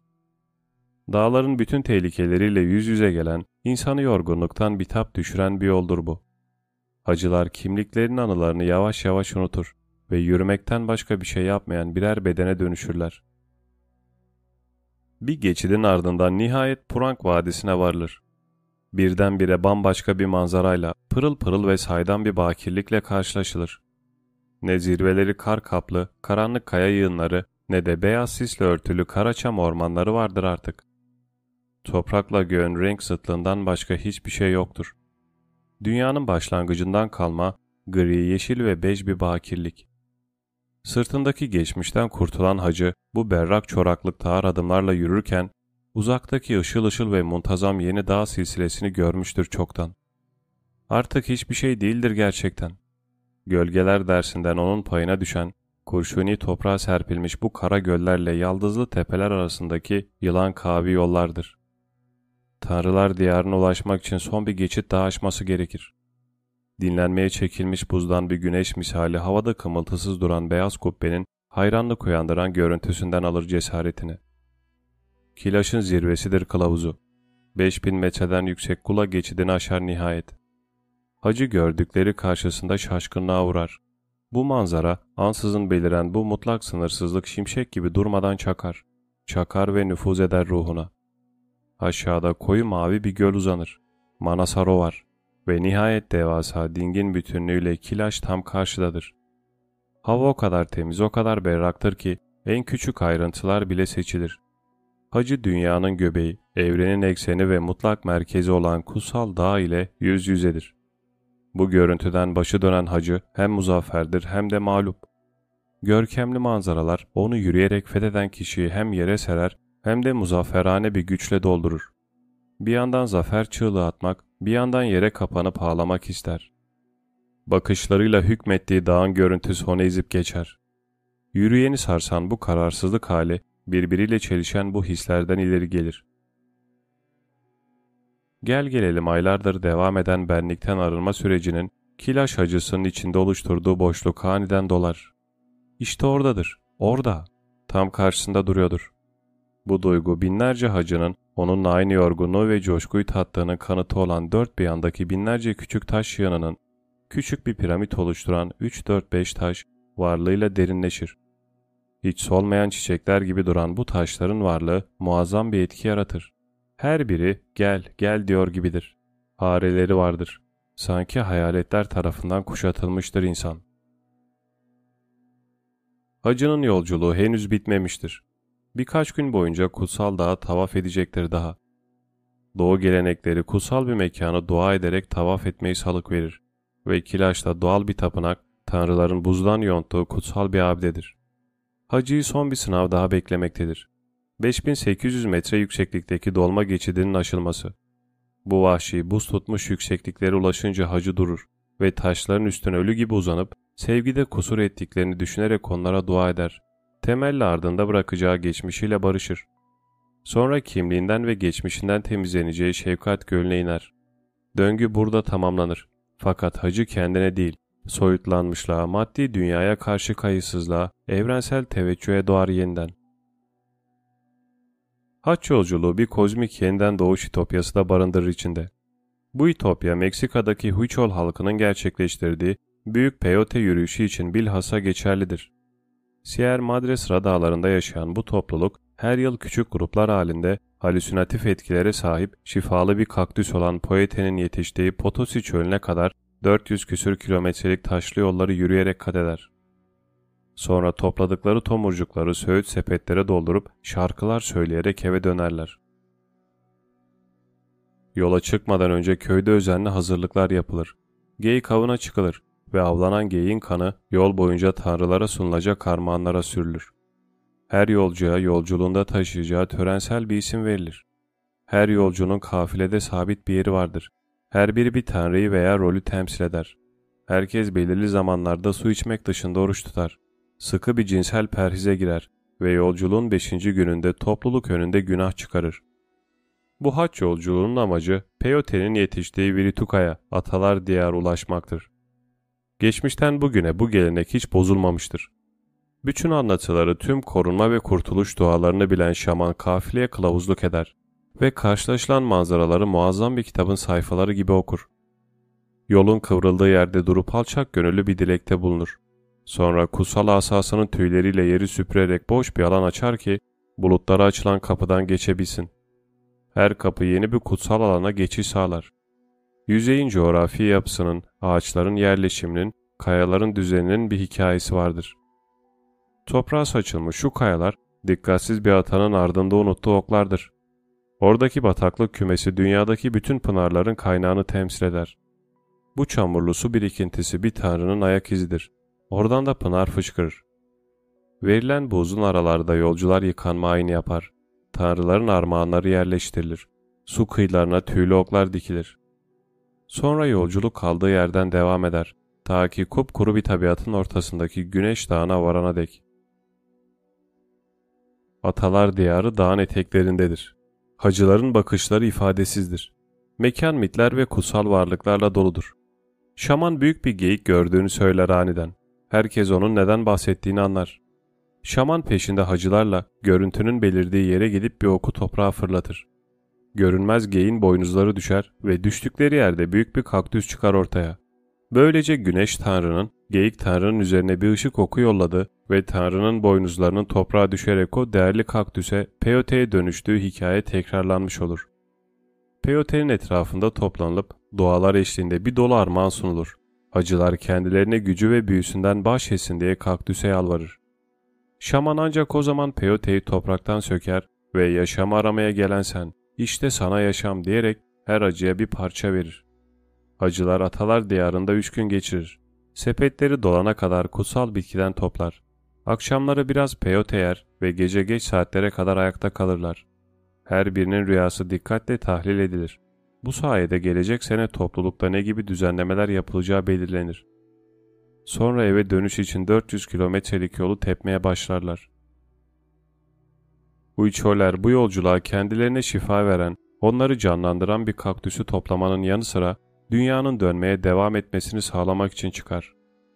Peyote ateş tanrıyı temsil eder. Mısır ve geyikle birlikte kutsal üçlüyü oluşturur. Mitolojiye göre gölgeleri ve ölümü alt etmiş kadim bir tanrı, ateş ve su güçleri dengelensin diye kuru ve yağmurlu mevsimlerin birbirini takip etmesini sağlamak için düzenlemiştir ilk haç yolculuğunu. Yaşam bu paydaşlığa bağlıdır. Mısır hem su hem güneş ister. İlk haç yolculuğunu tekrarlamak kozmik dengeyi korumak ve evrensel sürekliliği kesin kılmanın bir yoludur. Dünyanın dönmeye devam etmesi için gereklidir yürümek. Hem kişisel hem de kozmik bir yeniden doğuş mitidir. Haç yolculuğu bir mevcudiyet ütopyası da koyar ortaya. Haç yolculuğunun çoğunlukla kutsal emanetlere doğru yapıldığından bahsetmiştim. Hacı için mabede girmek gerçekten orada mevcut olmaktır. Hakikaten orada, mermer örtünün altında kudretini hissederek yatan Aziz'in, bir zamanlar kurtarıcının gölgesinin düştüğü ve varlığı orada ebediyen yankılanan küçük tepeciğin karşısında mevcut olmak. Simgeler, imajlar, temsiller yoktur artık. Gerçekten oradadır. Fakat oraya yürüyerek ulaşmalıdır insan. Çünkü yürümek zaman alır ve insanın mevcudiyeti hazırlar. Uzaklardan gelip bir dağın eteklerine ulaştığımızda onu görmekle kalmaz. Bedenimizde, kaslarımızda, tenimizde de duyumsarız. Görmek hissetmenin sadece başlangıcıdır. Bir taştan inip bir kilise, tapınak veya anıtın karşısında dikildiğimde onu yalnızca görür, detaylarını incelerim. Üstün körü bir fikir edinir, bir kart postala bakar gibi sadece görünüşüyle ilgilenirim. Orada gerçekten mevcut olmaksa zaman alan bir şeydir. Örneğin Vezelay Manastırı'nı uzaktan, Avalon yolunun üstündeyken görmeye başlarız. Ardından tepecikleri aşağı aşağı yanına yaklaşırken üzerine düşen ışığın onu nasıl dönüştürdüğüne tanıklık ederiz. Onu bir kaybeder bir buluruz. Yönümüzü şaşırdığımız endişesine kapılır fakat yürüdükçe hala orada olduğunu ve bizi kendine çektiğini fark ederiz. Nihayet oraya varıp da heybemizi yere bıraktığımızda durup karşımızdaki görüntüye uzun uzun bakma ihtiyacı hissetmeyiz. Çünkü tepeden tırnağa bu görüntüyle dolmuşuzdur zaten. Derken hepten değişir günün çehresi. Bütün gün adını sayıkladığımız, şeklini şemalini uzun uzadıya hayal ettiğimiz bu yere yürüyerek varmış olmak, dönüş yolumuzu aydınlatır. Bu sapa sağlam mevcudiyet hissi, onca yorgunluğa ve hatta bıkkınlığa değer. Bütün bu yorgunluklar ve sıkıntılar, artık yaşanması gereken bir dolu eğlenceli andan ibaretmiş gibi gelir insana. Yürümek zamanı geri döndürülebilir kılar.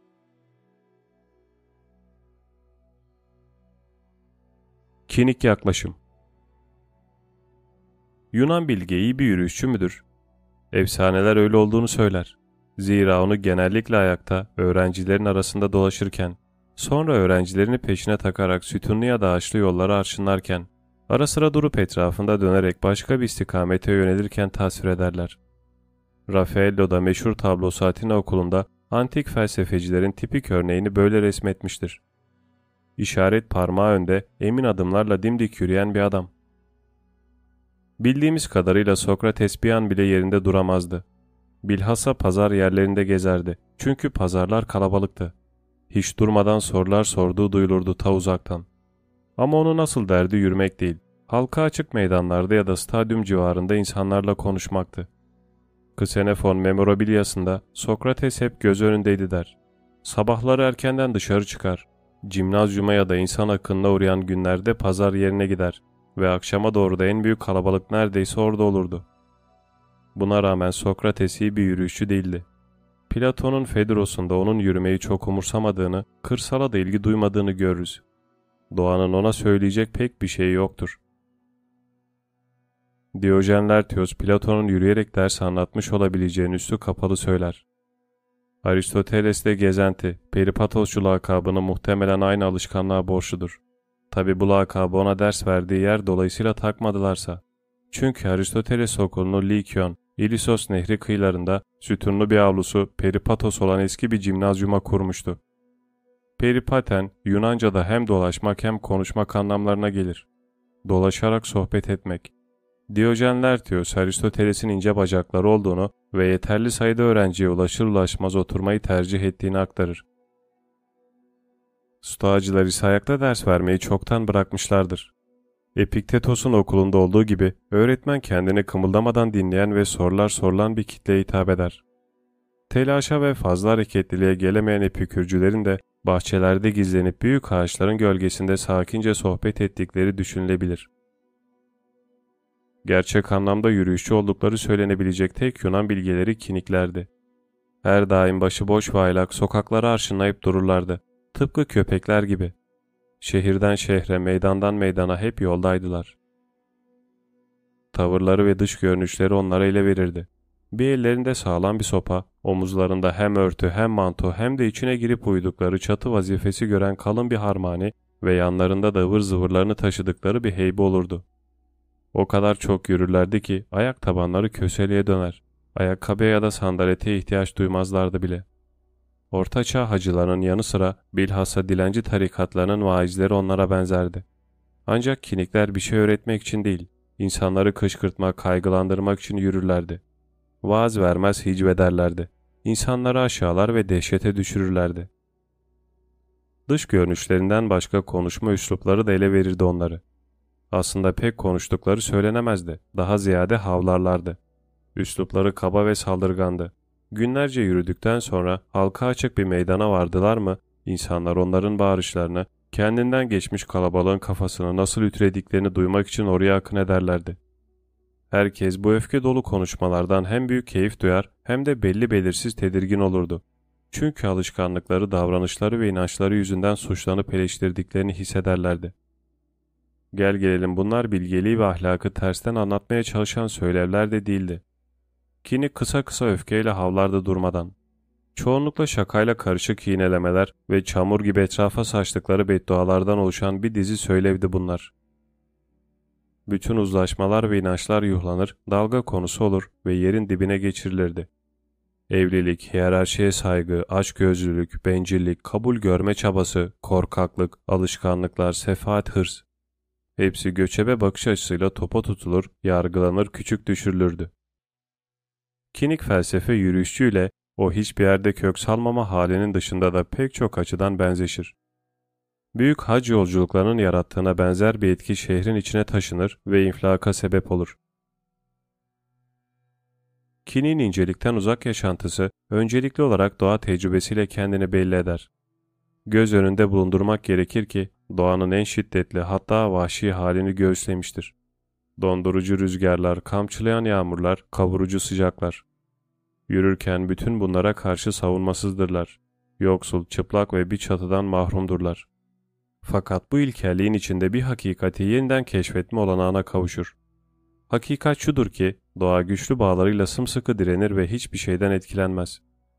Doğanın hakikati karşı konulamazdır ve enerjisi onu oluşturan elementlerden gelir.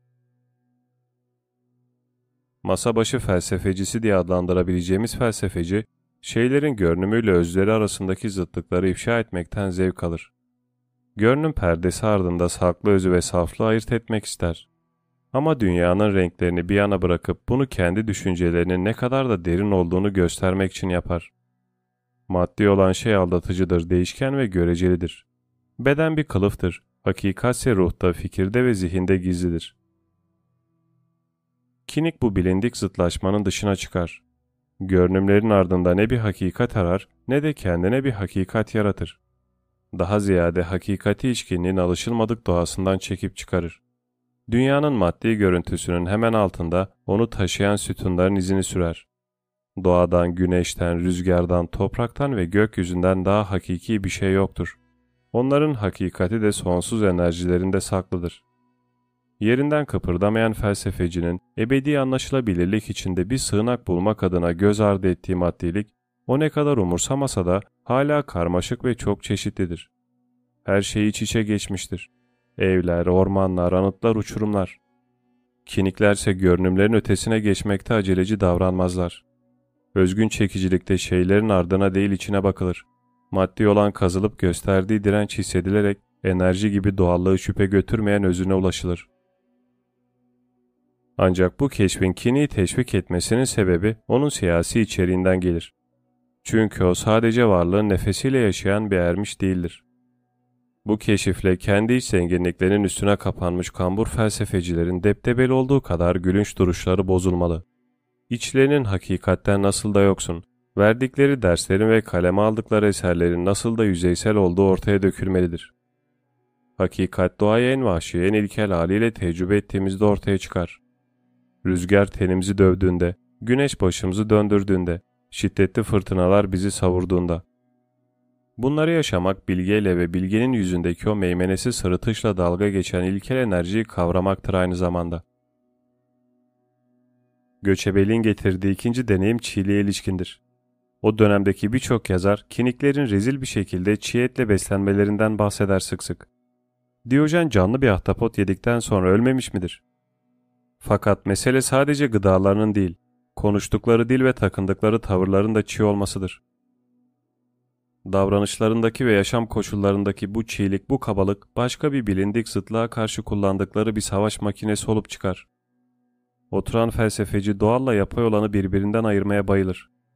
Kiniklerin doğa dediyse şeylerin kendi özünü yansıtması, varlıkların tanımlarının hakkını vermesidir. Yapaylık yani söylevlerin, toplumsal düzenlemelerin, siyasi kanunların yapaylığı benliğin bu saf şeffaf halini puslandırır. O halde her daim bize sunulanları değil, bunların ardında sükunetle varlığını sürdüren hakikati aramak gerekir. Kinik doğanın özünü çekip çıkarmakla kalmayıp doğal olanı da alt üst etmiştir. Onun için doğa çiğ olandır. Çiğ olan doğal halde olandır. Doğa derken sadece imgelemde yaşayan, müpem hakikatler arasında sıkışmış, ütopyavari bir doğadan bahsetmiyorum. Çiğ demek vahşi, ket vurulamayan, uygarlaşmamış. Kiniklerin kaba, kepaze, arsız, acımasız doğası demektir. Beden gelenekleri ve kuralları umursamadan işler. Çıplaklık çiğdir. Sıçmak ve mastürbasyon çiğdir. Yemek sadece mideyle alakalı bir meseledir. Mide dolar ve boşalır, o kadar. Köpek uyumak veya ihtiyaçlarını karşılamak için usuller geliştirmez. Sadece uyur ve ihtiyaçlarını giderir. Diyojen bir gün bir şölen yerinin yakınlarında dolaşırken kalabalığa sövüp saymaya başlayınca kalabalıktan biri bir köpeğe atar gibi üstünde et olan bir kemik atar önüne. Diyojen kemiği kaptığı gibi hapur hupur kemirir. Sonra da masanın üstüne çıkıp eğlence düşkünlerinin üzerine işer. Sizin gibi yer, sizin gibi işerim beyler. Kinik ahlaksız değildir. O sadece insanların iyi eğitim diye yutturduğu her şeyi, öğretilmiş değerleri, doğadan bahsederken takındıkları riyakarlığı ifşa etmek için bedeninin en basit biyolojik işlevlerinden yararlanır. Doğa yerinden kıpırdamayan felsefeciler yüzünden toplumsal uzlaşımların ve kültürel kalıpların bir nevi diplomasi bavulu haline gelmiş. Her şey gizliden gizliye halledilmiştir. Çiğ ise devrimcidir. Üçüncü olarak kinik dışarıda yaşar. Bazen denk geldiği bir fıçının içine girebilir tabi. Ama neticede bir evi yoktur. Harmanisine sarınıp pendeklerin içinde veya duvar kenarında uyur. Sadece doğaya değil, insanların bakışlarına da maruz kalır. Ortalık yerde yer içer, herkesin gözü önünde tıpkı Krates ve Hiparkia gibi oynaşır. Kiniklerin sarıldığı bu dışarı, özelle kamu arasındaki bilindik zıtlığı bozar. Bu ayrım, yani dışarının enginliğinden korunan iki kapılı çemberden birini seçmek, yerinden kıpırdamayanların ilgi alanına girer. Özel olan, eşlerin birbirine karşı şehvetinin mahremiyeti, gizli arzular, duvarların müdafası mülkiyettir. Kamusal olansa hırs ve tanınmışlık, kabul görme yarışı, başkalarının yargısı, toplumsal kimliklerdir. Ama kinik dışarıdadır. Özelin bayalıklarıyla kamusalın kötülüklerini ayrı kefeye koyabilir. Çünkü başka bir yerde, insanların dünyasının dışındadır. Dışarıda olduğu için içten pazarlıklardan ibaret özel ve kamuyu elinin tersiyle itebilir. Onlarla dalga geçebilir ve onları yuhalayabilir. Yürüyen kinin hayatının düşündürdüğü son şey zaruri olanla alakalıdır. Zaruri olan kaçınılmaz olan anlamına gelmez. Fark edilir, kavranır, çekip çıkarılır. Burada söz konusu olan yine geleneksel bir zıtlığı yıkmaktır. Zıtlık bu defa kullanışlı olanla fuzuli olan arasındadır. Yazı masasına eğilmiş felsefeci, uyumak için bir yatağın kullanışlı olacağını ama hayvanlı karyolanın fuzuli olduğunu veya serinlemek için içeceği bardaktan içmenin işe yarayacağını ama altın bir kupanın fuzuli olduğunu söylediğinde kendini çok düşünmüş sayar. Kinikler içinse boş ayrımlardır bunlar. Çünkü bir şeyin zaruri olup olmadığının anlaşılmasını sağlamazlar. Bir gün bir çeşmede suyu avuçlarıyla içen bir çocuğa rastladığında Diyojen bir an durduktan sonra şaşkınlıkla Diyojen der, aldın mı boyunun ölçüsünü? Bereketsiz heybesindeki ahşap kupayı çıkarıp muzafferane bir gülümsemeyle uzağa fırlatır.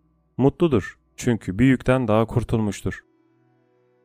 İşte zaruri olan da budur. Çileci bunu zamanla çekip çıkarır. Burada mevzu koltuklarına yapışmış felsefecilerin yaptığı gibi sırtımıza yük olan fuzuli zenginliklerden kurtulmak gerektiğini söylemek değil. Kullanışlı şeyi zaruri olanı bulana dek kazmaktır. Sadece iradeli olmak anlamına gelmez bu. Azla yetinmek, dikkat etmek de demektir. Zaruri olan dışında hiçbir şey kabul etmemek daha ağır, zor ve zahmetlidir. Bu dönüşüm bizi tevekkülün de ötesine götürüp bağımsızlığımızı mutlak kılar. Kullanışlı olanın içinde ulaşılan bu zaruri şey mahrumiyetin anlamını tepe taklak eder. Yürüyen kraldır, dünya da onun krallığı. Zaruri olanı bir kere kavradınız mı bir daha mahrum kalmazsınız ondan. Zira o her yerdedir, herkese aittir ve kimsenin malı değildir. Böylece kinik son dönüşümünü tamamlar, yoksulluktan refaha geçer. Epikürcülerin çoktan gösterdiği üzere yoksulluk hissetmeyen kişi zengindir. Kinik hiçbir şey için mahrumiyet hissetmez çünkü zaruri olandan haz alabilmeyi keşfetmiştir.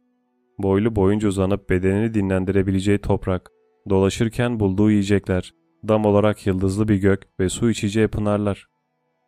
Kullanışlığıyla Fuzuli'nin çok çok ötesindedir zaruri olan.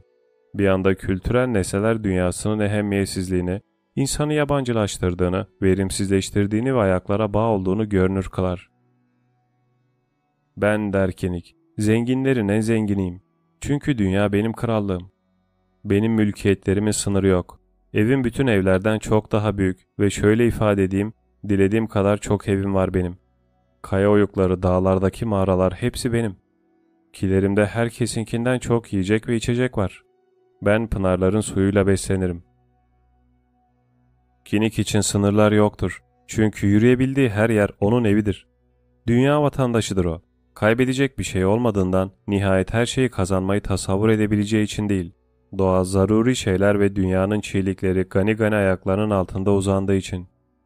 Kinik'in krallığı ideal bir gelecek kozmopolitizminin tasarısı, düzenleyici bir fikir, kurgusal bir dünya ya da vaat değildir. Kinik kök salmayarak elde eder bu krallığı. Hiçbir şeye tutunmaz, hiçbir şeye bağlanmaz. Tamamen özgür kalarak kıskanılacak zindeliğini, herkesin istifade edebileceği egemenliğini fütursuzca sergiler. Siz kim oluyorsunuz da bana ders vermeye kalkışıyorsunuz der. Ben dünya vatandaşıyım. Size de ta buralardan sesleniyorum. Bana bakın, evim yok, vatanım yok, servetim yok, hizmetçilerim yok. Yerde uyurum. Ne karım, ne çocuklarım, ne kafamı sokacak bir barınağım var. Sadece toprak, gökyüzü ve bir de eski bir harmani. Ee neyden mahrumum ki ben? Keder korku işliyor mu bana? Özgür değil miyim şimdi ben?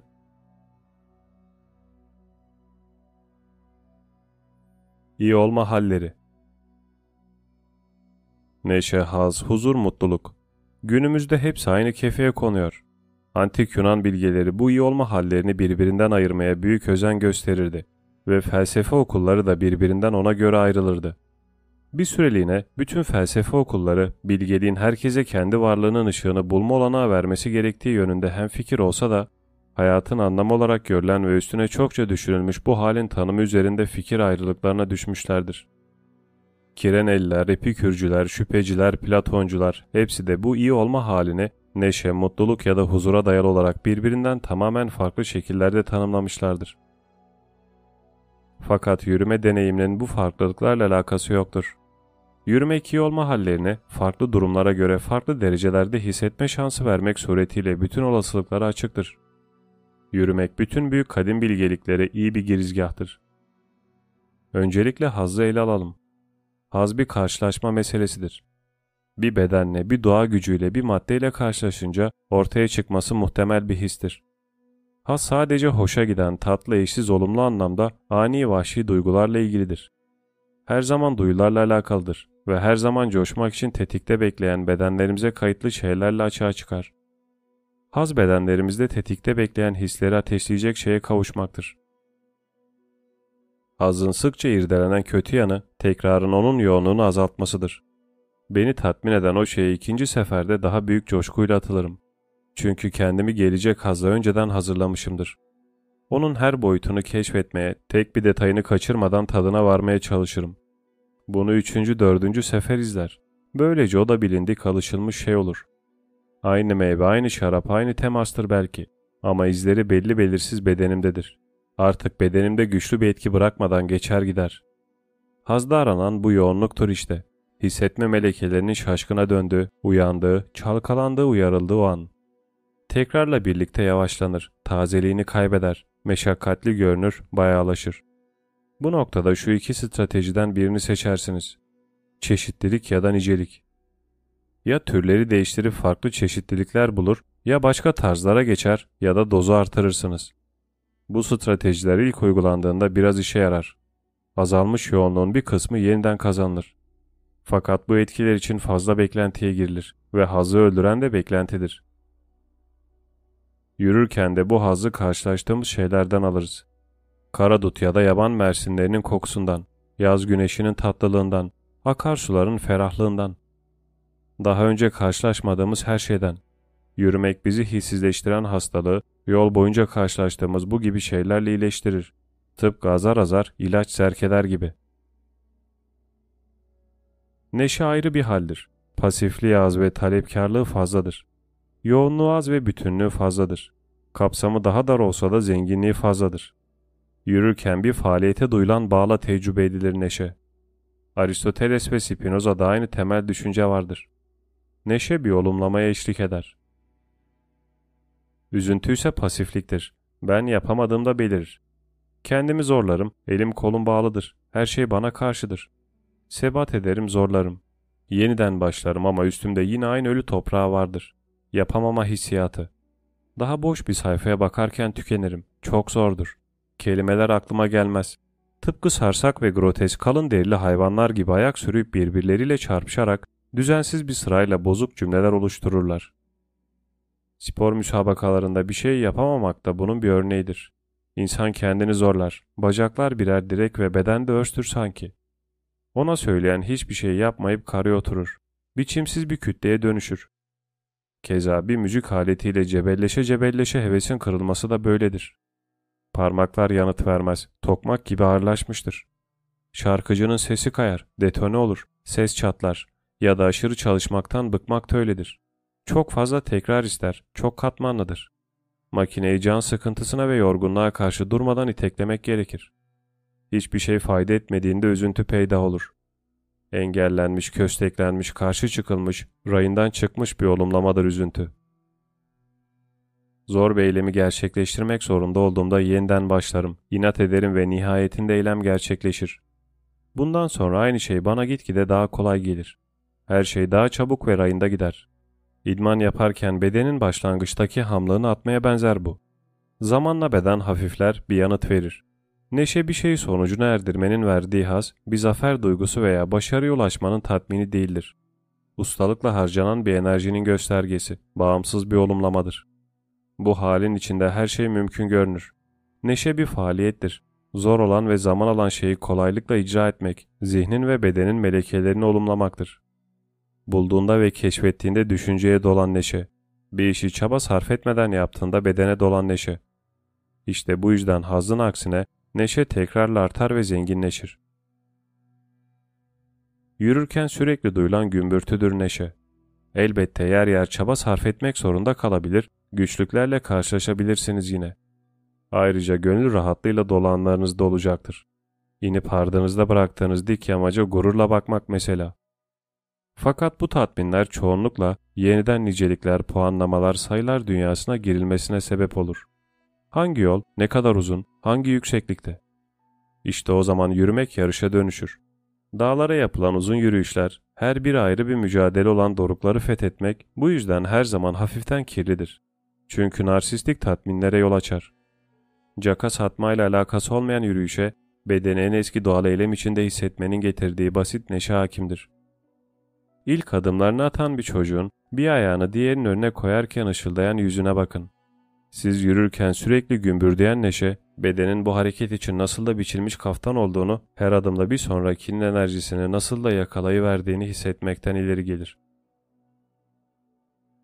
Hatta yürüme eyleminin ötesinde ama yine onunla uyumlu olan, doygunluk şeklinde tecrübe edilen yaşama neşesi vardır bir de. Bütün gün yürüdükten sonra bacakları uzatıp dinlenmek, sade bir yemekle karnı doyurmak, hafif bir şeyler içmek ve biten günü tatlı tatlı çöken akşamı seyretmek. Karnı doymuş, susuzluğu dinmiş, ağrıları saymazsak huzura ermiş bir beden, yaşadığını hissediyor olmak, duru bir yorgunluğa ve sahici bir alçak gönüllüğe sahip neşenin en büyük kaynağıdır. Yaşamanın, burada olduğunu hissetmenin, kendi varlığıyla bu dünyanın varlığının uyumunu tatmanın verdiği neşe. Ne yazık ki pek çoğumuz uzun zamandır doygunluğa ulaşmanın, nesnelere sahip olmaya ve toplumsal itibara dayandığı inancını aşılayan kötü imajların tuzağına düşmüş durumdayız. Aslında çok yakınımızda ve çok basit olan ve belki de bu yüzden zor görünen neşeyi aramaya çok uzaklardan başlarız. Halbuki biz çoktandır bunun ötesindeyiz. Hep ötesindeydik. Yürüme deneyimi bu durumun yeniden fethedilmesini sağlar. Çünkü bedeni neşenin yanı sıra can sıkıntısı ve yorgunluk da veren uzun süreli bir faaliyete maruz bırakmak, sonrasında beden dinlenirken doygunlukla ve bu defa daha derinden gelen ve daha gizli bir olumlamayla beden sakince soluk alıp vermeye devam etmektedir, hayatta ve buradasınızdır, ilişkili ikincil bir neşenin daha belirmesine yol açar. Yürürken belki de adına mutluluk diyebileceğimiz bir şey yakalarız. Yazarlar ve şairler onu büyük düşünürlerden daha iyi anlatmışlardır. Çünkü mutluluk bir karşılaşma meselesidir ve duruma bağlı olarak yoğunluğu değişir. Yaban meyvelerini tadını çıkara çıkara yemekten ya da bir esintinin yanakları okşamasından alınan haz. Yürümenin bir başına ilerlediğini hissetmenin verdiği neşe. Yaşamanın tattırdığı doygunluk. Gün batımında mora çalan vadenin manzarası. Bütün gün keskin güneşin altında ezilmiş renklerin nihayet birkaç dakikalığına da olsa altın renkli ışıkla ortaya çıkıp nefes aldığı o mucizevi yaz akşamlarının yaşattığı mutluluk. Ardından yürüyüşlerde karşılaşan ve bir çatı altında hep beraber sığınabildikleri için sevinen insanların akşamına eşlik eder mutluluk. Fakat bunların hepsinde almaya kabul etmeye ilişkin bir şey vardır. Mutluluk kendini bir manzaranın, bir anın, bir ortamın alıcısı olarak bulmayı ve anın lütfunu almayı, kabul etmeyi, yakalamayı gerektirir. Bunun ne yolu yordamı vardır ne de hazırlığı. Sadece an geldiğinde orada olmalıdır insan. Öbür türlü başka bir şeye, bir şeyi başarmış olmanın tatminine, zaten bildiğimiz şeyi yapmış olmanın neşesine dönüşür. Mutluluk tekrarlanamaz olduğu için hayli kırılgandır. Mutluluk anları nadirdir. Bu anlar dünyanın kumaşındaki altın iplere benzer. Onları yakalamak gerekir. Son iyi olma hali huzurdur. Bu da farklı bir mevzudur. Kayıtsızlıkla merak, reddetme ile olumlama arasındaki dengedir. Ruhun her yönüyle dengede bulunması halidir. Yürüyüş birbirini izleyen dinlenme ve hareket anlarında gizliden gizliye ağır ağır huzurun kapısına çıkar. Huzur belli ki yürüyüşün yavaşlığına, bütünüyle tekrarlardan müteşekkil olmasına bağlıdır. Kendinizi ona teslim etmeniz gerekir. Korku ve umudun yarattığı tedirgin dalgalanmalardan kurtulmuş olmak ve hatta kendini bütün kesinliklerin ötesine konumlandırmaktır huzur. Çünkü kesinlikler savunulur, tartışılır ve inşa edilir. Günü birlik bir yola çıktığınızda ve bir sonraki aşamaya varmanın kaç saat alacağını bildiğinizde yürümekten ve yolu takip etmekten başka bir şey yapmazsınız. Yapacak başka hiçbir şey yoktur. Her halükarda bu vakit alacaktır. Her adım saniyelerin üzerinden atlayacak ama saatleri kısıtlamayacaktır. Her halükarda akşam gelecek ve bacaklar açılması imkansız mesafeyi azar azar yiyip bitirmiş olacaktır. Kaçınılmaz etkileri olan bir kaçınılmazlıktır bu. Karar vermeye, düşünmeye, hesaplamaya gerek yoktur. Tek yapılacak şey yürümektir. Belki ileriyi düşünebilirsiniz ama yürürken her şey yavaşlar. Tahminler, beklentiler cesaretinizi kırar. O halde yolculuğun bu ayağını bitirmek için kendi temponuzda yola devam etmeniz gerekir sadece. Huzur yalnızca yolu takip etmekten gelir. Sıkıntı ve trajediler yaşamlarınız ve bedenlerinizdeki boş tarlaları eşeleyen şeylerdir. Siz uzaklarda yürürken bütün bunlar durumunuzla alakasız ve müpem oldukları için rafa kalkar ve bu yüzden huzur sizi yürürken yakalar. Büyük tutkuların yarattığı yorgunluğun, stres altında izlenen harala gürele yaşamların tatsızlığının yerine sadece ama sadece yürüyüşün amansız bitkinliği alır. Huzur artık hiçbir şey beklemiyor olmanın, yalnızca yürümenin, yalnızca ilerlemenin hissettirdiği tazeliktir.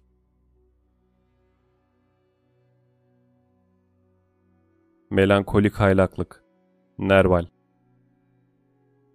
Gerard de Nerval'in eserlerinde bol bol yürür insanlar. Dolaşır, hatırlar, hayal kurar, türkü tuttururlar. Cesaret dostum, cesaret. Köye yaklaştık işte. Karşımıza çıkan ilk evde. Bir güzel dinleneceğiz elbet. Kütüphanede nadir el yazmalarını arayarak, soy ağaçlarının izini sürerek, tarihin boşluklarını doldurarak geçen uzun çalışma saatleriyle yazı yazmakla, Domas'ın tabiriyle şu olanaksız kitapları yazmak veya sadece yazılarını çoğaltmakla geçen uzun saatler, az sayıdaki arkadaşına yaptığı ziyaretlerle, tiyatroda birici, uzaktan tutkuyla sevdiği aktrisçini arzulayarak geçirdiği akşamlar arasında kalan zamanda yürüyüşe çıkardı Nerval. Almanya, İngiltere, İtalya, Hollanda ve Doğu'ya, İskenderiye, Kahire, Beyrut, İstanbul yaptığı seyahatlerden değil. Daha ziyade Paris sokaklarında Montmartre'dan inip Les Halles'in sokaklarında kaybolduğu yürüyüşlerden. Ermenonville ya da Merte Fontaine ormanlarında, Pontarme, Saint Laurent korularında ve Ace veya Tiv kıyılarında yaptığı uzun gezintilerden bahsetmek istiyorum. Nerval'in manzaraları, şatolar, siperli kuleler, yeşil vadilerde salınan kırmızı çalılıklar, gün batımlarının turuncu yaldızlarından mürekkeptir. Sıra sıra ağaçlar vardır. Uykuya yatmış gibi sakin manzaralar.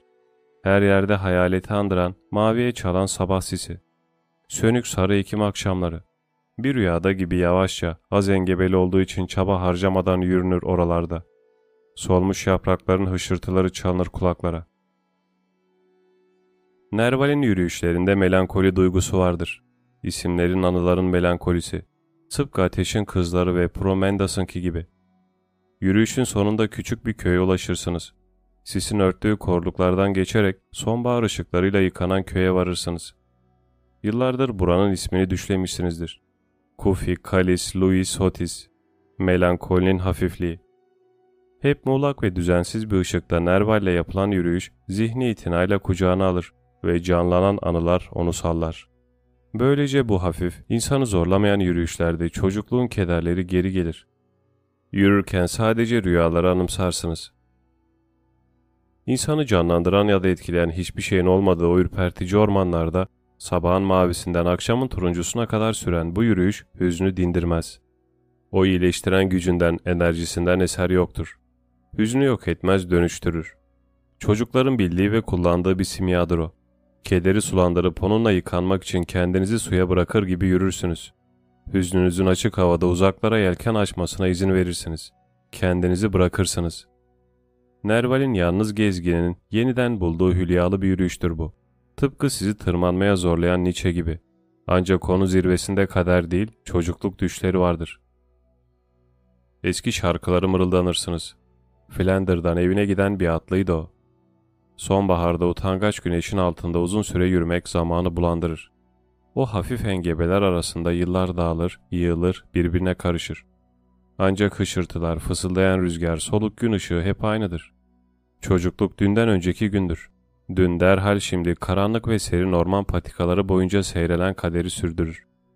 Nerval'in melankolisi hülyalıdır. Mazide kalmış müşrik kadınların yüzlerini ve hayaletlerini uyandıran aheste yürüyüşler. Bir de yürürken hissedilen sadece bu ışık altında geçmiş bir çocukluğun kesinliği vardır. Ne kayıp yıllara ne de çocukluğa dair bir nostaljidir bu. Bizzat çocukluk nostaljidir zaten. Bu geçmiş olmayan nostaljinin mucizesini bir tek çocuklar bilir. Velua'nın manzarası içinde aheste aheste yürürken belirir. Bir de sabit fikirlere, zamanın sona ermesine düşkün, faal karanlık bir melankoli vardır Nerval'de. Tıpkı Aurelius'ındaki gibi. Duygulu, ağırbaşlı, hassiz sonbahar yürüyüşleri yoktur artık. Bir arayışın, kaderin, zamanın sonunun ötelenemezliğinin peşindeki ateşli bir yürüyüştür bu. Nerval 1854 yazında her ne kadar doktoru iyileştiğini düşünmese de klinikten ayrıldıktan sonra yürümeyi hiç bırakmaz. Yol üstündeki bir otelde sadece bitkin düşen bedenini dinlendirmek için kullandığı bir odası vardır. Yürür yürür bir kafede durup bir şeyler içer sonra tekrar yürür. Bir okuma salonunda ya da kütüphanede durur. Bir arkadaşını ziyaret eder. Sonra yeniden yürümeye koyulur. Kaçıştan ziyade öngörülen şeyi doğrulamaya yönelik sabit bir ısrardır bu. Yürümek bu defa faal bir melankolinin parçası haline gelir. Aurelia'nın her yerinde işaretleri gösteren bir yürüme imgesi vardır. Kentleri adımlayan kaçığın sıkıntılı coşkusu. Sokaklar deliliği sürdürmek, beslemek, derinleştirmek için mükemmel bir ortamdır. Dört bir yandan gelen kaçak bakışlar, kopuk kopuk hareketler, birbiriyle çelişen gürültüler. Motorların, zillerin, konuşmaların, kaldırımları döven binlerce adamın gürültüsü. Ve sanki olacağına varırmış gibi her şey bir mücadeleye dönüşür ve zır deliliğe ulaşır. Son gününü 25 Ocak 1855'i düşünüyorum. Nerval'in kendine asacak bir pencere demiri bulduğu Vierlanten sokağında biten son aylaklığı. Fakat düşünüp taşınınca bu tam olarak haylaklık sayılmaz. Çünkü Nerval sabit ötelenemez bir düşünceyi takip ediyordu. Bacaklarında Aurelia vardı. ve her neyi vardıysa işte o bir insana bir yıldızı takip ettiriyordu. Ondaki yoğunluk, aralarında pek bir fark seçilemeyen derin umutsuzluk veya ani coşku anlarına yakından baktığımızda yürümeye dair daimi bir istek görürüz. Dışarı çıkmak, terk etmek, gitmek ve takip etmek gerekir. Her yerde sizi izleyen, kuşatan, eleştiren insanlar olduğunu hissederek telaşla yürürsünüz. Ama yanınızdaki ve size karşı olan kalabalığa rağmen onlara karşı yürümeye devam etmek zorundasınızdır. Delile yönelik ısrarcı bir karar, yalnızlığın azametli fethi olarak yürümek. Orada her şeyin kıvılcım saçtığını, işaret verdiğini, seslendiğini görürsünüz. Nerval bir yıldızın büyüdüğünü, ayın çoğaldığını görmüştü. Yürümek deliliğini olgunlaştırıyordu. Deliliği tamamlıyordu çünkü yürürken her şey mantıklı hale gelir. Bacaklarınız ağırlığı taşır ve tamam işte bu diye düşünürsünüz. Oraya gitmeliyim, orası güzel. Başkaları aylaklık ettiğinizi düşünür. Halbuki söz konusu olan bir fikri sizi sürükleyen, ileri taşıyan bir fikri izlemektir. Sözcükler dudaklara geliverir. Yürüdüğünüz gibi konuşursunuz. Her şey sahicidir. Yürümek faal melankolinin bir parçasıdır. Yürürken gizemli bir ezgi mırıldanıyordum. Ezgiler düşer aklınıza, sizi cesaretlendirir. Böyle yürümek mülayim anlar uyandırmaktan ziyade rastlantıları çoğaltır. İşaretler çoğalır, böyledir işte. Nerval arka sokaklara gömülü, aydınlatması olmayan karanlık mı karanlık küçük Viel Lanten sokağını bulur. Çatelet meydanından başlayan Tüeri sokağını izleyen insanların yolunun düştüğü bir sokaktır bu. İlk ara sokağı iyice daralana kadar takip etmek gerekir. Sonunda bu ara sokak dar, kaygan, tekinsiz bir merdivene dönüşerek karanlık kaldırımlı küçük bir köşe olan Viel Lanten sokağına bağlanır. Oraya gece gitmek, Dumas'ın tabiriyle cehenneme inmekle aynıdır. Acaba Nerval'in aklı bir anda başına geldi de buna katlanamadığı için mi intihar etti, yoksa delili uç bir noktaya ulaşıp da onu tamamen tükettiği için mi? Nerval'i sabahın soluk ışıklarında buldular. Her zamanki gibi başkalarının mutsuzluklarından ilham alan Dumas'ın aktardığına göre şapkası hala başındaydı. Peki ya biz neden yürüdüğümüzü biliyor muyuz?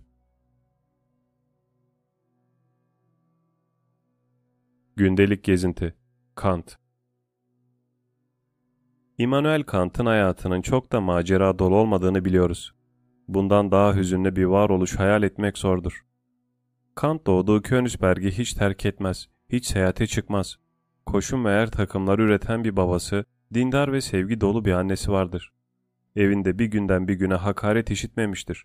Kant ikisini de çok genç yaşta kaybeder. Eğitim görür, çok çalışır, özel öğretmen, okutman, sonra da üniversitede profesör olur. İlk kitabı şu cümlelerle açılır. İzleyeceğim yolu ben çizdim. Yürümeye bir kere başladım mı hiçbir şey durduramayacak beni. Kant mavi gözlü, büyük kafalı, omuzlarından bir ötekine göre daha yukarıda kalan hassas yapılı orta boylu bir adamdı. Gözlerinden biri de bir süre sonra kör oldu. Kant tam bir düzenlilik örneğiydi. Öyle ki ona Königsberg saati lakabını takmışlardı. Ders günlerinde onu evden çıkarken görenler saatin dakikası dakikasına 8 olduğunu bilirdi. 8'e 10 kala şapkasını takar, 8'e 5 kala bastonunu alır, 8'de kapıdan çıkardı. Kant kullanmayı bırakabileceği son nesnenin saati olduğunu söylerdi. Farklı yoğunluklarda da olsa Nietzsche gibi onu da yazmak ve okumak dışında iki şey meşgul ederdi. Mecburi yürüyüşü ve ne yemesi gerektiği. Fakat tarzları bütünüyle farklıydı. Nietzsche uzun yürüyüşlere çıkan ve bazen de sarp yerleri tırmanan, yorulmak bilmeyen büyük bir yürüyüşçüydü. Tıpkı keşişler gibi genellikle az beslenir, hassas midesini rahatsız etmeyecek bir beslenme düzeni bulmaya çalışırdı. Öte yandan Kant'ın iştahı yerindeydi. Abartmasa da iyi içer ve sofrada uzun uzun otururdu. Biraz küçük çaplı kalan kısa yürüyüşleriyle sağlığına özen gösterirdi. Terlemeye tahammülü yoktu. Yazları çok yavaş yürür, sıcak bastığı zaman gölgeye geçip dinlenirdi. İkisinin de sağlığı mükemmeldi denilemez. Burada felsefelerinin psikolojik yansımalar olarak görmeden belirtmek gerekir ki Kant kabızlıktan, Nietzsche'de kusmaktan müstaripti. Hassas yapılı Kant uzun ömrünü 80'i görmüştür, tavizsiz yaşam biçimine borçlu olduğunu düşünürdü. İyi sağlığını kişisel bir başarı, kusursuz disiplinin ürünü olarak görürdü.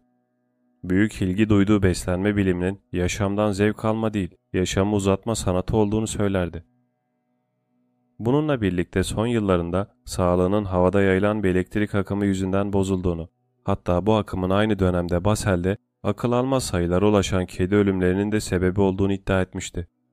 Hiç borcu olmadı ve duymak isteyen herkese de altını çize çize aktardı bunu. Düzensizliğe dayanamazdı. Her şey her zaman yerli yerinde olmalıydı. Değişikliğe katlanamazdı. Derslerini takip eden bir öğrencisinin ceketindeki bir düğme olduğu olası eksikti. Öğrenci bir sabah derse yeni bir düğmeyle gitti. Kant'ı inanılmaz rahatsız etmişti bu. Bakışlarını genç adamın ceketinden bir türlü alamıyordu. Söylentiye göre Kant öğrencisinden yeni düğmesini sökmesini istemiş. Bir şey öğrenmenin bilmekten daha değerli, bir şey öğrendikten sonra onu nerede sınıflandırması gerektiğini bilmesinin ise daha da önemli olduğunu eklemişti. O ise hep aynı tarzda giyinirdi. Geçici hevesleri yoktu ve hep aynı davranırdı. Hayatı bir nota kağıdı kadar kurallıydı. Her sabah beşte kalkardı. Birkaç büyük fincan çaydan ibaret kahvaltısının ardından günün ilk ve tek piposunu içerdi. Ders verdiği günlerde sabah erkenden çıkar. Döndüğünde röpte şambırını giyip terliklerini ayağına geçirir ve tamı tamına bire çeyrek kalaya kadar yazardı. Sonra üstünü başını değiştirip bilimden, felsefeden ve havadan sudan bahsetmek üzere bir grup arkadaşını zevkle kabul ederdi. Masada mutlaka ikram edilmek üzere bekleyen üç tabak yemek, peynir ve her davetli için birer küçük sürahi şarap olurdu. Saat beşe kadar sohbet edilirdi. Sonra yürüyüşe çıkma zamanı gelirdi. Hava güzel de kötü de olsa hiç aksatmadan yapardı bunu. Yol boyunca ağzını kapatıp burnundan nefes almak ister. Bunun bedene çok iyi geldiğini düşünürdü. O yüzden konuşmak zorunda kalmamak için yalnız dolaşmaya özen gösterirdi. Hep aynı yolda yürürdü. Öyle ki parktaki bu güzergah daha sonra filozofun yolu olarak adlandırıldı. Söylentiye göre bu yolu hayatında sadece iki defa değiştirmişti. Birinde Rousseau'nun emilini edinmek, ötekinde de Fransız devrimi ilan edildikten sonra yayılan haberleri almak için. Yürüyüşten döndükten sonra saat 10'a kadar okur, ardından yatıp uyurdu. Günde sadece bir öğün yerdi. Doğayla büyük bir mistik bağlantı kurmadan geçen bu sade yürüyüş, hijyenik bir gereklilik olarak kabul edilen bu haz vermeyen yürüyüş, tek bir gün bile aksatılmadan her gün çıkılan bu bir saatlik yürüyüş, yürümenin üç önemli yönünü gözler önüne serer. Bunlardan ilki tek düzeliktir. Yürümek gerçekten yavan bir şeydir. Büyük yürüyüş anlatıları, Rodolphe Töffer'in zikzak yolculuklarından Michel Wicheng'in seyahat günlüklerine kadar sadece vuku bulan kazalardan, karşılaşmalardan ve sancılı zorluklardan bahsederek ilgimizi diri tutabilirler. Bu seyyahlık ya da uzun gezinti destanlarında seyahatin kendisinden ziyade molalara daha çok sayfa ayrılmıştır. Vukuatlar yürümenin bir parçası değildir. Onu kesintiye uğratırlar. Çünkü yürümek tek başına yavan gelir. İlginç değildir. Çocuklar bunu bilir. Temelde yürümek hep aynıdır. Bir ayağını diğerinin önüne atmaktır. Fakat bu tek düzeliğin sırrı can sıkıntısına deva olmasıdır. Can sıkıntısı boş zihinle karşılaşan bedenin hareketsizliğidir. Yürüyüşteki tekrarlar sıkıntıyı bertaraf eder. Çünkü bedenin hareketlenmesiyle birlikte zihin kendi bezginliğinden etkilenmez. Kendi ataletinden sonsuz bir sarmalın müpen baş döndürücülüğünden yararlanmaz artık. İnsan her ne kadar hiçbir şey bir işe yaramayacak da olsa, canı sıkılırken yapacak bir şey arar hep. Yürürken yapılacak bir şey vardır her zaman. O da yürümektir. Veya daha ziyade yapılacak başka bir şey kalmaz. Çünkü insan sadece yürür. Bir yere giderken ya da bir güzergahı tamamlarken sadece ilerlemek zorundadır. Yavan bir gerçektir bu. Bedenin üstlendiği bu tek düze vazife düşünceyi özgür bırakır. Yürürken düşünmek zorunda değildir insan. Vay efendim bu böyleymiş, şu şöyleymişlere gerek yoktur. Bedeni sarf ettiği sürekli ve otomatik efor sayesinde zihin insanın emrine amade olur. Ancak bundan sonra düşünceler gerçekten akla gelebilir, yüzeye çıkabilir, şekillenebilir. Yürümenin ikinci yönü düzenliliktir. Kant'ın etkileyici yanı kusursuz disiplindir. O gündelik yürüyüşler her gün çalışarak geçirdiği saatlerin simgesi ve refakatçisidir.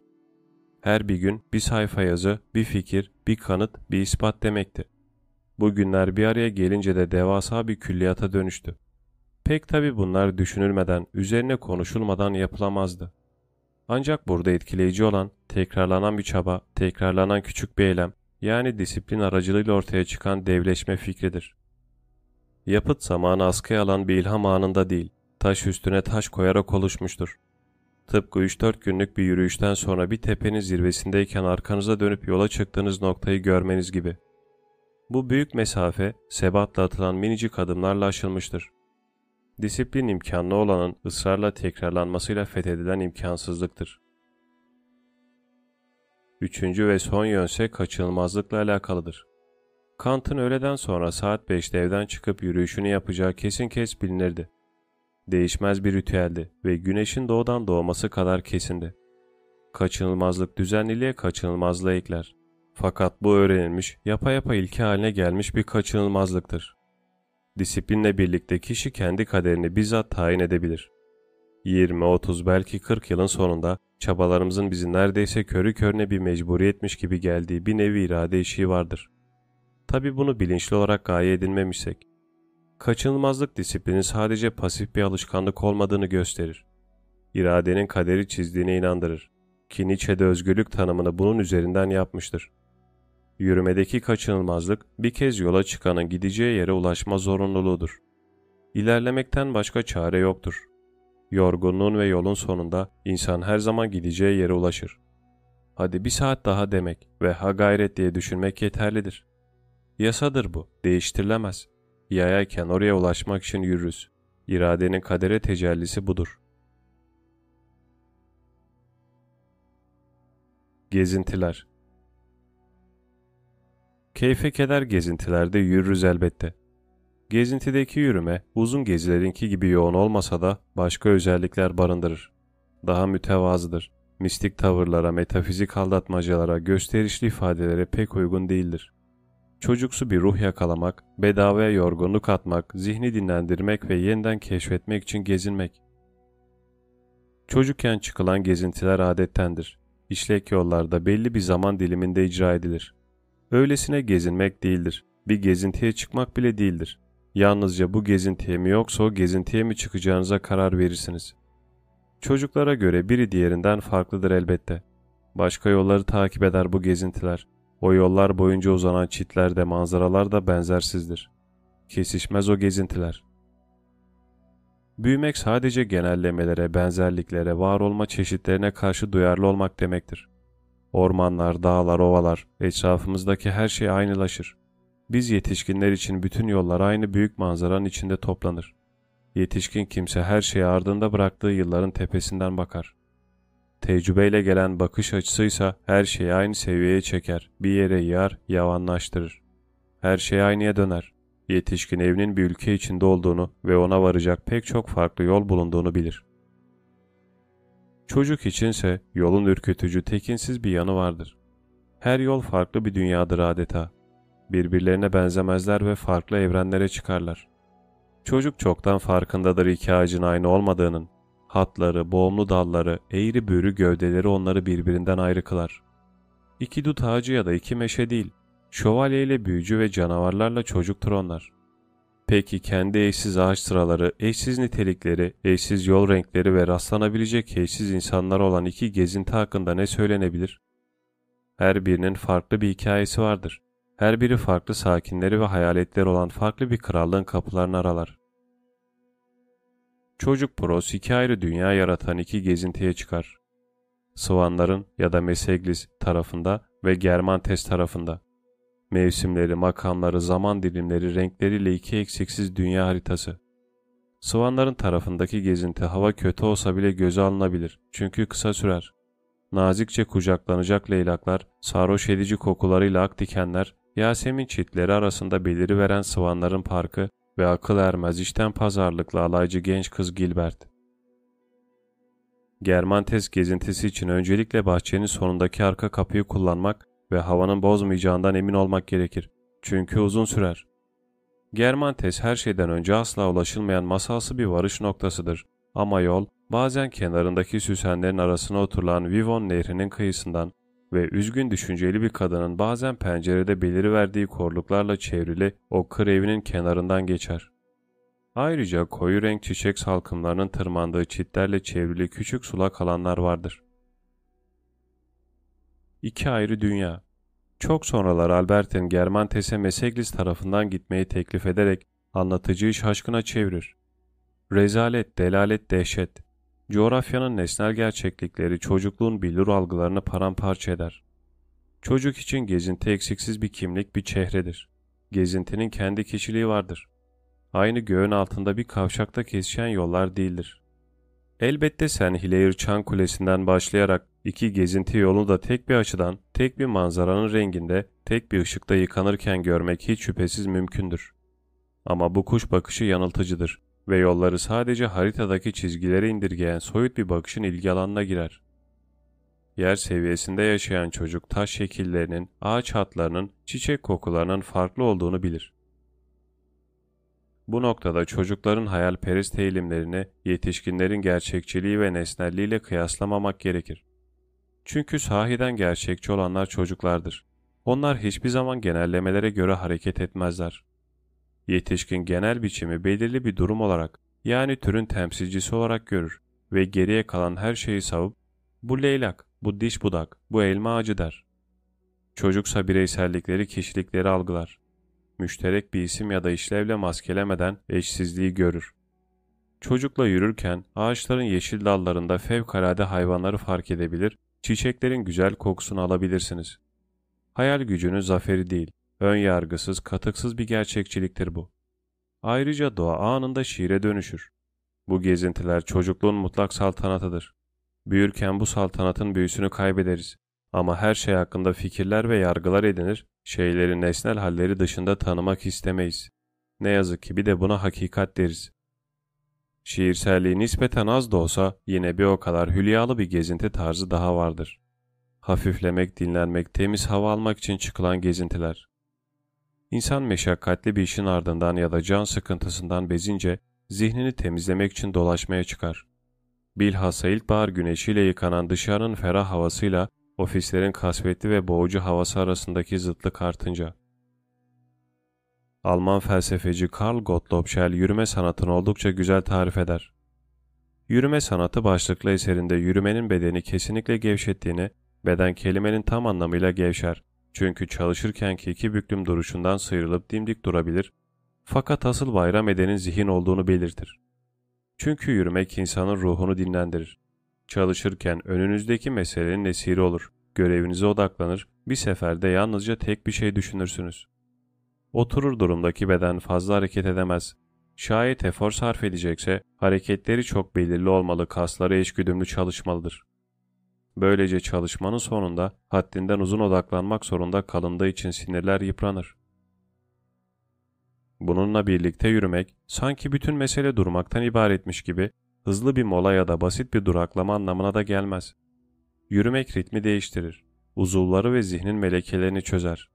Yürümek öncelikle kısıtlamalara baş kaldırmaktır. Güzergaha, ritme, göreceklerinize siz karar verirsiniz.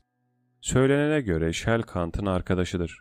Onu okumuş olduğu da anlaşılmaktadır. Zira görünen o ki Kantçı estetiği yürümeye uygulamıştır. Gezintiye çıkmak bir fikre kitlenmemenin veya bir tefekkür akışı yakalamanın bir başka yöntemi olan öylesine çabucak turlamayla aynı şey değildir. Neticede aklınızı kurcalayan bir sorun varsa kalkıp yürüyebilirsiniz. Fakat o zaman fazla uzaklaşmadan elleriniz arkanızda başınızı sallaya sallaya birkaç adım atar ve bedenin hareketi zihninizi bir parça canlandırınca sıkıntıya döner, kusursuz düzenlemeyi bulur, doğru sunumu oluşturur, güzel fikri yakalarsınız. Hemen çalışma masasına döner ve bir sonraki tıkanmaya kadar kaldığınız yerden devam edersiniz. Gezintiye çıkmak ayrıdır. İşinize veda edersiniz. Kitapları, dosyaları kapayıp dışarı çıkarsınız. Bir kez dışarı çıkınca da beden kendi ritmine kavuşur ve kendi kendini özgür yani müsait hisseder. Başınızı sağ tarafta size göz kırpan manzaraya çevirip onları sol taraftaki görüntülerle iç içe geçirir, renk zıtlıklarıyla oynar, görüntüleri sürekli tarayarak ayrıntıdan genel görünüme geçersiniz. Bir de üstüne herkesin ayrı telden çaldığı kalabalık bir parktan geçiyorsanız, zihni işin içine katmadan gözlem yaparsınız. Bakışlarınızı hiçbir tarafa takılmalarına izin vermeden, bir biçimden, bir çizgiden, bir ifadeden fazlasını algılamadan bir çehreden diğerine, bir elbiseden bir şapkaya kaymaya bırakırsınız. Kant'ın estetik zevk olarak adlandırdığı şey işte bu serbest görüntüler tiyatrosudur. İmgelem izlenimlerle oynar, onları insanın dizginsiz düşleminde kaynaştırır, yeniden düzenler. Üstelik bedavadır ve bu yolla zihin de en derindeki uyumu açığa çıkarır. Tüm melekeler dünyanın muazzam gösterisini layıkıyla sergileyebilmek için birlikte özgürce oynamaya mutabıktırlar. Shell yürüme sanatının hakkıyla tatbik edilebilmesi için birkaç dış koşula ihtiyaç olduğunu belirtir. Eğer gezintinizi halka açık yerlerde yapıyorsanız, yollar büyük olmalıdır ki gelip geçenler birbirlerini engellemesinler. Ayrıca kalabalık ne çok yoğun ne de çok seyrek olmalıdır. Yürüyenler tek tükse ister istemez tanıdık yüzler aramaya ve insanlara bakmaya başlar. O mu acaba? Böylece yeniden toplumsal rollerinize bürünürsünüz. Çok sayıda yürüyüşçü olursa bu sefer görüntü sahnağı yüzünden sentez kapasiteniz dolup taşıyacağı için hevesiniz kırılır. Kırsalda gezintiye gelince imgelemi renklerin ve biçimlerin çeşitliliğiyle eğlendirmek için tepelerin, vadilerin, derelerin, ovaların ve ormanların bir arada olduğu bir tabiatta ve tercihen imgelemin oyunu kasvetli görüntülerle ağırlaştırmasın diye pırıl pırıl bir güneşin altında yürünmelidir. Ayrıca şehirde ve kırsalda dönüşümlü olarak gezintiye çıkmak ve birini diğerine yeğlememek gerekir. Zira ortak bir temelleri olsa da nitelikleri farklıdır. Kaldırımlarda ve park yollarında yürümek gündelik bir yaklaşım barındırır. Bu sayede insanlığın ve benzerlerimizin davranışlarının çeşitliliği vasıtasıyla zihne büyüleyici gelen ayrıntılı ufak keşifler yaparız. Dereler ve ağaçlar eşliğinde bir başına yürümekse, sistematik iç gözlemlerin stresinden uzak ama aynı verimlilikte olan hülyalı bir hal yaratır. Çiçeklerin ve süliyetlerin görüntüsüyle kendinden geçen ruh bir süreliğine kendini unutur ve genelde gizli kalan kendi özelliklerinin farkına varır sanki. Gezintiye çıkmanın sırrı, kendi dik kafalılığımızın esiri olmuş, meşgul ve kutuplaşmış yaşamlarımızda nadiren karşılaştığımız zihnin bu müsait olma halinde saklıdır. Müsait olmak, vazgeçmenin ve eylemin az rastlanır bir sentezidir ve yürürken zihin bütün melekelerini harekete geçirir. Ruh adeta görüntüler dünyasına uygun hale gelir. Ne kimseye verecek hesabı vardır ne de tutarlı olmak zorundadır. Neticesiz bu oyunda dünya, aylak aylak gezen maymun iştahlı kimseye, ciddi ve sistematik gözlemciye nazaran kendinden daha fazla şey bırakıyor olabilir. Bütün bu keşif ve sevinçleri sadece açık bir zihinle yürüyenler tecrübe edebilirler. Gezintiye çıkmak bir yöntemmiş gibi gezintiyi buna asla alet etmemek gerekir. İlkbahar güneşi tarafından çağrılıp sırf kendine biraz zaman ayırmak için işiyle ilgilenmeyi bırakabilen kişinin karşısına kendiliğinden çıkar bu keşif ve sevinçler. Açık bir yürekle işleri ve kaderi bir anına kenarda bırakma arzusuyla çıkılmalıdır gezintiye. Gezintiden hiçbir kar beklemiyorsak, meşguliyetlerimizi ve kaygılarımızı ardımızda çekmecelerde bırakabiliyorsak, işte o zaman gezintiye çıkmak, var olmanın hafifliğini, kendiyle ve dünyayla özgür bir uyum içinde olan ruhun yumuşaklığını yeniden keşfe, o karşılıksız estetik ana dönüşebilir. Gezinme sanatı elbette hoşça vakit geçirme yöntemi olarak da kullanılabilir. Ama hoşça vakit geçirmek yeniden canlandırmak da olabilir aynı zamanda. Bu özellikle şehirdeyken geçerlidir. İnsanlar genelde pratik amaçlarla ekmek almaya, dükkanlara, otobüs ya da metroya gitmek, bir arkadaşa uğramak için arşınlar sokakları. Yani sokaklar birer koridordur sadece. İnsanlar başları önde sırf ihtiyaç duydukları şeylere odaklanarak yürür. Hiçbir şeye bakmaz, yolda sadece işlevsel şeyleri algılayacak şekilde seyrederler. Yeşil eczane işaretini görünce sağa döner. Büyük kahverengi kapıyı görünce pastanenin bir sonraki köşede olduğunu bilirler. Böylece sokak cılız ışıldayan işaretlerden dokunmuş bir kumaşa döner. Ama gösterisinin ışıltısı büyük oranda iter. İnsan kendi mahallesini duraksayarak düzensiz bir tempoda amaçsızca ama başını kaldırarak ve yavaşça dolaşma zevkini, duyulmamış şeydir belki ama kolaydır, bir kere olsun tatmalıdır. İşte mucize o zaman gerçekleşir. Kendine belirli bir görev biçmeden telaşsızca yürümek, şehrin onu ilk kez gören birine göründüğü gibi görünmesini sağlayabilir. Bilhassa dikkat edilen bir şey olmadığında her şey, renkler, ayrıntılar, biçimler gani gani oradadır. Bir başına amaçsızca dolaşmak şu görüntüleri tekrar yakalayabilmenizi sağlar mesela. Şuradaki panjurların rengi ve o rengin duvarlarda bıraktığı iz. pencere parmaklıklarındaki siyah kıvrımların zarafeti, taştan zürafaları andıran yüksek ve dar yahut tombul kaplumbağaları andıran alçak ve geniş evler, gün batımının parlak turuncu rengini mavi gri ön cephelere yansıtan pencereler. İşte insan bu şekilde sokaklar uzun uzadıya yağmalayabilir. Parklar ve bahçeler Sokakların ya da kırsalın estetik özünü ortaya çıkarmaktan ziyade gezintileri dünyevi yapaylığın içine iten bir durum vardır. Burada bilhassa insanların caka satmak için çıktıkları gösterişli havalı gezintilerden bahsetmek istiyorum. Bu gezintilerin Paris'teki simgesi hiç şüphesiz Pierre Corneille'nin tabiriyle yüksek sosyetenin ve gösteriş düşkünlerinin yurdu Tuileries bahçesidir. Burada doğa tamamıyla evcilleştirilmiştir. Dümdüz kesilmiş şimşirler, yine dümdüz bir çizgi halinde uzanan yollar, müthiş bir titizlikle budanmış ağaçlar, fıskiyeler, şehvet uyandıran heykeller. İlk başlarda bu bahçeye sadece yüksek sosyeteye mensup kimseler alınır. Hanımlarının talipleriyle küçük aşk oyunlarını bitirmelerini kapıda bekleyen uşaklar ve ayak takım içeri giremezdi. Gel gelelim iyi giyinmişlerse, güzellerse ya da yanlarında saygıdeğer birileri varsa, eğlence peşindeki genç işçi kızların da bahçeye girmesine izin verilirdi. Yazları turuncu ışığın ve mor yansımaların altında geç saatlere kadar bahçede kalınırdı. Gecenin güzelliği küçük adımlarla gelir, binlerce adımla birlikte tozlar havaya kalkardı. Bütün ağaçlarda bedbah aşıkların bıçakla kazıdığı kadın isimlerinin yaraları vardır hala. Tulerius'e gidelim ve vakit kaybetmeden bedbah düşlerimizi besleyelim. Taze güzellikleriyle genç kızlar, macera peşindeki evli kadınlar ya da teselli arayan dullar için birebirdi bu yer. Zira burnunun ucunda sürekli tek bir adamı, kocasını görmek sıkıntıdan patlatır bir kadını. Charles Sorel, park ve bahçelerin bu ihtiyaca cevap verdiğine şöyle değinir. Hayat dolu kadınların çoğu Lüksemburg ve Tülerius'te yürüyüşe çıkmaya bayılır. Ne de olsa her gün yeni erkekler görmek gayet memnuniyet vericidir.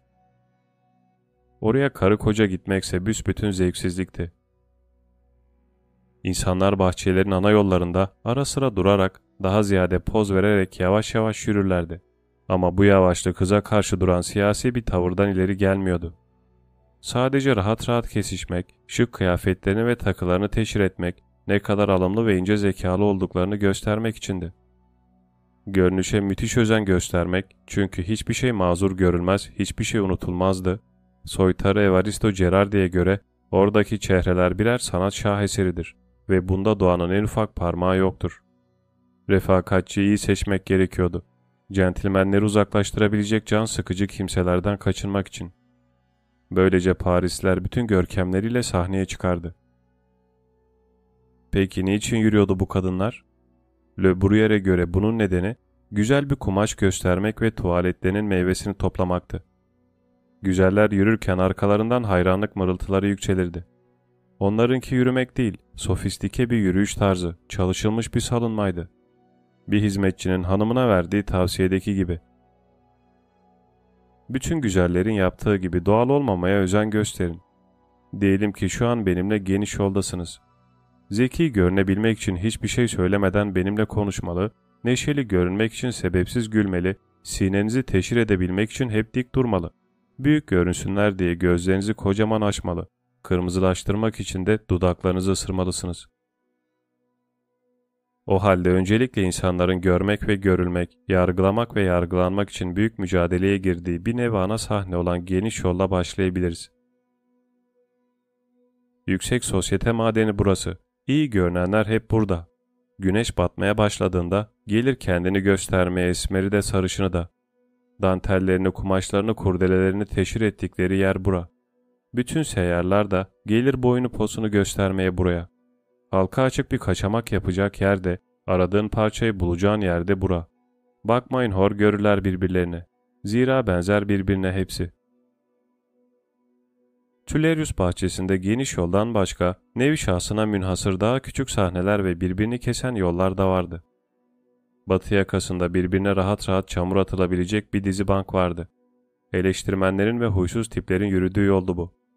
Gölgelerdeki yollar gizli randevular içinde. Geriye kalan tatlı ve hüzünlü yollarsa melankolikleri ağırlardı. Bu sahne çeşitliliği Tulerius'u herkesin oyuncu ve izleyici olduğu bir oyuna dönüştürürdü. Tıpkı tiyatrolarda olduğu gibi her çeşit insan vardı orada. Aklı fikri elbisesinde olan güzel kadın, gülünç beyefendi, yapmacık ve küstah hakim, caka satan memur, küçük bey, burjuva, genç budala, eski papaz adayı, herkesin son yalanları öğrendiği ayaklı gazete ve tabii ki birkaç ay yaş. Ama herkes olabildiğince dik durmaya çalışır, yavan yahut şatafatlı zenginliklerini sergiler ve diğerleri üstünde bıraktıkları etkiyi kolaçan ederdi çaktırmadan. Sıska bacaklarını gizlemek için sahte baldır takar, sahte yüzler takınır, pırlantalarını teşhir eder ve yüksek sesle konuşurlardı. İnsanlar hiç durmayan bu dönme dolapta birbirlerini arar, görmezden gelir, tartar ve iyi ya da kötü fark etmez bir şeylere benzemek şarttı, kendilerini bir şeylere benzetmek için uğraşırlardı. Bunca farklılığın ardında şiirde de söylendiği gibi benzer birbirine hepsi. Bir kez daha söyleyecek olursak, mübalağalı iltifatlar havada uçurken alttan alta birbirini küçümsüyor, birbiriyle dalga geçiyordu hepsi. Gözleri şaşı maymun suratlının teki tek gözlü adamla nasıl dalga geçerse, ahmak yaşa, boynuzlanan adam piçe nasıl gülerse, her kadın da eşine öyle güler içten içe. Ve bu fısıldayarak dalga geçme konserinde entrikaların bini bir paraydı. İnsanlar randevulaşır, şans eseri karşılaşmış gibi yapar, tanımadıkları kızları takip eder muhabbete dalar, kadınlar eldivenlerini düşürür, genç adamlar koşa koşa onların önünde diz çökerdi. Tulerius zamanları işte böyleydi.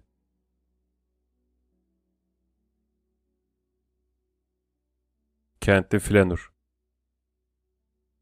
Walter Benjamin Paris üstüne düşüncelerinde Tulerius'un göz süzen nazik sakinleriyle alakası olmayan Flanur karakterine yoğunlaşır. Baudelaire yeniden okurken Paris sıkıntısı, kötülük çiçeklerindeki Paris tabloları, modern hayatın ressamındaki çizimler tahlil eder, betimler bu karakteri. Flanur, üç unsura veya üç koşula bağlı olarak ortaya çıkmıştır. Kent, kalabalık, kapitalizm. Kentli Flanur da yürür elbette. Ama Nietzsche'nin ya da Thoreau'nun alışkanlık edindiği yürüyüşlerden fersah fersah uzaktır onunki. Kentte yürümek göreceğimiz üzere kesintili ve düzensiz bir ritim gerektirdiğinden doğada uzun yürüyüşler yapmaya aşık olanlar için işkencedir. Bununla birlikte Flanur yürür. Tabi her köşe başında durup mest halde vitrinlere bakanlar gibi değil. Flanur yalnızca yürür, kalabalıkların içinde bile yolunu bulur. Flanürlüğün hamurunda 19. yüzyılda gelişen saatler boyu bir parça kır görmeden yürüyebileceğimiz kent yığılmaları vardır. İnsan o dönemin yeni megapollerinde Berlin, Londra, Paris yürürken ayrı dünyalara benzeyen birbirinden tamamen farklı semtlerden geçerdi. Semtten semte her şey değişebilirdi. Binaların boyutu ve mimarisi, havanın temizliği ve kokusu, yaşam biçimi, ortam, ışık, toplumsal yapı. Flandür kentler manzaraya dönüşecek ölçüye ulaştığında tezahür etti. Kentler geçitleriyle, görüş açısındaki ani değişimleriyle, tehlikeleri ve sürprizleriyle bir daha kat eder gibi kat edilebiliyordu. Ormana dönüşmüştü kentler. Flanür'ün tezahürünün ardındaki ikinci unsur kalabalıklardır. Flanür kalabalığın arasında kalabalığı yararak yürürdü. Ortasında evrim geçirdiği bu kalabalıklar ise çalışan, anonim, işi başından aşkın kitlelere dönüşmüştür çoktan. Büyük endüstri kentlerinde işe giden ya da işten dönen, iş görüşmelerine giden, koli teslimatı ya da bir randevuya yetişmek için acele eden bu insanlar yeni uygarlığın temsilcileriydi. Bu kalabalık düşmanca davranırdı. Kendisini oluşturan her bireye düşmandı. Herkes telaş içindeydi ve diğerinin yoluna çıkıyordu. Kalabalık ötekini hemen rakibe dönüştürdü. Bu kalabalık büyük gösterilerdeki birlik içinde hak arayan insanların destansı halk tabakasının kolektif enerjinin kalabalığı değildi. Aksine bu kalabalığı oluşturan her bireyin bir yerden bir yere hareket etme seviyesinde birbiriyle çatışan çıkarları vardı. Kimse kimseyle tanışmazdı. Genelde ciddi bakan tanımadık ve hepsini tanımanın sayısal olarak zaten mümkün olmadığı yüzlerdi bunlar. Önceki yüzyıllarla gelen tecrübeyle kentte bir yabancı tanımadık bir yüz görüldüğünde şaşkınlık yaşanıyordu. Nereden geliyor, neyin peşinde?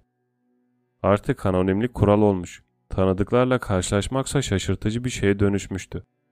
Kalabalıklar içindeyken rastlantının temel kuralları ortadan kalkar. İyi günler dilemek ya da durup iki çift laf etmek imkansızdır. Üçüncü unsur kapitalizmdir. ya da daha açık bir ifadeyle Walter Benjamin'in nazarında metanın saltanatıdır. Benjamin'e göre kapitalizm, meta kavramının endüstriyel ürünler dışında sanat eserleri ve insanlar için de geçerlilik kazanmasını sağlamıştır. Dünyanın ticarileştirilmesidir bu. Her şey tüketim ürününe dönüşür. Her şey alınıp satılır. Sınırsız talep pazarında yerini alır. Genelleştirilmiş fahişeliğin, satmanın ve kendini satmanın saltanatı. Flenur yıkıcıdır. Kalabalığı, ticareti ve kenti bunların değerlerini de yıkar. Geniş alanlarda yürüyen, sırtında çantayla dolaşan insan, uygarlığa ani bir kırılmayla, bir reddetmenin keskin tarafıyla karşı çıkar. Flenur çok muğlak yürür, modernliğe direnmesi ikirciklidir. Yıkım bir karşı çıkma meselesi değil, savuşturma, yön değiştirme, abartılı bir şekil değişme, sakince kabul etme ve oyalamadan yola devam etme meselesidir. Flanur yalnızlığı, hızı, çıkarcılığı ve tüketimciliği yıkar. Öncelikle yalnızlığın yıkımına bakalım. Kalabalıkların yalnızlaştırıcı etkisi üzerine çokça yazılmıştır. Hiç durmadan yerine yenisi gelen yabancı yüzler, maneviyattaki yalnızlığı derinleştiren kalın bir duyarsızlık tabakası. Herkes kendini bir diğerine yabancı hisseder ve bu duygunun yoğunluğu bireyi herkese av yapan bir düşmanlık üretir. Flenur bu anonimliği arar çünkü onda saklanır. Mekanik kitlenin içinde erir ama içinde saklanmak adına bile isteye yapar bunu. Böylece anonimlik ezici bir baskı oluşturmaz üstünde. Ona zevk alma olanağı sunar. İçindeki özel bakış açısıyla kendini daha canlı hisseder. Kalabalığın tatsız kasvetli yalnızlığının ortasında gözlemcinin ve şairin yalnızlığını yaratır. Kimse neye baktığını göremez. Kalabalıkta bir pottur sanki. Flenur uyumsuzdur. Onu anonim kitleden dışlamadan ya da uzağa koymadan soyutlayıp kendi içinde tekilleştiren katibi uyumsuzluktur bu. Hızın yıkımına gelince kalabalıkta herkes iki şekilde sıkışmıştır. Hem hızlı olması gerekir hem de sürekli engellenir. Flanur ise belli bir yere gitmek zorunda değildir. Böylece herhangi bir olay ya da sahneye bakmak için durabilir. İlginç yüzleri dikkatle inceleyebilir. Kavşaklara gelince yavaşlayabilir. Ama çıkarcılığın hızına direnen bu yavaşlık ona aslen daha üstün bir kıvraklık kazandırır. Zihin kıvraklığı. Hareket halindeki görüntüleri kavrar. Aceleyle gidip gelen kişinin bedeni hızlandıkça zihninin verimi azalır. Tek isteği çabucak gideceği yere ulaşmaktır. Zihni sadece kalabalıktaki aralıklardan kayıp geçmekle meşguldür. Flanur'un bedeni yavaş hareket eder ama gözleri fıldır fıldır ve zihni aynı anda binlerce şeyle meşguldür. İş dünyasıyla gitgide büyük sermaye tarafından büyük sermaye için işletilen siyaset devlet arasındaki karmaşık ilişkiye gelince, Benjamin'in Flanur'u her yeri kuşatan üretkenliğe, onun ardındaki faydacılığa direnirdi. Faydasızdı ve aylaklığı onu marjinal kılardı. Buna rağmen hiçbir zaman tamamen pasif de sayılmazdı. Hiçbir şey yapmayabilirdi ama her şeyin izini sürer gözlemlerdi, zihni hep tetikteydi. Çarpışmaları ve karşılaşmaları yakalayarak şiirsel görüntülerden mürekkep bir akış yaratırdı. Flanur var olmasaydı herkes kendi yoluna bakar, kendi fenomenler dizisini üretirdi ve sokak köşelerinde neler olup bittiğini haber verecek kimse de olmazdı. Flanur kıvılcımları, itilafları, karşılaşmaları fark ederdi. Son olarak tüketimin tüketimciliğin yıkımına bakalım. Kalabalık yapım aşamasındaki metalaşmış bir geleceğin tecrübe edilmesidir. Bu geleceğin savurup sürüklediği birey, anonim dalgalara sunulan bir ürüne indirgenir. Sunulan birey akıntıya uyum sağlar. Kalabalık içinde olmak tüketiliyor olma intibası uyandırır. Bedeni kısıtlayan hareketler, bedeni sarsan ani krizler. Sokaklar, bulvarlar tarafından tüketilir insan. Tabelalar ve vitrinler yalnızca meta değiş tokuşunu ve dolaşımını güçlendirmek için vardır. Flenur tüketmez ve tüketilmez. Kentte toplayıcılık hatta hırsızlık bile yapar. Manzarayı dağlarda veya düzlüklerde yürüyen biri gibi çabalarının karşılığı olarak görmez. İnanılmaz karşılaşmaları, şüphe uyandıran anları, geçici tesadüfleri havada kapar. Tüketmez ama sahneler bulmayı, beklenmedik karşılaşmalardan çalınan görüntülerin çisentisi altında durmayı da bırakmaz.'' Flanur'un şiirsel yaratıcılığında muğlak bir taraf vardır yine de. Walter Benjamin'in tabiriyle fantasmagoria'dır bu. Fantasmagoria, geçici harikalarını yeniden yakalamak için kentlerin korkunçluğunu göz ardı eder. Çarpışmaların, büyük sarsıntıların şiirini keşfe çıkar ama çalışmanın ve kentlerin yabancılaştırılmasını ifşa etmek için durup beklemez. Flanner'ın yapacak daha iyi işleri vardır. Kenti yeniden mitleştirmek, yeni kutsallar yaratmak, kentsel gösterinin şiirsel yüzeyini araştırmak. Budleyacı flanörlüğün bir sürü torunu vardır. Bunlardan biri flanörlük sanatına iki yeni boyut katan gerçeküstü aylaklıktır. Rastlantı ve gece. Le Paysan de Paris içinde Buz Chamont'taki Aragon, Nadia'nın aşkının peşine düşmüş Breton. Bir diğeri ise Guy Debord'un kurumsallaştırdığı sütiyasyonist sürükleniştir. Farklılıkların hassasiyetle keşfedilmesi. Çevre unsurlar tarafından dönüştürülmek. Burada karşımıza şu soru çıkar. Tek tip markaların hiç ironi yapmadan zincirler dediğimiz etrafımızda pekişen özdeş halkların yaygınlaşması ve trafiğin saldırgan istilası günümüzde flanörlüğü daha zor, daha tatsız ve daha şaşırtıcı hale getirmemiş midir? Mecburen gezmek zorunda olduğunuz alanlarda yaratılıyor ama oralarda gezmek ne kadar çok alışveriş yaptığınıza bağlıdır. Romantik yürüyüşçü ebedi gezgin özle bütünleşirdi. Yürümek yürüyenin mevcudiyetin huzurunda olduğu, anaç doğanın kucağına kıvrıldığı mistik bir birleşme töreniydi. Rousseau'da Wordsworth'te yürümeyi mevcudiyetin ve mistik kaynaşmanın tanığı olarak göklere çıkarır. Wordsworth'ün güzel mısralarında ve Rousseau'nun tanıdığı düz yazılarında yakalanan şey o telaşsız derin nefes alışverişi ve yavaş ritmidir. Kentli flanör bütünlüklü bir özün yanında boy göstermez. Yalnızca etrafa serpiştirilmiş anlık şaşırtıcı görüntülere açıktır. Yürüyüşçü kendinin her şeyin eriyip kaynaştığı dipsiz bir uçurumda tamamlarken, Flanör ise etrafta parıltılar saçan bir patlamayla bütünler kendini. Yer çekimi Yürürken bazen aşırı yorgunluk yüzünden bedeni kendini hissetmeden adeta ölü bir yaprak gibi sürüklendi, o kısa esrime ve lütuf anlarını unutup duruyorum. Bilhassa uzun süredir yürüyorsanız ve yorgunluk tarifsiz boyutlara ulaşmışsa hiçbir şey duyumsamadığınız bir an gelir. Yolda biraz düzgün ve çok dik değilse önünüze bakmayı bırakır bir şey düşünemez olursunuz ve engellerden kaçınma doğru yerlere basma işini ayaklarınıza devredersiniz. Yürüyenin cephesinde bir tek zincirinden boşanmış bir vazgeçme hali kalır. Yürüyüş bir nevi düşle sonlanır ve adımların sağlamlığıyla hızı işte o zaman, yani düşünmeyi bırakmaya razı olduğunuz anda artar. Konunun hafiflikle alakası kalmaz. Çünkü zaten hiçbir şey hissetmezsiniz. Yol bacaklarınızı içine çeker ve zihniniz başınızın üstünde süzülür. Yeterince uzun süre koştuğunuzdaysa bir an gelir müthiş bir hafiflik hissedersiniz bir yarışta kendinizi geçmişsiniz gibi. Temponuzu bulmakla geçen bir sürenin sonunda ki bazen uzundur bu süre, bedeniniz kendi soluk alıp verme hızını yakalar ve ayaklarınız yolda sıçramanızı isteyen bu ritmik çağrıya cevap verir. Yerden tekrar tekrar tüy gibi havalanırsınız. Koşarken tecrübe edilen hafifliğe yürüyüşten nadiren rastlanır ve bedeni kışkırtarak edinilen hafiflik hissinden tamamen farklıdır. Koşarken kaslarda oluşan gerginliği hissetmenin verdiği sarhoşluk değildir bu. Daha ziyade anestezinin bedene yavaş yavaş yayılması gibi yorgunun yarattığı zihinsel bir kayıtsızlıktır. Koşmanın verdiği hafiflik yer çekimine karşı yorulmadan kazanılmış bir zaferdir ve bedenin sahip olduğu güce bir kez daha tanıklık etmiş oluruz.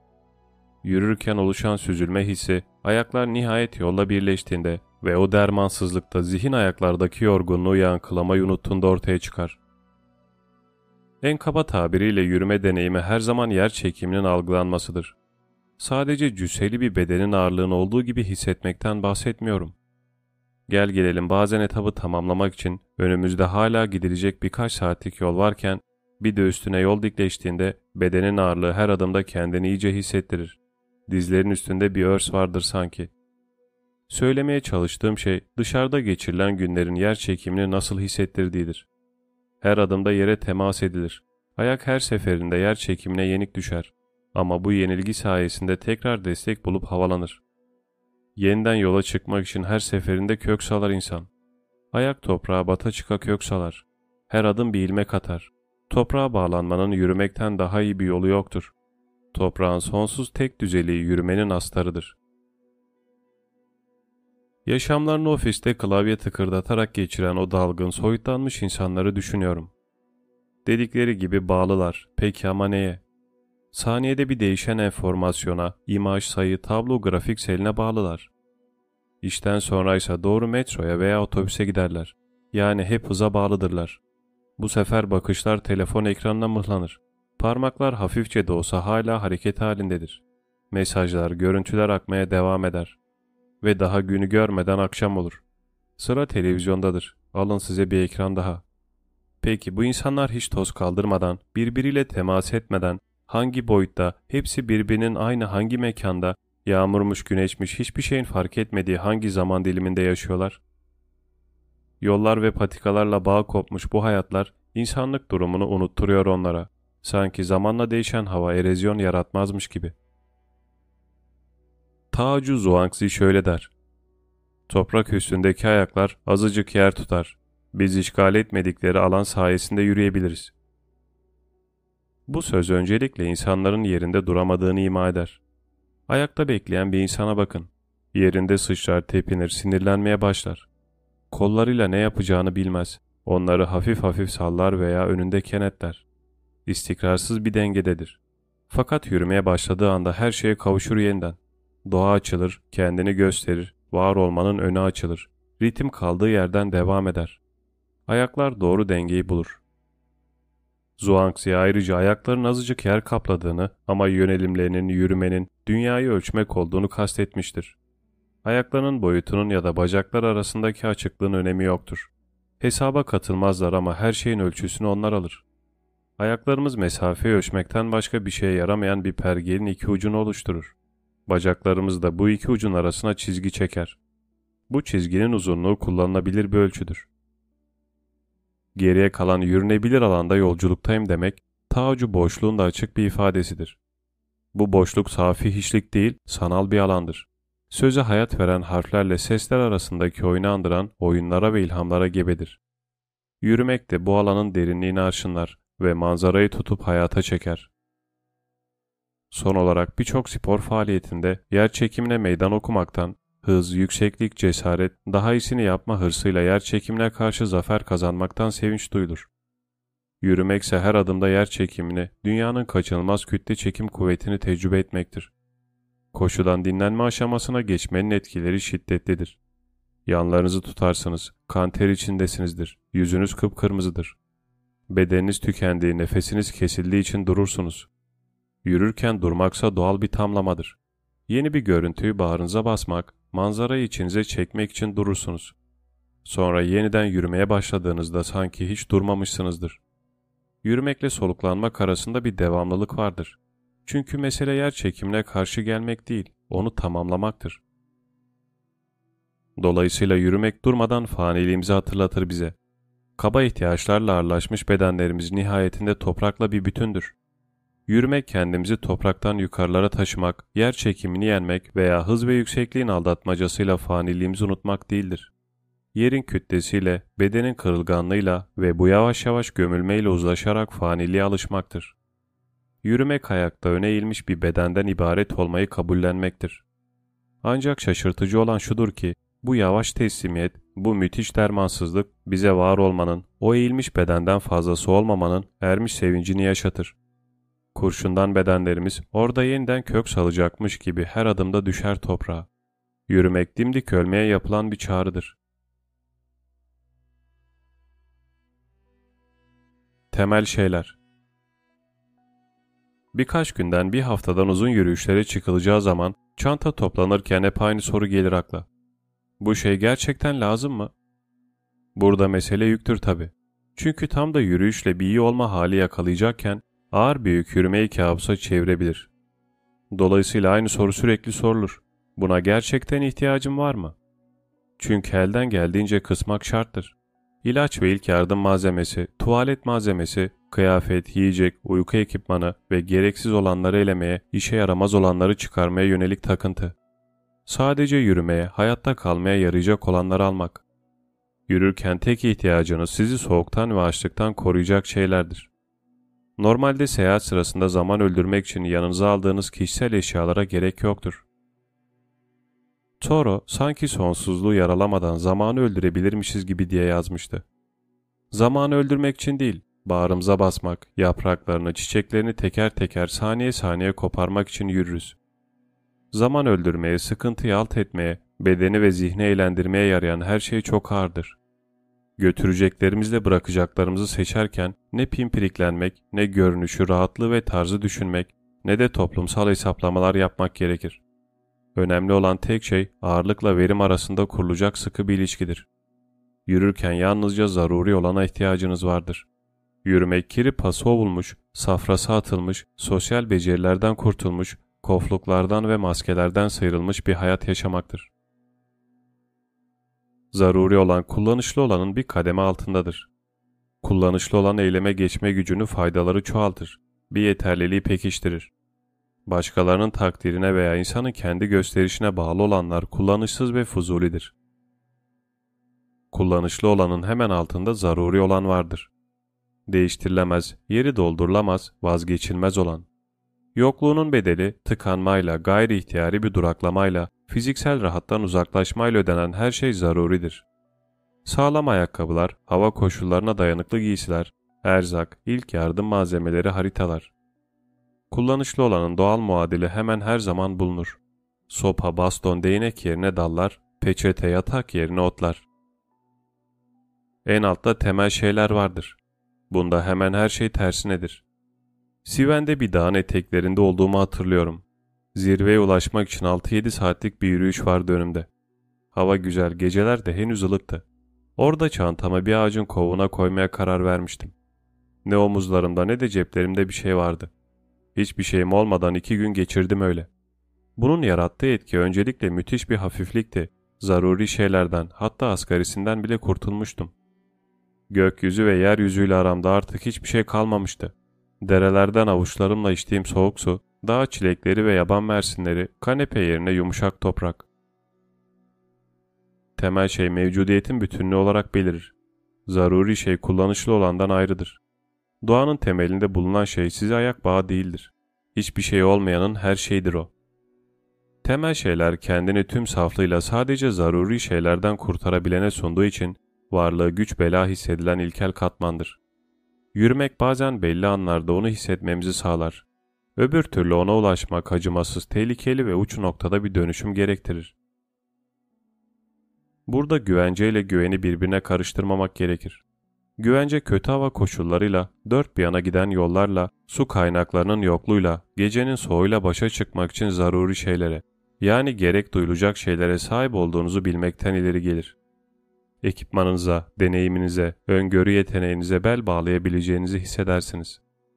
Koşullar ve durumlar üstünde hakimiyet kurmaya alışık aklı başında ve sorumluluk sahibi teknoloji insanlarına has bir güvencedir bu.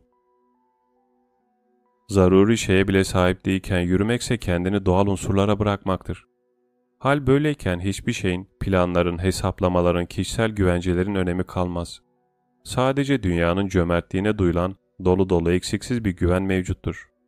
Taşlar, gökyüzü, toprak, ağaçlar hepsi bizim için birer tamlayana, armağana, desteğe dönüşür. Kendimizi ona bıraktığımızda yüreği tatmin eden hiç bilmediğimiz bir güven kazanırız. Çünkü bu yolla bizi kendimizi koruma vazifesinden bile kurtaran bir ötekiye bütünüyle tabi oluruz. Temel şey kendimize emanet ettiğimiz ve bize bütün olarak verilmiş şeydir. Fakat onun yapısını dokusunu anlayabilmek için zaruri şeyi aşabilme riskini göze almamız gerekir. Mistik ve siyasetçi Gandhi Ardımıza dönmeyeceğiz. Mohandas Karamcat Gandhi 10 Mart 1930 Gandhi Aralık 1920'de Britanya'nın himayesinden kurtulmak için çizdiği yolun herkes tarafından takip edilmesi durumunda Hindistan'ın bir sonraki yıl bağımsızlığına kavuşacağını öngörür. Bütün faaliyet alanlarına yavaş yavaş yayılan bir direniş, kademe kademe ilerleyen sivil itaatsizlik, giderek artan iktisadi yeterlilik ve her şeyden önemlisi de bu ayaklanma seferberliğine karşı kaçınılmaz olarak gelişecek bütün baskılara karşı şiddete başvurmayı reddeden bir yol. Bu öngörüyü yaptıktan sonra Gandhi geleneksel pamuk dokumacılığını göklere çıkarıp ithal kumaşların yakılacağı şenlikler düzenleyerek Hindistan'ı bir uçtan bir uca gezer. Ancak İngilizler taviz vermez ve Mamata'nın büyük ruh aceleye gelmiş çağrısı devasa bir tutuklama dalgasına sebep olur. Fakat sivil itaatsizlik iyi bir başlangıç yapmıştır ve talimatlar dört bir anda karşılık bulmaktadır. Alkol satış noktaları önüne grev gözcüleri yerleşir. İthal kumaşlar boykot edilir. mahkeme celpleri yanıtlanmaz. Ama nihayetinde şiddet patlak verir ve düzen sağlayıcılarla yüz yüze gelen göstericiler arasından ölenler olunca öfkeli bir güruh bir karakol ateşe verir ve yaklaşık 20 polis diri diri yanar. Gandhi yine 1919 Amritsar katliamından sonra yaptığı gibi sivil itaatsizlik hareketini durdurur. Şiddete başvuran isyancıları temize çıkarıp ölümlerin sorumluluğunu üstlenir ve oruç tutmaya başlar. Kısa süreliğine hapis yattığı, dokunulmazların dışlanmasına karşı mücadele etmek, kadın haklarını savunmak, halka temel hijyen kurallarını öğretmek için Hindistan'da uzun gezilere çıktığı bir on yılın sonunda Gandhi, Ocak 1930'da imparatorluğa baş kaldırmaya karar verir ve yine bir şiddete başvurmadan direnme seferberliği başlatır. Fakat bu defa yola nasıl koyulacağından, nereden başlayacağından, boyun eğmeyi olabilecek en geniş katılımla ve sakince reddetmek için nasıl bir propagandaya girişeceğinden emin değildir. Hatta 18 Ocak'ta ziyaretine gelen şair Rabindranath Tagore'ye göre etrafımı çevreleyen gölgeler arasında hiç ışık görmüyorum diye itiraf eder. Kendi tabiriyle içindeki küçük ses çok geçmeden onunla konuşarak denize yürümesini ve orada tuz toplamasını söyler.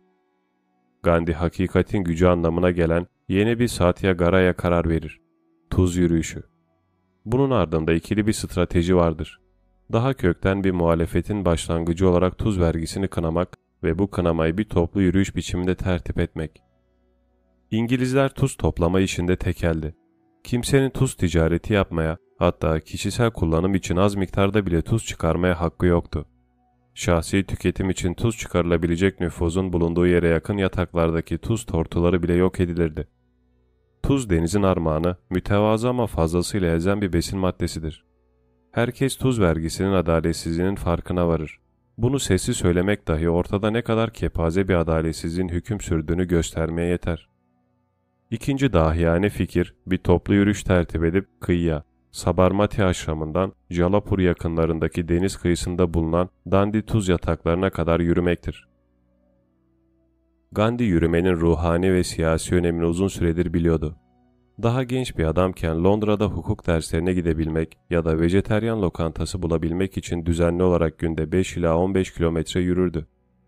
Bu yürüyüşler Hindistan'ı terk ederken annesine ettiği üç yemine, kadın yok, alkol yok, et yok, uygun yaşamasına, hem bu yeminlere sadakatini sınamasına hem de kendi sebatini ölçmesine yardım ederdi. Gandhi hem kendine hem de başkalarına ettiği yeminlere, şu veya bu alışkanlığı veya tavrı bırakmaya yönelik taahhütlere her zaman büyük önem verirdi. Yeminlerini çiğnemezdi. Her zaman iradesini ve öz disiplinini kuvvetlendirirdi. Yürümek kişinin kendiyle, muğlak bir iç gözlem yöntemiyle değil de, bunun için daha ziyade kanepe uzanırsınız, kılı kırk yaran bir kendi kendini tetkik etme yöntemiyle kararlı bir ilişki kurmasını sağlar. Yürürken kendi hesabınızı tutarsınız. Kendinize çeki düzen verir, meydan okur, kendinizi değerlendirirsiniz. Gandhi Güney Afrika'da avukatlık mesleğini icra ederken bu defa Tolstoy çiftliğinden Johannesburg'a kadar düzenli olarak 34 metre yürür. Natal'da öncülük ettiği mücadele yürümenin siyasi boyutunu yeniden dener. Güney Afrika'nın zulme varan ayrımcılığına ve adaletsiz vergilerine boyun eğmiş Hintlilerin haklarını savunurken halk meydanlarında basit gösteriler yapmak yerine 1913'te birkaç gün süren bir dizi toplu yürüyüş düzenler. Amaç şiddete başvurmadan protesto ederken kendini tutuklatmaya çalışmaktır. Bir eyaletten diğerine geçiş izni olmadan yapılacak toplu yürüyüşleri düzenlerken Gandhi'nin aklında geniş çaplı ses getirecek kolektif ve sakin bir sivil itaatsizlik başlatmak vardır. Gandhi 13 Ekim 1913'te yürüyen büyük bir kalabalığın sadece biraz ekmek ve şekerle beslenen yalın ayak 2000'den fazla insanın lideri konumuna işte böyle gelir. Yürüyüş bir hafta sürer. Gandhi kısa süre sonra tutuklanır. 50 bin kadar Hintli hemen grev ilan eder. General Sumut Gandhi ile görüşmek zorunda kalır ve Hintli toplulukların çıkarlarına uygun bir dizi anlaşma imzalar. 1930 Şubat'ında artık 60 yaşında olan Gandhi, tuz yürüyüşü planını tamamen şekillendirir. Çarpıcı bir oluşum, kolektif bir destandır bu. Gandhi kararlı militanlardan oluşan bir çekirdek ekip kurar. Kendi yetiştirdiği, öz disiplinlerine ve öz verilerine güvendiği Satyagariler.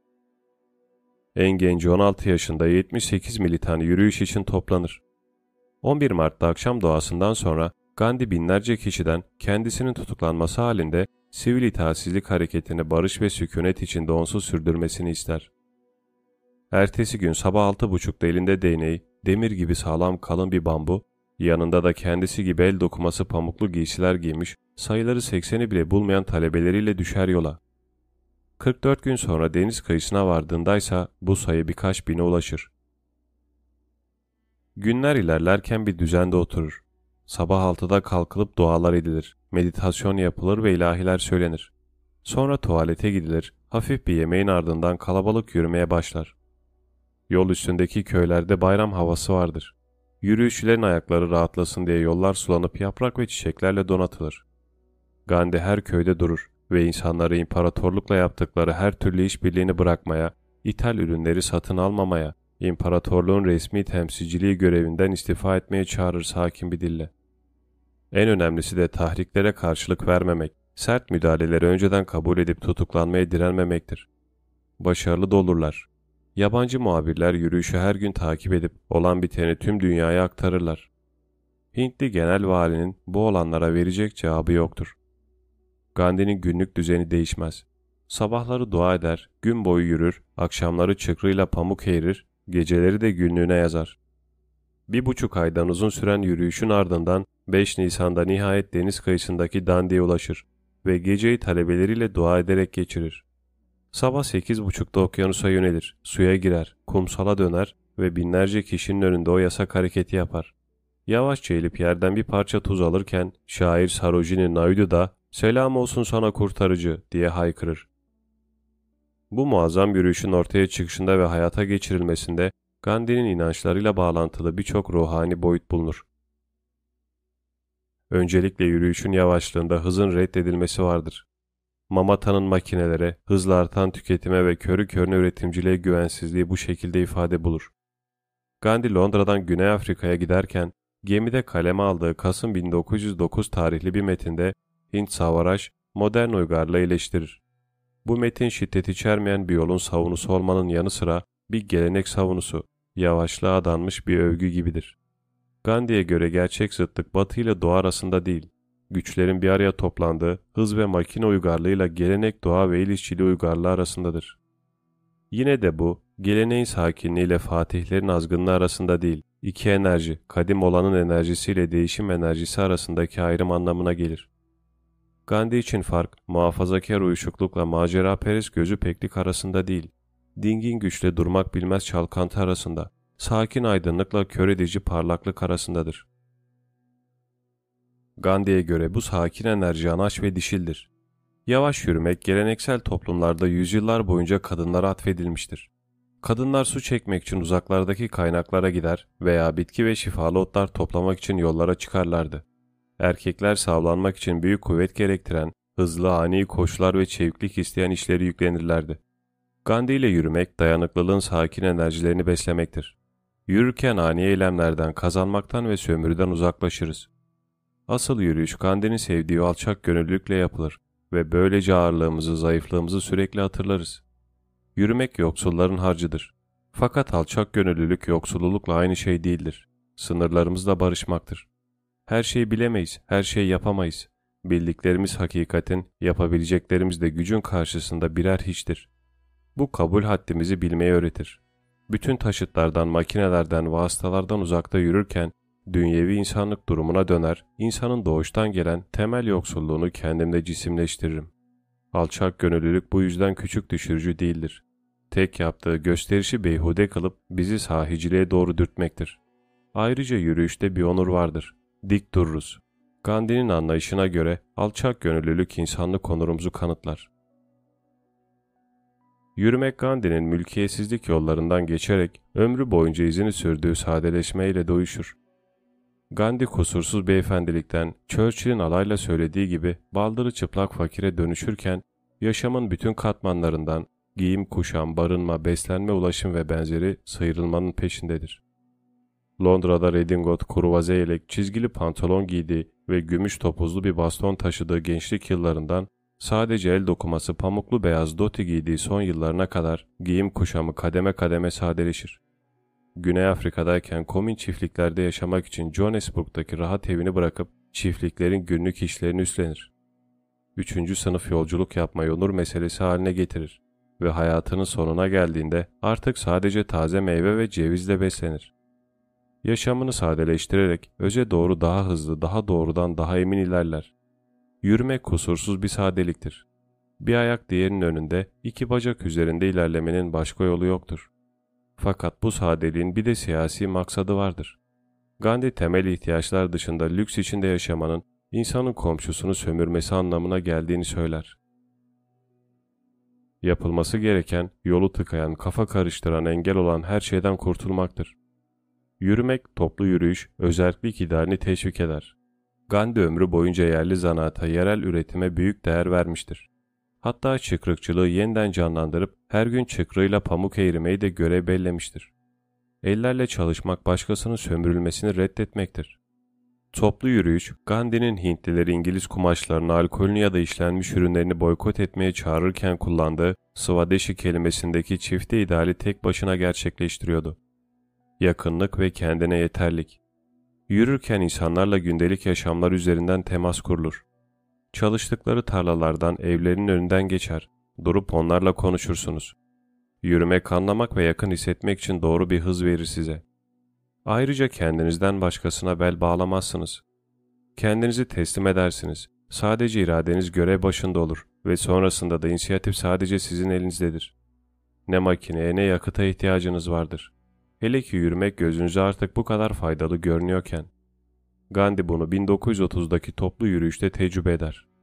390 kilometreden fazla yürüdükten sonra yola çıktığı zamanki haline nazaran ışıl ışıldır. Gandhi yürüyüş eylemi boyunca yola devam etmek için sebat ve metanet telkin eder. İşin bu boyutu çok önemlidir. Zira yürümek ağır ama kesintisiz bir çaba gerektirir. Gandhi başlatmak istediği mücadeleyi ifade edebilmek için Güney Afrika'dayken katıldığı siyasi bir toplantıda kendi eylem tarzını ortaya koyacak yeni bir sözcük bulur. Satyagraha. Satyagraha'da güçle hakikat iç içe geçmiştir ve hakikate sağlam bir kayaya tutunur gibi sıkıca tutunmak gerekir. Yürümek hazim, sebat ve irade gücü gerektirir. Gandhi mücadele yılları boyunca orada burada kurduğu komünal yapılarda talebelerini bu doğrultuda eğitir. Sadyagrahi'nin temel fazileti kendine hakim olmalıdır. Şiddete karşılık vermemeyi, haksız yere de olsa tutuklanmaya direnmemeyi, küçük düşürülmeye, aşağılamalara, hakaretlere katlanmayı gerektirir. Kendine hakim olmak iki yönlü bir ustalıktır. Hem öfke ve kızgınlık patlamalarının hem de yeğisin ve korkaklığın önüne geçebilme, sakin kıpırtısız serin kanlı kalma ve hem kendinden hem de hakikatten şüpheye düşmeme becerisidir. Yürüme köfkeyi söküp alır, insanı arındırır. Sadyagrahiler denize ulaştıklarında haksızlığa uğramanın yarattığı öfke ve nefreti üstlerinden atmışlardı. Geriye kalan tek şey yasaları hiçe saymaya yönelik sakin bir kararlılıktı. Haksız ve insafsız yasaları doğanın dinginliği ve sağlamlığıyla ihlal etmek bir ödeve dönüşmüştü. Kendine hakim olma ustalığı, bütün varlıklara karşı eksiksiz bir sevgi beslemenin ve şiddete başvurmamanın koşuludur. Ahimsa Öğretenin kalbinde bu yatar. Gandhi'deki şiddet reddi pasif bir geri çekilme, yansız bir teslimiyet ya da itaat değildir. Daha önce bahsi geçen onur, disiplin, metanet, alçak gönüllülük, enerji boyutlarını bir demet haline getirip tek bir tavır olarak gözler önüne sermektir. Şiddete başvurmama basitçe gücün reddedilmesi değil, fiziksel güce sadece ruhun gücüyle karşı gelme meselesidir. Gandhi şiddet uygulandığında, gaddarlık katlanarak arttığında hiçbir şekilde direnmeyin demez. Neredeyse tam tersini söyler. Olabildiğince uzun süre dik durarak ruhunuzun bütün gücüyle, onurunuzu ayaklar altına aldırmadan, bir şiddet ve nefret topluluğu içinde dövenle dövülen arasında yeniden eşitlik ya da tekabüliyet yaratacak bir nebze bile saldırganlık yahut başka bir tepki göstermeden direnin. Bilakis size vuran kişiye sonsuz bir şefkatle yaklaşın. Bir tarafta kör, fiziksel ve nefret dolu öfke, diğer tarafta sevgi kaynaklı ruhani bir gücün bulunduğu bu ilişki her açıdan asimetrik olmalıdır. Sağlam durulabilirse bu ilişki tersine döner. Fiziksel güç onu kullanana, öfkeden kuduran kişiye zarar verirken, onun yere serdiği kurban tüm insani vasıfları kendinde toplar ve üstüne çıkılmak istenirken tersine kurban edilen en yüce insanlık katına çıkmış olur. Şiddeti reddetmek şiddeti mahcup eder. Fiziksel şiddetin karşısına yüce insanlığı ve yapmacıksız onuruyla çıkan birine vurmaya devam eden kişi, kendi onurunu ve ruhunu kaybeder. Sadyagrahiler, Darasana'daki tuz işletmelerini halk adına ele geçirmek üzere Mayıs 1930'da başladıkları o korkunç yürüyüşte tam da bunu yaparlar. Gandhi bir mektupla genel valiyi bu yürüyüş ve hedefi hakkında bilgilendirerek tuz vergisi kaldırılmadığı müddetçe bu eylemin devam edeceğini yazmıştır. Fakat Gandhi tutuklanınca planladığı tuz işgaline katılamaz. 400 polis ellerinde çelik uçlu sopalarla tuz ocaklarında beklemektedir. Sadyagrahiler dalmayı reddederek yavaşça ilerlerler. Polis koridoruna vardıklarında inmeye başlayan korkunç darbeleri çıt bile çıkarmadan karşılayıp yere yığılırlar. Arkadan gelip onların yerine geçen bir sonraki safta payına düşeni alır. Manzara korkunçtur. Çünkü Sadyagrahiler kendilerini kollarıyla bile korumaya çalışmadan omuzlarına ve başlarına darbe üstüne darbe alırlar. Öfkeden kudurmuş polisler yerde yatanlardan bazılarını öldüresiye döver. Bu kıyıma tanık olan United Press muhabiri Webb Miller, Sadyagrahilerin yere yığılmadan önce başları dik emin adımlarla sessiz kararlı bir şekilde ilerlediklerini anlatır. Tek bir sopa darbelerinin parçalanan kemiklerin sesiyle ve boğuk inlenmeleriyle kesilen insanın içine işleyen bir sessizlik hakimdir. Bu eylemde yüzlerce insan yaralanır.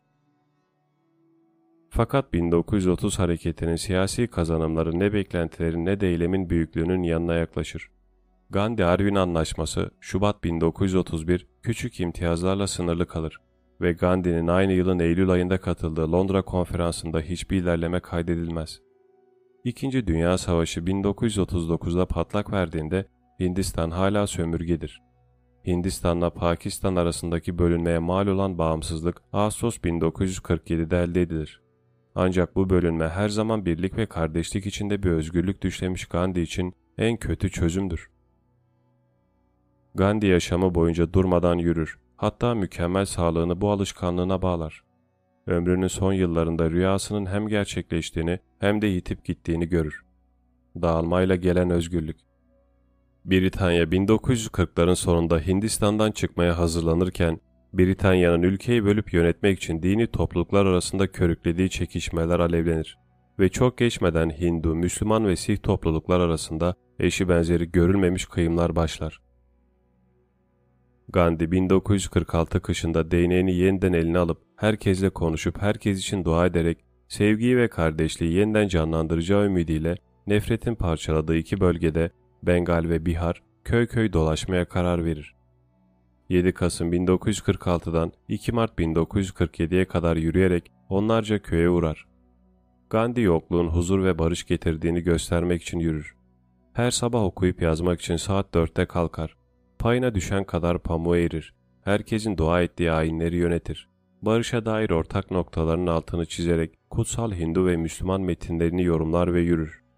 Her sabah Rabindranath Tagore'nin ürkütücü mısralarını okuyarak çıkar yola. Yalnız yürü. Çağrına kulak vermiyorlarsa eğer yalnız yürü. Korkar da dehşet içinde duvara dönerlerse yüzlerine ah sen karabahtlı aç zihnini ve yalnız konuş.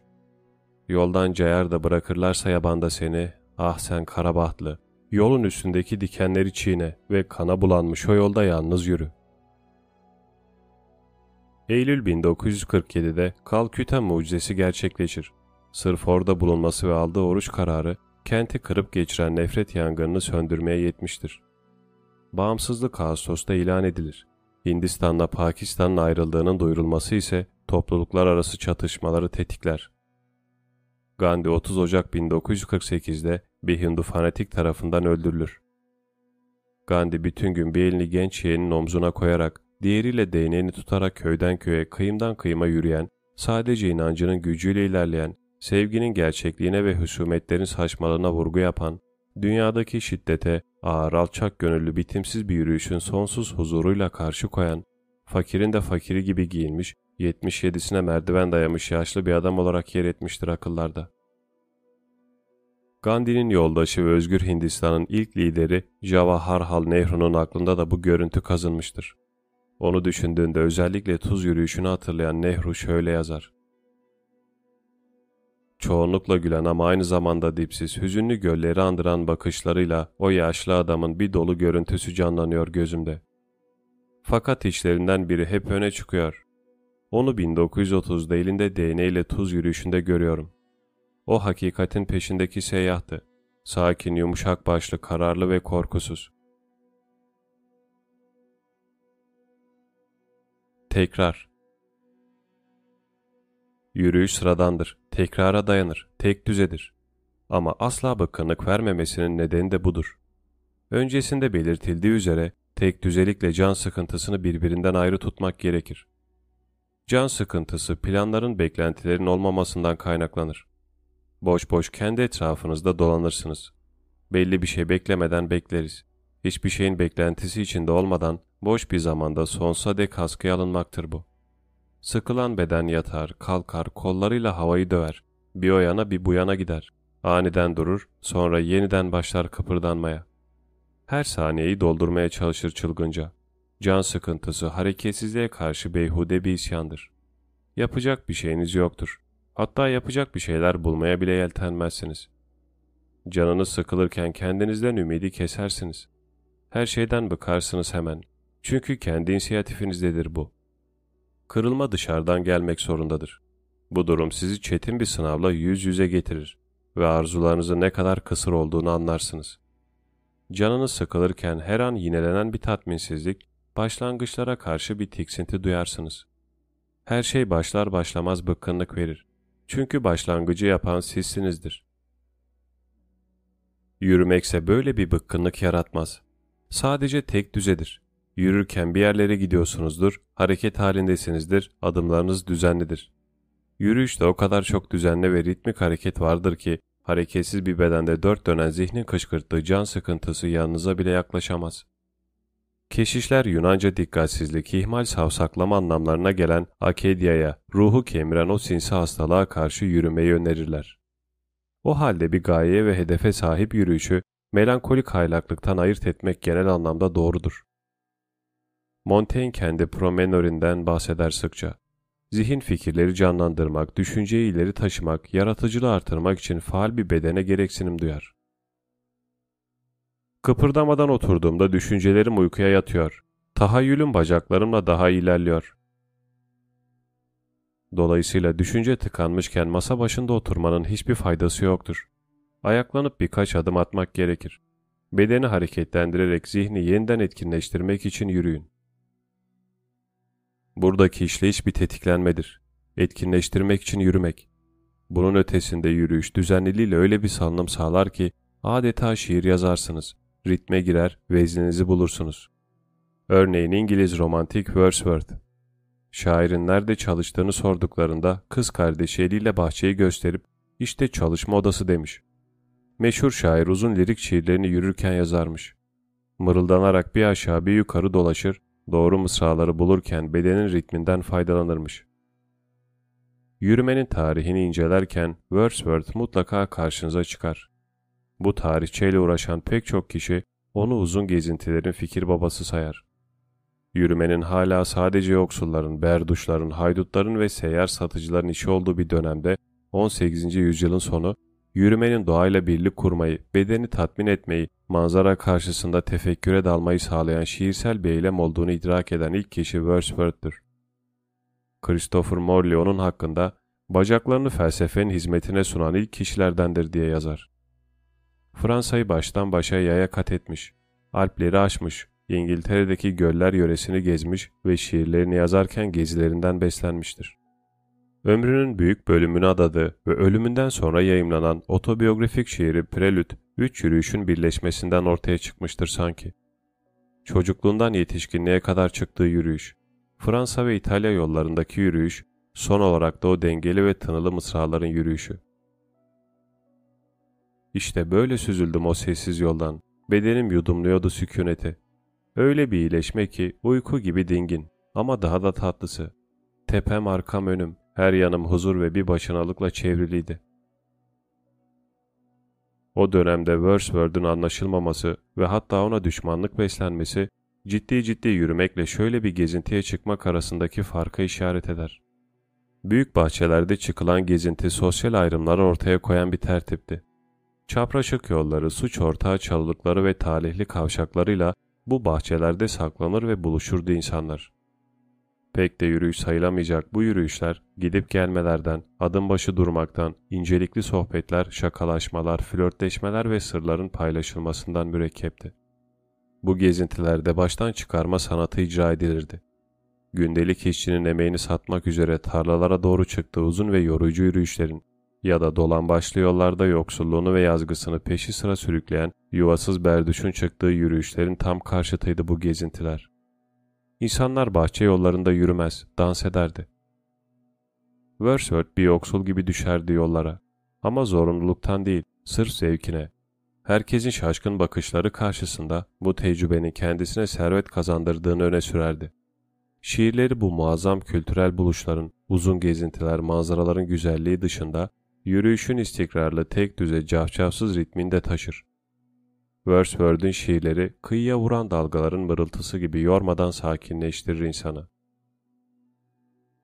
Yürümeye meraklı bir başka şair daha bu dikkate değer tek düzeliği çok sonraları mısralarına yansıtabilmiştir. Charles Peguy, tifoya yakalanan oğlu Pierre'e şifa aramak için çıktı ve 1912'de Notre Dame'da Chartreus'te tamamladığı haç yolculuğu sırasında ardı arkası kesilmeyen mısralar yazar. Ellerimiz ceplerimizde dümdüz ilerliyoruz. Yok bir hazırlığımız, sırtımızda yükümüz ya da herhangi bir lafımız. Adımlarımız sakin, yok acelemiz ya da itirazımız. Yanı başımızdaki tarlalardan en yakınımızdaki tarlaya. Yürürken göreceksiniz bizi, bu bitli piyadeleri. Tek seferde bir adımdan fazla ilerlemeyiz asla. Çok uzun yürüyüşler insana böyle lirik tek telden bir ilahi söyletebilir. İlahiler özleri itibarıyla hacıların ve yürüyüşçülerin söylediği şarkılardır. Ya bir sürgünü, ezeli bir yabancıyı, şayet unutursam seni ey Kudüs ya da vaat edilmiş topraklara duyulan hasreti. Gözlerimi tepelere dikiyorum, yardım eyle oradan uzanacak bana, anlatırlar. İlahi içeriğinin anlaşılmasından ziyade telaffuz edilmek, tane tane okunmak, dile getirilmek, ete kemiğe büründürülmek zorundadır. Bedende hayata geçirilmelidir. Öyle ki birçok kişi tarafından okunursa bir topluluğun bedeninde hayat bulur. Hindistan'da Pantharpur'a yürüyerek gidilirken bugün dahi Tukaram ilahilerini okur insanlar. 1698'de Nat'taki Sudra kastında doğmuş Maratalı cahil bir esnaf, ben Tuka denilen sefil kasta doğdum. Kitap okumuşluğum yoktur. Bir tepede tanrısıyla karşılaşır ve çok geçmeden aklında mısralar yazıp onları ezberden okumaya başlar. Etrafındaki okuma yazma bilmeyen müritleri de onun söylediklerini kağıda aktarırlar. O zamandan beri Hinduacılar okumayı bilmeyen bu şairin ilahilerini okur yol boyunca. Tanrım ben, küçük çakıl, büyük taş ya da tozumdur belki. Panharpur yolunda, alın yazımdır ezilmek azizlerin ayakları altında. Yürümek tekrarlardan müteşekkil bir şiir, yoldaki adımların sesi kadar sade sözler getirir insanın dudaklarına. İki koronun bir ilahi tek nota üzerinden sırayla mısra mısra okuduğu yöntemde de yürüyüşün yankısını buluruz. Bu yöntem Aziz Ambrogio'nun deniz sesiyle kıyasladığı bir etki yaratır. Dalgalar kıyıya usulca vururken çıkardıkları sesin düzenliliği sessizliği bölmez, onu şekillendirip duyulabilir kılar. Aziz Ambrogio'ya göre bu dalgalı ilahi okuma sanatı ruha mutlu bir dinginlik verir. Yankılanan bu ilahiler, bir ileri bir geri giden dalgalar, yürüyen bacakların birbirini izleyen hareketini andırır. Ama burada mevzu bahis olan dünyayı parçalamak değil, dünyanın mevcudiyetini hissedilir kılmak ve onunla aynı ritmi tutmaktır. Paul Claudiel'in dediği gibi, nasıl ki ses sessizliğe erişilir ve faydalı kılıyorsa, yürüyüş de mevcudiyete erişilir ve faydalı kılar denilebilir. Yürüyüşte tekrarın, aynanın tekrarının muazzam gücünü buluruz. Yürüyüş bedenin devinimde, inancın vezinle okunarak kavrandığı ilahileri doğurur. Tekrarın gücü bir dua okuma biçiminde de görülür. Ortodoksların filokal ya da kalbin duası diye andığı çok temel bir duanın sürekli olarak tekrar edilmesidir. İsa Mesih Efendimiz, Tanrı'nın oğlu, ben günahkarım, merhamet eyle bana. Bu duayı dakikalar ve saatler boyunca tekrarlamak günü daimi bir niyaza dönüştürür. Dua nefesi kontrol ederek vurgulu okunur. İlk kısmı İsa Mesih Efendimiz, Tanrı'nın oğlu. nefes alırken, ikinci kısmı ise ben günahkarım, merhamet eyle bana, nefes verilirken söylenir. Bu yöntemin amacı tek bir şeye yoğunlaşmaktır. Fakat bu zihinsel bir yoğunlaşma değildir. Zihnin bir şeye kitlenmesi değil, duayı okuyanın bütün varlığını duaya teslim etmesidir. Beden nefes alıp verir ve mırıldanır. Bütün duyular birleşir. Ruhun tüm melekeleri duanın ilahiliğini yansıtır. Ortodoks papazlar buna zihni kalbe taşımak der. Papazlar dua ederken dikkatin dağılmasını, dalgınlaşmayı, yoğunluğu kaybetmeyi tehlike olarak görürler ve onların gözünde Tanrı'yı unutmaya işlerdir bunlar.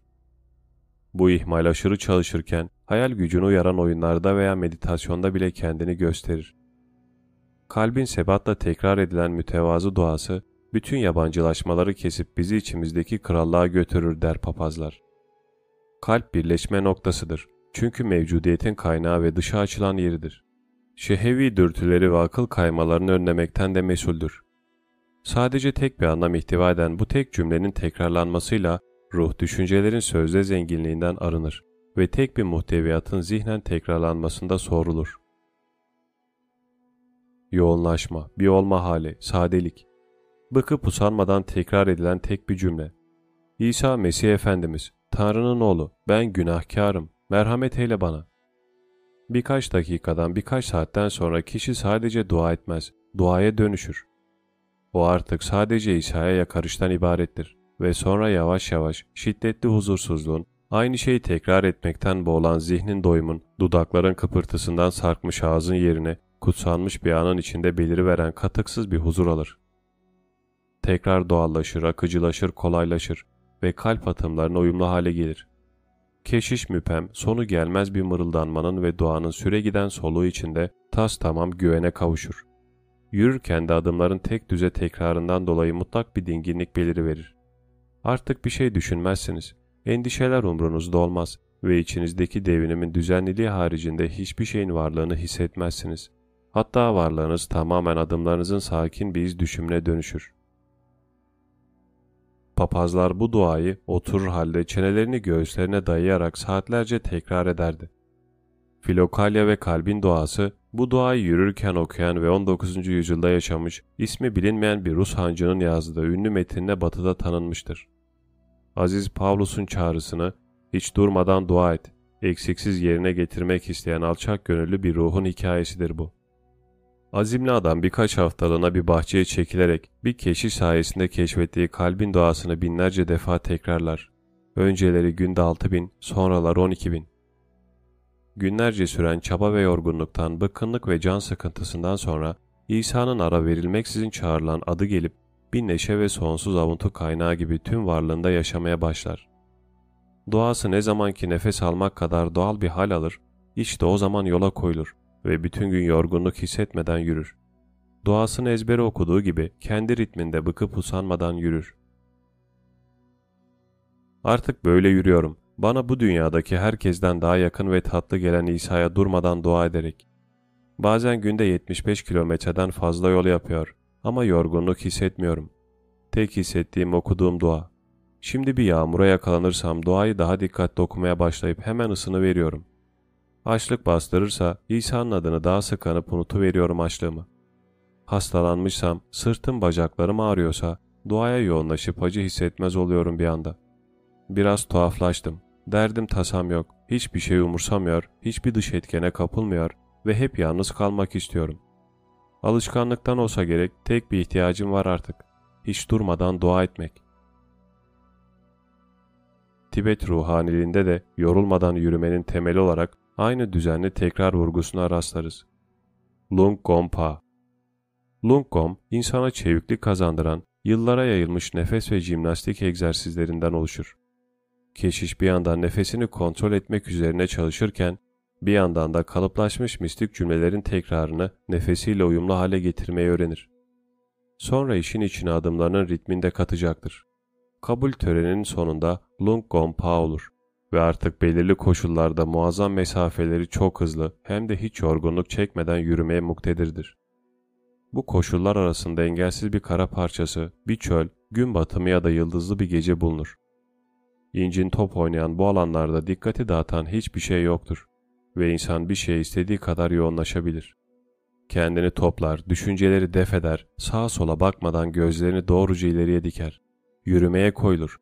Ağzından kelimeler ritmik bir şekilde dökülür ve çok geçmeden adımlarıyla cümlelerinin tekrarı ve nefesinin düzenli aralıklarında transa geçer.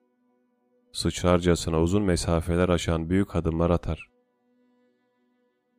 Alexandra David Neal, Himalayalarda yaptığı uzun bir yürüyüşte, ıssız bir ovadayken uzaklardan kendisine doğru hızla yaklaşan siyah bir nokta gördüğünü anlatır. Derken onun bir adam olduğunu anlamış. Yol arkadaşları bu adamın Lung Gompa olduğunu, onunla konuşulmaması ve yürüyüşünün engellenmemesi gerektiğini, çünkü veşt halinde olduğundan uyandırılır söyleyebileceğini söylemiş. Geçip gitmesini izlemişler. Yüzü ifadesiz, gözleri açık, koşmayan ama her adımda rüzgarın uçurduğu hafif kumaşlar gibi yükselen bir insan.